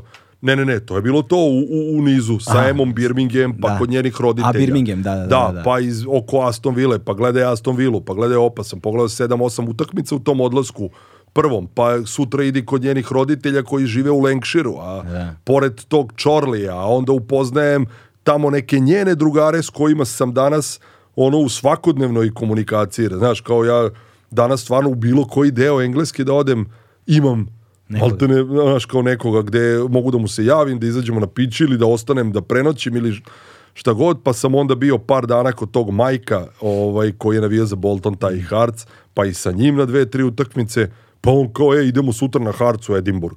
Ne. Da. Ajmo na Harcu. Šta su ti bili najjače iskustva sa utakmica nakon toliko godina pa skupljanja? Pa to mi je stvarno taj, taj ono Milvolu u Coventryu kompletno ono i kao na filmu. kao na film. Sve je bilo kao na filmu. Em što je taj stadion stari, ono Highfield Road, e, ovoga, kako zove, e, Coventryja, koji je naravno strušen posle, pa e, je imao taj neki šmek sa to tribina na nivo pokrivena, velika, znaš, E, nema sedenja, svi stoje, navijaju, vriska, cika, ozbiljna atmosfera, baš, baš pravo, ono, Kako znači, ovamo sve što sam bio je bila premier liga, znaš, kao na Boltonu, dobro, ali igra Bolton sa, kim je bilo ono, sa Ipswichem, Ipswichevi naprave bolju atmosferu jer opet, znaš... Jer su gostujući. Jer su gostujući. Aston Villa igra sa Newcastleom, Newcastleovi tradicionalno, gde god da su prave dobru atmosferu. Ne. Da. Pa ovaj znaš, kao, e, onda sam išao da gledam na Everton, Everton i Bolton, pa super bilo na Evertonu atmosfera, ali ovo što je bilo Coventry Millwall je, znaš, super mi je to kad smo, kad sam išao s tom ekipom, prolaziš centrom Coventry, ono ima Belgrade Theater. Da. U Coventry su Beograd i Coventry pobratimi od posle drugog svjetskog rata, kao i jedni i drugi stradali u, ono, u bombardovanju, mm pa su tada iz Beograda kao humanitarnom nekom pošiljkom slate grede valjda i ne znam šta za izgradnju da. čega već, građa, građevinski I ostalo materijal. je kao neko prijateljstvo. Da, da, da i kao, ja mislim da su izvanično i dalje ovaj, kao ono, povrtimi gradovi. Znači, ako hoćeš da se prijaviš za neki, kao ako ste studenti, hoćete ne, neku razmenu, Coventry, to je to. Ne. Da. Samo, se malo, samo malo povedite računa kad su tekme u pitanju. Da, da, da. A sad, koliko se, stvari su se vjerojatno drastično promenile od tad na, do danas? Pa, ne znam koliko, ali posebno taj Južni London. O, I na bolje, kad kažem na bolje, mislim bezbednije je, mm. ali i na skuplje, naravno. Na, da, da, da, gentrifikacija. No, brate, ili, znaš, kao gledam, evo, tu ima i ne, u knjizi par nekih ulaznica, Premier Liga kao ulaznica 20 funti je mm. bila pre 20 godina, sad ja ne znam da možeš ispod 50 da, ono, i to 50, kad, ako uspeš da nađeš. Da. Znaš, većina je pokrivena sezonskim uh, kartama, ovo što nisu sezonske, to plane na neke membership, ono, karte, na članove, na ove, na one, znaš, kao kad, ja sad ne znam stvarno, da bi neko otišao na gostovanje svog kluba u Engleskoj i da bi kao em što treba ti ceo dan, em je skup taj voz, em je stvarno tamo sada nije uopšte jeftino, ne mislim, znaš, nije više to ono kao već dugo, dugo nije to, e, futbal nije uh, sport i zabava za radničku klasu. Da, da, da. Ti trebaš ozbiljna sredstva, pa sad zamisli još povedeš kao čaled sina, da, da, pa aj platite po 100 funti prevoz do mm. nekog mesta, pa tamo pojedi, pa popi, pa plati ulaznicu, pa se vrati kući, ok, prođe ceo dan, jel? to bre košta po ono par da, stotina ja, funta. Ja, ja, sam, ja sam jednom samo bio ovaj, u, u Engleskoj u Londonu i to se prilično neslavno završilo, znaju moji prijatelji, ali i tamo sam ono u pubovima ko pio pivo, ono 6, 7, 8 funti lagano. Da, da, da. Lagano. Pita duše, ja sam bio tamo u onom hipsterskom delu, kako se zove, mm, Šordić. Aha, šo. Šordić je baš hipstera i da, težak, da, znaš, tamo i tamo sam plaćao pivo, ne, sam mi fuzonu propijem, znaš, kao, hiljadu dinara pivo je, znaš, mi su fuzonu, da, li me, kao, da, li me za, da li me zajebavate, ljudi, jeste normalni, ono, kako se vi napijate Newca, ovde. E, kad je Newcastle bio ovde, ovaj, i to je bilo dobro, mislim i taj Hartz, pa ono sedelo se sa njima, sa tim Englezima, Škotima, šta su. I sećam se, taj Jen je kao pitao će da plati turu, znaš. Ona, šta je to, na terazijama preko puta Česme, bila neka, da kocka? Ima pivnica, kasina. Pivni, e, kasina, kasina e, kasina, tu, tu, da. tu, tu. I kao on čovjek zove i sad ovako na barica i ona njemu ispostavi ceh, znaš. I sad, znaš, kao 10 piva, 10 evra. Da. I on daje, pa kao da, ali ja hoću da platim za sve. Pa kaže, pa to je za sve. Šok, tišina. Da. Sad on pita mene kao, jesam ja dobro razumeo da je se, za nas 10, 10 pića, 10 tada, čega već. Da. Pa rekao da. On majstor izvodi stotku i kaže kad potrošimo ti reci. Da, da, da, da. da. Strašno. da, njima je sve svuda gde Brate, je jeftino. Da, njima da. to bio ono šok kao ono, jel moguće? Da, znači, e sad malo smo ih ono, sti, stižemo ih. Boga ali, mi stižemo ih dobro, debelo, ja da ti kažem. Da. Beograd posebno, znaš. Pa nije ni Novi Sad, ono. Ne zaostaje. Katastrofa. Na, ja sad ono što malo, to malo što kao u toku godine uspemo da ugrabimo, ono, supruga ja vremena da otputujemo, počeli smo da provaljujemo gde god da odemo, nije nam više skupo. Ne, ne. I kao, da li to mi nije zarađujemo da ja... Ne, ne, ne, zato što ti ovde je, ono više nije jeftino. Zato što ovde uopšte više nije jeftino. Ne, katastrofa je, evo ja sam sad imao moram reći čast, ekipa ne. iz državnog posla. Da, ja. Dime, Čvarkov ili Banjac ili kako god, mi je prijatelj 30 godina. Ovu dvojicu sam upoznao kasnije, Škorića i Čirjakovića. Ono, genijalci. A, njih je angažovala Arena Sport. Mm -hmm. Oni snimaju i neke futbalske kratke priloge, pa pošto Arena uzela Premier ligu, oni su imali zadatak da ob, odrade priloge o svim premijerligaškim klubovima. Mm -hmm. Cimnuli mene, ajde majke ti bio si svuda, daj nam smernice šta kad kako. Oni su London odradili u solo aranžmanu, ali smo išli sad ove godine Ovaj, Aha, oni su išli tamo išli da rade. Da London, da, rade... da tamo snimaju priloge, wow, priloge akreditovani za stadione, za ulaske na teren, e, za, dobijali sagovornike, znaš, to je baš wow, na maksimum. Da, da ja, ne, ja ne pratim pa nemam da, pojma. Da, maksimum profi nivo, znaš. Da, da ovaj, uglavnom sad za, e, kao odradili su sve klubove iz Premier lige mm. tih koliko ih ima, 6-7, e onda kao to je bilo u oktobru e, i sad kao ej proleće treba da idu severni deo. I kao mene, aj Mike ti ideš s nama. Išao si, bio si, ja stvarno taj deo od go, gore to od Manchestera i tu, jer tamo idem u taj Blackpool i kod tih prijatelja koji su blizu, znaš, kao nekako mi se sve vrti oko Manchestera u poslednjih da. 15 godina, znaš. Kad god, tamo sam, znaš, kao bio nebrojeno puta. I stvarno napravimo dobar raspored i ovaj, s njima sam sada bio, e, proveli smo 10 dana, obišli tih 6-7 stadiona koji se nalaze u severnom delu Engleske, mm Eh, dva u Manchesteru, dva u Liverpoolu, bili u Burnleyu, bili u, u ovome Newcastle, eh, obišli još par nekih manjih. Eh, te epizodice treba da budu emitovane valjda nešto kroz mesec, dva dana oh, kad se trava. zmontira. uglavnom, znaš kao uđeš tamo u taj neki njihov Tesco ili u neke velike markete. te markete i ti skontaš da si ti za istu maltene kintu kupio isto što kupiš i ovde. Da, da. Znaš kao stvarno je stigli smo ih jebate. Yeah, ne. A Znaš, kao daj da ih stignemo po još nečemu, čovječe, ne po, po cenama. Da, da, da, da, da, da, da, Znaš, tim što stvarno taj severni deo Engleske je znatno niže su cene, niže cene kad izađeš u pub i na večeru i na piće i na ne znam, mhm. znaš, kao u provod. Pretpostavljam da ovo kao, ej, cena u Tesku je bilo gde je ista, jel tako? Da, da, da. da. Ali, ovaj, e, no, ško, nije skupo da ti izađeš mm. u nekom onom mestu malom u Lancashireu to te košta koliko i u Beogradu, skoro. Da, čoveče, neverovatno. London je druga priča, ali ovo gore je, stvarno smo se ono, to je, to je pre 20 godina bila nebo i zemlja razlika. Mhm. Ja znam da ja sam tad prvi put, kad sam otišao na, na, na, na 3-4 nedelje, sam išao sa 300 funti. Da, wow. Znaš kao, da, 300 funti bila ogromna cifra tada. Znaš, jedna ulaznica za utakmicu bila 20. Da. Jer kao, brate, još me ovi pola tamo domaćini čašćavali kao, ej, prvi puci. Njima to tad nije bio, predstavljalo ono veliki trošak, izdatak i da. trošak, da, znaš. Da, da. Kao, okej, okay. ja sam sa, ti, sa tim parama bio ok, imao plaćeno, mislim plaćeno, spavao kod drugara, jeo kod drugara, razumeš? Da. Ali sam, znaš, kao svima mojima podonosio i poklone i e, ono, nakupovo se svega, došao sa torbom viška, je kući posle 25 dana, Ovaj, a ti sad 300 funti, ja ne znam da možeš...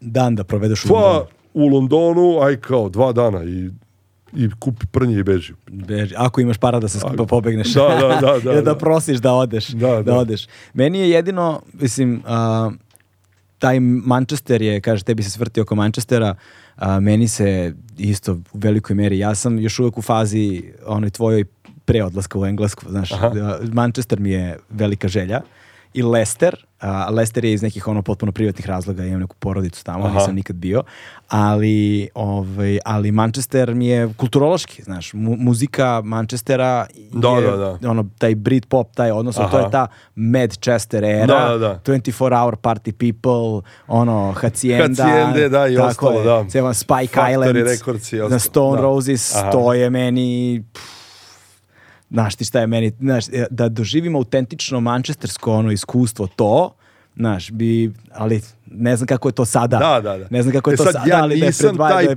param, znaš, kao ja nisam relevantan da pričam o tome, da, da. ja sam uvijek prvi išao kuću iz izlazaka. Nikad nisam, znaš, kao još od kraja 80-ih, početak 90-ih, kad sam počeo da izlazim intenzivno, da u gradu, pa se svi moji ponapijaju, a ja ne pijem. Da, da. Striktno nikada ništa ne konzumiram od nikakvih opijata, ništa, ni, da. nikad nisam ti povukao... to minor threat na ruci, ono, da? Da, da, da. Da, da, pa da, to, naravno, onda, onda o, je jasno. Da. Ti si jedan od redkih koji je straight edge celog života.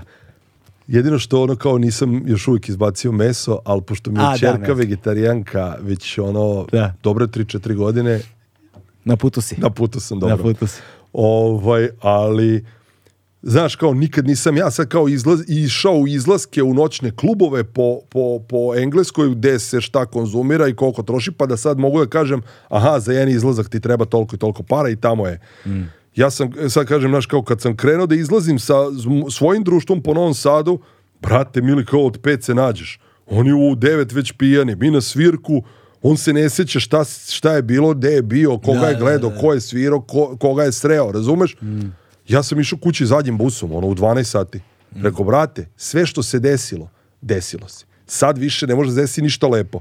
Ili se nećeš sećati, ili će, te napraviti, ili će se desiti neko sranje. Da, da, da. Na, mislim, i, i, često se dešavalo tako da ono kao ja dođem kući ovim kao cap ovaj završio negde, pao, sapleo se, razbio nešto, ovo se potukao, pa ga prebile, onog ukaps, i te u tri lepe. I onda kad smo opet moram i to, kad smo Sava Savić i ja napisali tu knjigu Novosadska punk verzija, jako puno njih je zvalo kao, brate, mili, svaka čast što si ti to zapisivao, ja sam pola toga bio pijen. Da, da, da. Ne sećam se da se to dešavalo. Znaš, kao znam da je bio neko proleće, neki No Speed Limit, neki Mitesers, neki Blitzkrieg, neka provokacija, kao, da je to tad bilo tu, da se to desilo, ma kao, kakvi. Da, da. Znaš, sve ono kao neka magla, kao da te ošinulo kroz ono glavu. Zato je važna ta hronika. Ali ono što je fascinantno jeste da ti zapravo i dalje aktivno pratiš muziku. To smo rekli negde na početku razgovora, ko zna kada je to bilo. Ali, ali ti, i, ti i dalje aktivno pratiš muziku i dobro, s jedne strane, to ti je sada i posao. Mislim, već deset kako, godina dobro da, ti je posao. Ja, eto, od, uh, ta knjiga je bila Novosaka Punk verzija neki, mm, ono, mogu da kažem da odredila moj dalji tok i da, da kažem kao neku tu karijeru ili yeah. kako već to nazvati. Ja sam radio sa Ćaletom. Ćale imao privatnu ono, firmicu, motali smo sajle i užad za liftove, dizalice, prodavali to, tako ideš seckaš, družio se s kamionđijama, radnicima, znaš kao. Da, da, da. Ali mi nikad to nije ispunjavalo. Znaš, kao jeste bila zarada, ali mi je, ono, ja sam jedva čekao trči kući, e, kuckaj za neki fanzin nešto, ej, daj, presnimavaj kasetu, ej, daj, e, idi na ovaj koncert, znaš, da, da, stalno mi je, ovo mi je, znaš, kao obsesija koja mi nikada nije ni, ni, ni splasnula, znaš, pa kaš, ej, iz crvenog se spustila u, u ne, na nekih 70 pod. ne, uvijek je u crvenom. Ovaj, I tu knjigu je objavio Studentski kulturni centar Novi Sad. I ja sam od te, ovaj, tog momenta mi smo na promociji knjige napravili kao grupni koncert gde je sviralo 5-6 novosadskih bendova i došlo na tadašnje gradilište, to svirka bila na polju, promocija, kao koncertna promocija knjige, bilo hiljadu ljudi. Ovo je ozbiljan event, znaš. A, I ja sam nakon toga sa SKC-om novosadskim kao stupio u ono kontakt, bliži neki odnos saradnje, jer sam non stop u komunikaciji sa sa strancima bio i kao, ej, dolazi ovaj bend, ajde pa preko SKC, kao neki spoljni saradnik sam bio, yeah. Da. te bendove iz inostranstva odavde, odande koji su dolazili u Novi Sad, SKC je bio taj koji je organizovao, ja sam bio taj koji to je sve radio, razumeš?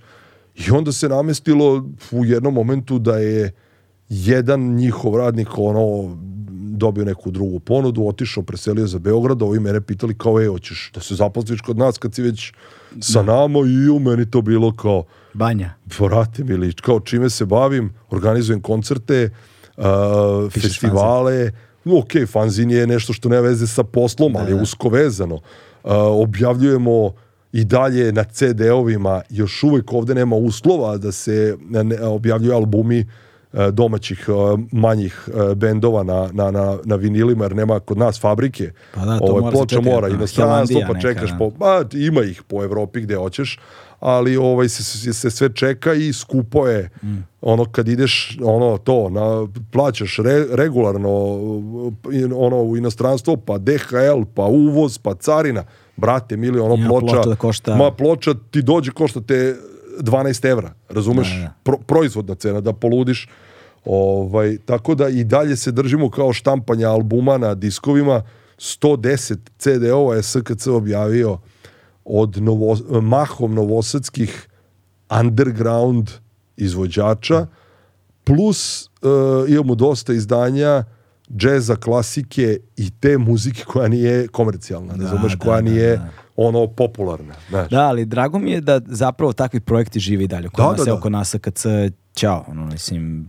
pa ne znam sad, ajde da ne komentarišem ja. Da, šta, ali, ali ne, ne samo SKC, nego svi ti neki ono, prostori, jer ja i dalje verujem u to da su nama neophodna zborna mesta. Mm. Dakle, ljudima su bez obzira na internet, jeste se, jeste se deo dinamike društvenih odnosa da, preselio na, net, na da. net, ali nam je i dalje potrebno fizičko mesto, fizički prostor, četiri zida i krov gde ćemo da dođemo i da se okupimo, da, da, da. da se sretnemo, da imamo ljudsku razmenu. I dalje nam je, još uvek nismo postali ono potpuno digitalni ljudi, dalje da, smo da. ljudi od krvi i mesa. I nekako su zborna mesta, jer kada dolaziš na jedno mesto stalno, ti počneš da kreiraš odnos prema tom mestu. I emocionalno se investiraš u njega.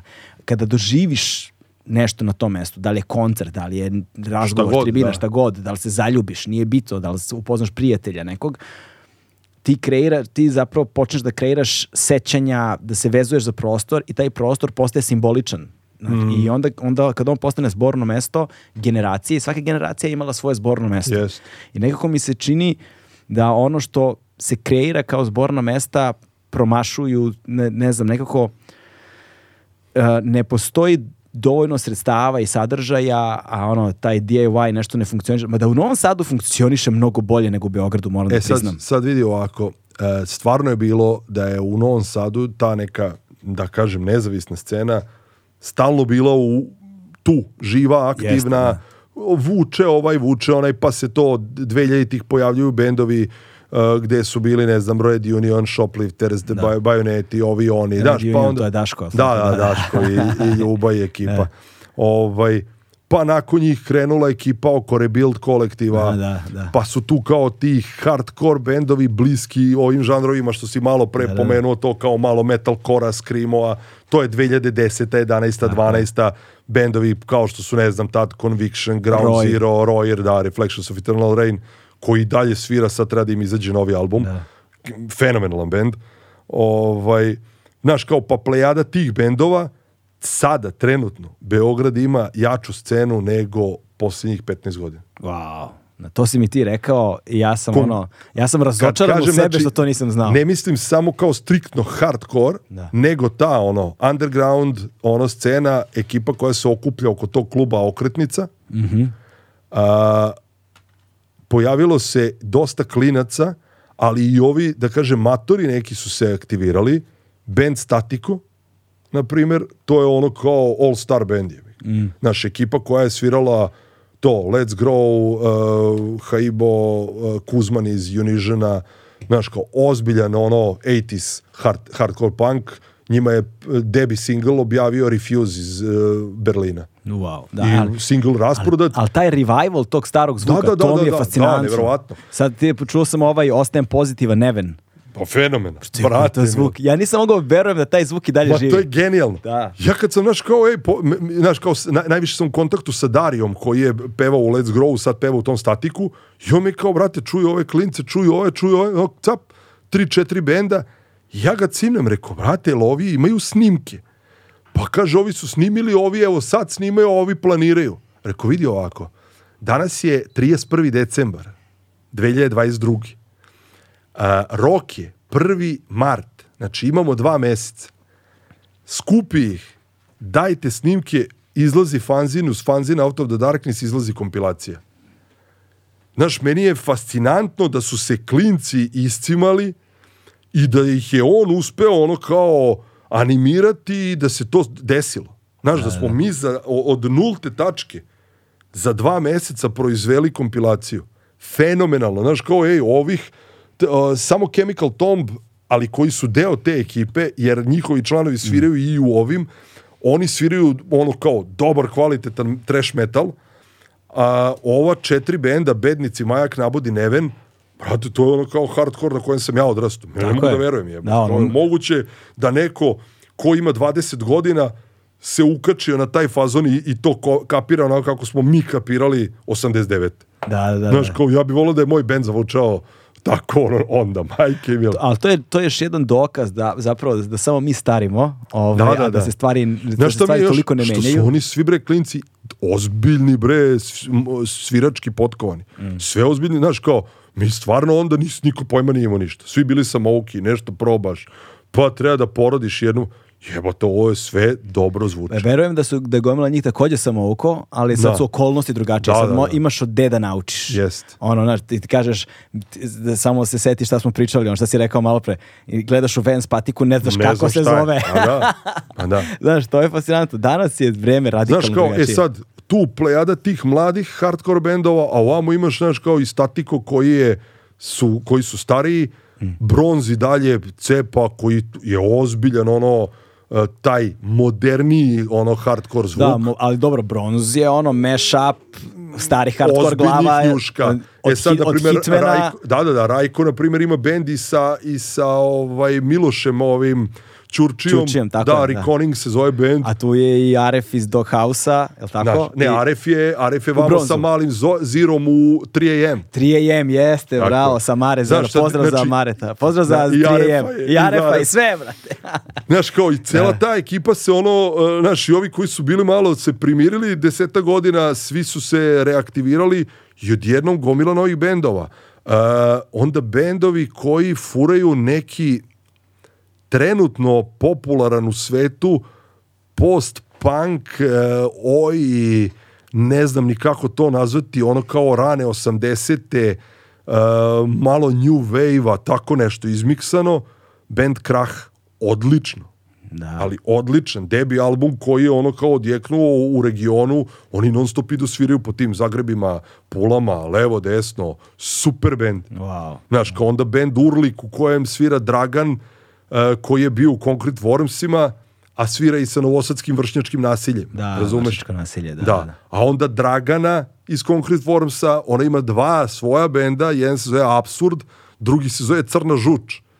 Znaš kao, čoveče, sve i jedan bend koji sam nabrajao je ozbiljan bend. Ozbiljan bend. Znaš, kao ti sad možda kažeš, Beograd ima 15 veoma zajebanih bendova. Da, to mi je baš drago. Baš mi je drago. Morat ću, se, morat ću se posvetiti. Znaš, i meni je drago što ono kao fanzin koji zato što sam ja iz Novog Sada mm. i kao adresa mu je u Novom Sadu što je objavio znaš, kao kompilaciju bendova gde je HCBG. Da, da, da, da, da, Pa neka, nek ima, nek, nek ostane. Ima, da, i tako. treba da ostane, svaka čast, da. svaka čast. A fanzin, to je sve krenulo isto tako kao, ej, drugari iz Novog Sada pa imaju aj kao portal pa tu pišu pa ne znam šta ono, pokrenuli sajt Out of the Darkness i ja sve vreme kao brate sve ok ali ja prvi nemam naviku da čitam na netu nešto što je dru, duže od pet rečenica. Da. Nisam navikao. Ja kad se pojavi, ej, pa mi pošalju, ej, super je tekst, izašla kolumna, tog i toga, tamo i tamo. Ajde, da, ja uzmem pa je otprintam pa pročitam na papiru. Mm. Znaš, kao tri, tri, strana, tri strane nekog Worda. Znaš, pročitam ga na papiru, ne, ne skrolujem. Da, da, Naviko da. sam tako. To sam ja imao ludilo iskustvo sa Draganom Ambrozićem kad smo organizovali koncerte i onda dođemo, nađemo se na koncertu u backstage-u, a on ovako sa gaćama, onim, znaš, kao, da. da. kao onaj providne gaćama, onako, gomila papira. Ja gledam šta ti je to, mailovi. A? One celu našu prepisku i sa sve, sve ovako, te, molim lepo. Markerom ovako beležio ključne stvari i kroz mailove. Ali sve je tu, Ali nema sve tu, nema greške, znaš, tačan I, ko sad. I znaš, meni je to kao, ej, i sad 2016. sad već 7 godina. Kako tu se malo ta ekipa ovaj aj e, ovi odustali, ove mrzi, ovo ono i sad smo to kao Out of Darkness ostali Nemanja Bošković koji igro mm. slučaja živi već 7-8 godina u Beču, a koji je 2000-ih radio fanzin koji je tada bio ono možda najbolji fanzin u tom momentu ovaj, kod nas Las Vred ovaj, i ja i uradim kao pilot broj. I ti skontaš da si jebate jedini fanzin u Srbiji, tada. I dalje si jedini fanzin u Srbiji, ali mene ne mrzi sa tu jako puno ljudi sa strane pišem. Misliš, misliš to kao hardcore punk, hard, farz, da, da, da, fanzin da, pošto, pošto ima još nekih fanzina. Punka, da. da, da, da, da. Da izlazi redovno, da, iz, da, znaš, da je ono kao štampan, da je to. Mm. Intervju i razgovori, kolumne, recenzije, izveštaji sa koncerta, svirki, neka zapažanja levo-desno, šta je ni fanzin uvijek i, i sadržao i tu u svakom broju je nas 15-20 uključeno. Da, da, da. Znaš, kao, e, ovaj šalje, pošalje Marko Korać par recenzija iz Holandije, pošalje ovaj iz, e, ne znam, iz Šapca par recenzija, a ona je bio na festivalu nekom u Zagrebu, napisao je Dande, ovaj bend je išao na turneju, mhm. hrvatski bend je išao na turneju po Evropi, ajmo tour diary, pošalju, znaš, umreženi sa svima, zahvaljujući internetom, ali ga štampamo Da. Znaš, i evo sad kao pripremamo 15. broj. Wow, da. svaka da. čast. A s druge strane, zvuk je postao nenormalan ovaj, u svetu. Dakle, ja sam mislio, sećam se, ono kad sam prvi put čuo, ne znam, pomenuo si post-punk, meni je jedan od najboljih post-punk albuma svih vremena Refused. Aha. Znaš, to mi je ono... Da, ali sad to je, ali to je skroz sad, ba... drugačije od... A sad je to 30 godina staro, da, mislim, da, znaš, kao, da, to da. je, ne, nema šta da govorimo. I onda si mi ti pre neki dan poslao... Uh, High Wiz. Da, Manchester, ove... Ma mančesterski zvuk, ovi što kombinuju 100 to, roz, high, high Wiz, da, high da, wiz, da, da, da, oni su London, ali je, znaš, kao, vrate, mili, kao da Stone Roses svira hardcore. Svira hardcore ili obrnuto ili neki hardcore benda da pokuša da skine ove no, da, kao brate. mili. Šta se kombinuje? Znači više A. nema više nema nikakvih barijera. To je ono To je najvažnije. Mislim, znaš, od starta si učio zato ti je i punk ono, znaš, kao da nema nikakvih da. predrasuda, barijera, to. Ko je ko, ko je šta, ko s kim izlazi, ko se s kim druži. Odakle dolazi, znaš, kao, brate, odakle si došao, kakva su ti ova uverenja, ona, znaš, mislim, ako si normalan u glavi, ako si, da. Jel? To, to, to. To je to. E, I onda, i čini mi se da zapravo to je jedna od najdivnijih stvari pošto uvek govorimo o negativnim aspektima savremene tehnologije, mreža, ovoga, onoga, ali to je jedna od najboljih stvari savremene tehnologije, što je sada sve na klik daleko. Yes. Sve na klik daleko. I više ne moraš, sada ako ulažeš trud, trudi vreme, više ne moraš da budeš usko unutar žanra jednog. Da, da, da. I sećam se ja, imam toliko, toliko para. Imam para da kupim jednu kasetu ili dve. I ti dođeš na, ne znam, na ovaj Uh, do skrca dođem da kupim ono, naš, nov, nešto. Šta ima, da? Šta da. ću da kupim? Da ću da kupim novi album a, benda koji znam i koji Aha. volim ili ću da kupim no, album benda za koji nikad nisam čuo. Da, da, da, Kupit ću benda albuma koji, album benda Provereno, koji znam. Proveren, jer, imam, jer imam samo toliko para. Da, da, da. Ovaj, a, a nikad nisam imao para da kupim više, nego da, ne, da kupim, da eksperimentišem, nego kada ti neko kaže, pa kod nekoga čuješ pa onda saznaš za novi bend, pa yes. onda se otvoriš ka tom bendu, ali nikako drugačije. Ajde. A sad kada, je to, kada te to više ništa ne košta, nego ono, možeš na klik da čuješ i ovo i ovo, ti zapravo počneš da imaš ravnomerno različite muzičke uticaje Jest. i žanrovske odrednice se gube, potpuno se gube. Da, da. I sada samo ideš onamo gde te srce vodi. Znaš, gledam taj neki bend iz Kanade, dva lika, zovu se Home Front kao da Cure svira neki ono street punk koji toliko je napaljivo, toliko ludo, a zvuk čak počinje nekim ono, znaš, kao sintisaj, nešto, kao da si u 84. Da. A opet e, juče izašlo, razumeš? Da, da, Ma, da. da. Fenomenalno. Ono kao trenutno Francuska gori kako je, ka, koliko je dobra ta nezavisna punk hardcore scena u Francuskoj, na primjer. Mm. Kao gradovi Pariz i onda neki Brest kao jebote, treba dovesti bend iz Bresta, a Brest od Pariza, Bogu iza nogu, znaš, da. oni dok krenu bilo gde, brate mili, znaš, da. tako da, ali okej okay, kao nešto. Ali dolaze. dolaze. Pa dolaze. dolaze. Pa znaš šta je, i dalje nam je najveći problem to što nismo EU, da, da. što ono kao, uz godine iskustva, staža na sceni, i poznanstva sa brojnim promoterima po svetu, mm. znaš, kad meni čovjek kaže, vrate, daj mi samo jedan razlog Švaba, da. zbog kojeg bi ja, str, a, ono, američki bend, maltretirao da čeka 5 sati na Horgošu, Mm. i vadio Ata Karnet koji meni više nije dostupan online. Moram da sednem u auto, da idem u drugi grad, jer Ata Karnet je izbačen iz upotrebe u da. Evropskoj uniji. Da. Za ljude koji ne Razumeš? znaju, za ljude koji ne znaju, koji nisu, koji nisu iz materije, Ata da. Karnet je zapravo dokument koji ti, kojim osiguravaš opremu, opremu profesionalnu opremu koju nosiš. Tako je A, Band koji je na turneji natovari opremu, zbog, zbog te opreme mora da ima izlazne i ulazne tako, dokumente. Tako je. I ta i uh, Ata Karnac plaća by tako. the way. E, Nije to sad neka stavka, sad, da. to je tipa 100 100 200 € tako da. na tom nekom Ali ti moraš zvanično od vlade to da dobiješ, države. Mi... On tamo, da, ali ovde je to uprošteno jer naši izvođači moraju sad kao ima opcija i da možeš online. Online, tako da, je, da. da, da. Znači Ali moraš da ukucaš registarski broj svakog mogućeg komada opreme. Tako je. Vrednost, Sve njegovu, nauka. tržišnu, bla, bla, bla. I sad kao imali smo čoveče nama poslednji put kad je dolazio Madball na Exit, ne mogu da uđu. I sad mene zove band sa, sa granice. Znaš, kao, brate, nije, nije ono kao da, da, da, da je ostao ne znam ko, znaš, kao Madball koji je headliner to već. Mm. I kao ne mogu da prođu jer nešto peč, imaju Atakarnet, ali bez nekog pečata koji je bio krucijalan, a taj tamo u Nemačkoj je zaboravio da ga lupi, jer ga nije lupao već 10 godina. Da, da, da. Razumeš? E tako, ljudi ono odradili ofrljaj. I ovaj majstor naš se zaintačio, bez obzira što ima pozivno pismo Exita ovama, ma kakvi, ne može. To I onda se, šalješ je... drugo vozilo, ono kao Freddy, Hoja, ekipa prelaze peške granicu bez ičega, kombi im ostaje u Evropskoj uniji, odnosno u Mađarskoj, sa vozačem, oni dolaze da odsviraju koncert katastrofa. A binsku opremu nabavljaš od drugog benda. Binsku opremu, ajde, okej, okay, da, festival je pa si imao, znaš. Da, da, da. da. Pa naš kao Aca Choice vozi Integrity na četvrtu granicu, ne, ono ne može da prođe. Da, da, da, da. A on ono kao iskusan, provezo milion puta bendova, e, da. tura, ovoga, onoga. Koliko godina samo radio kod tour menadžer pa to, Choice. Pa to, to, da, to. Da. da. Znaš, kao, kaže, brate, ne, neće me pu... I negde nešto uspeo. Kao, evo, prošli smo. Da, da, da, da. da mi Znaš, skoro DOA imali... nam je došao isto peške. Sad Hell Shock je nedavno svirao u Novom Sadu. Isto to, šalji. Gde da nađem vozilo?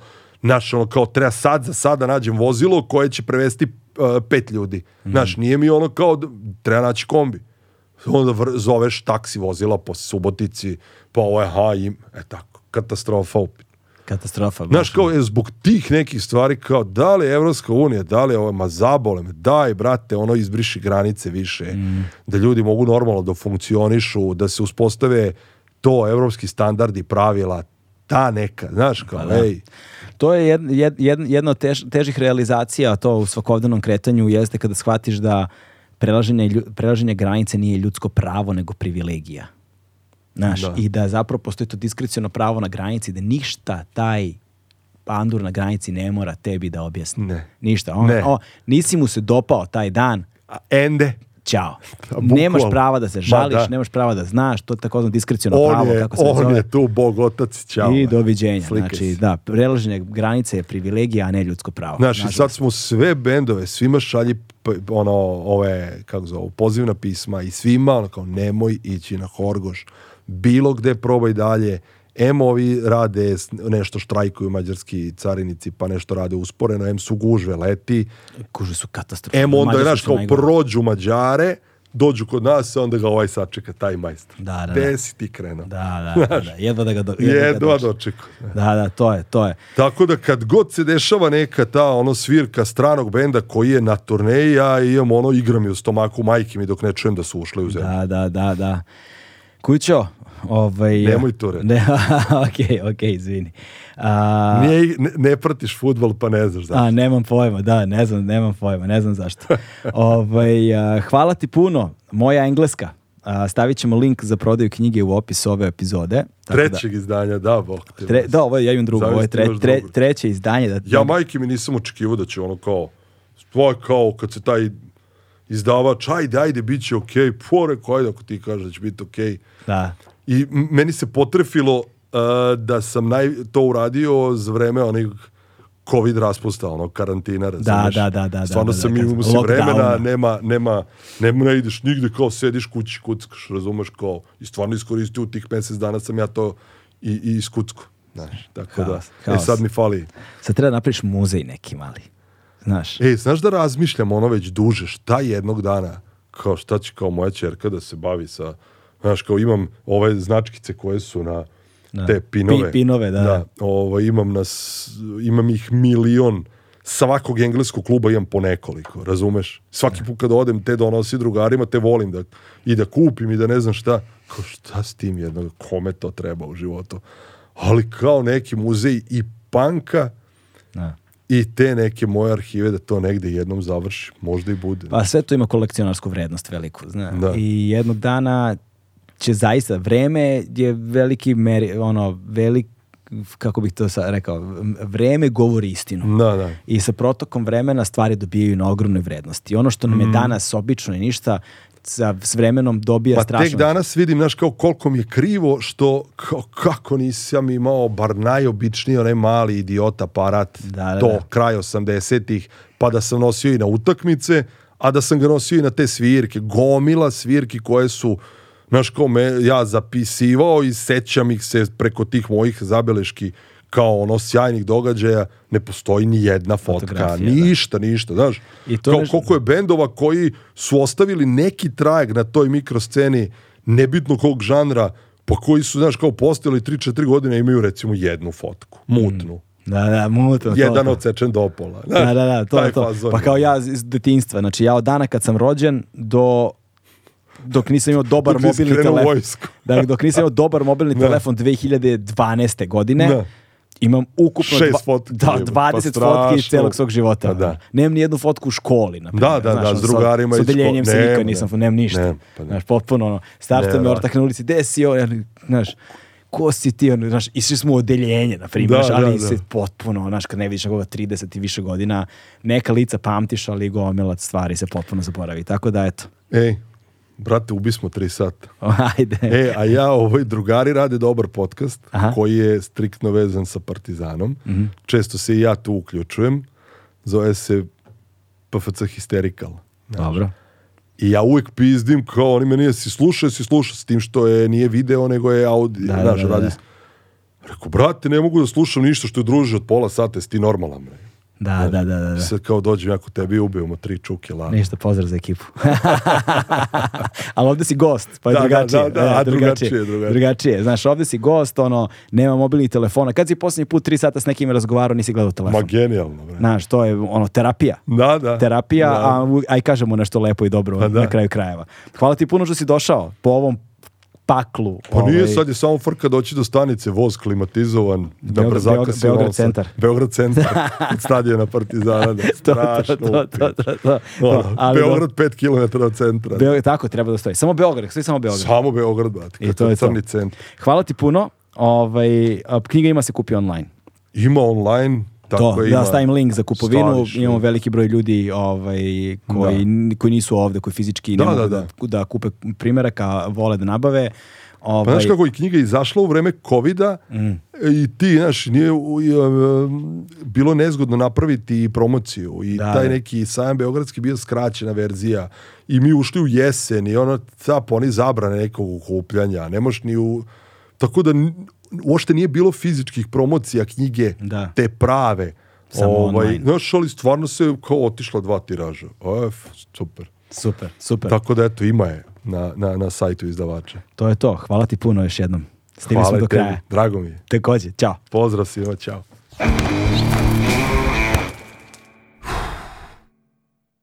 Hmm.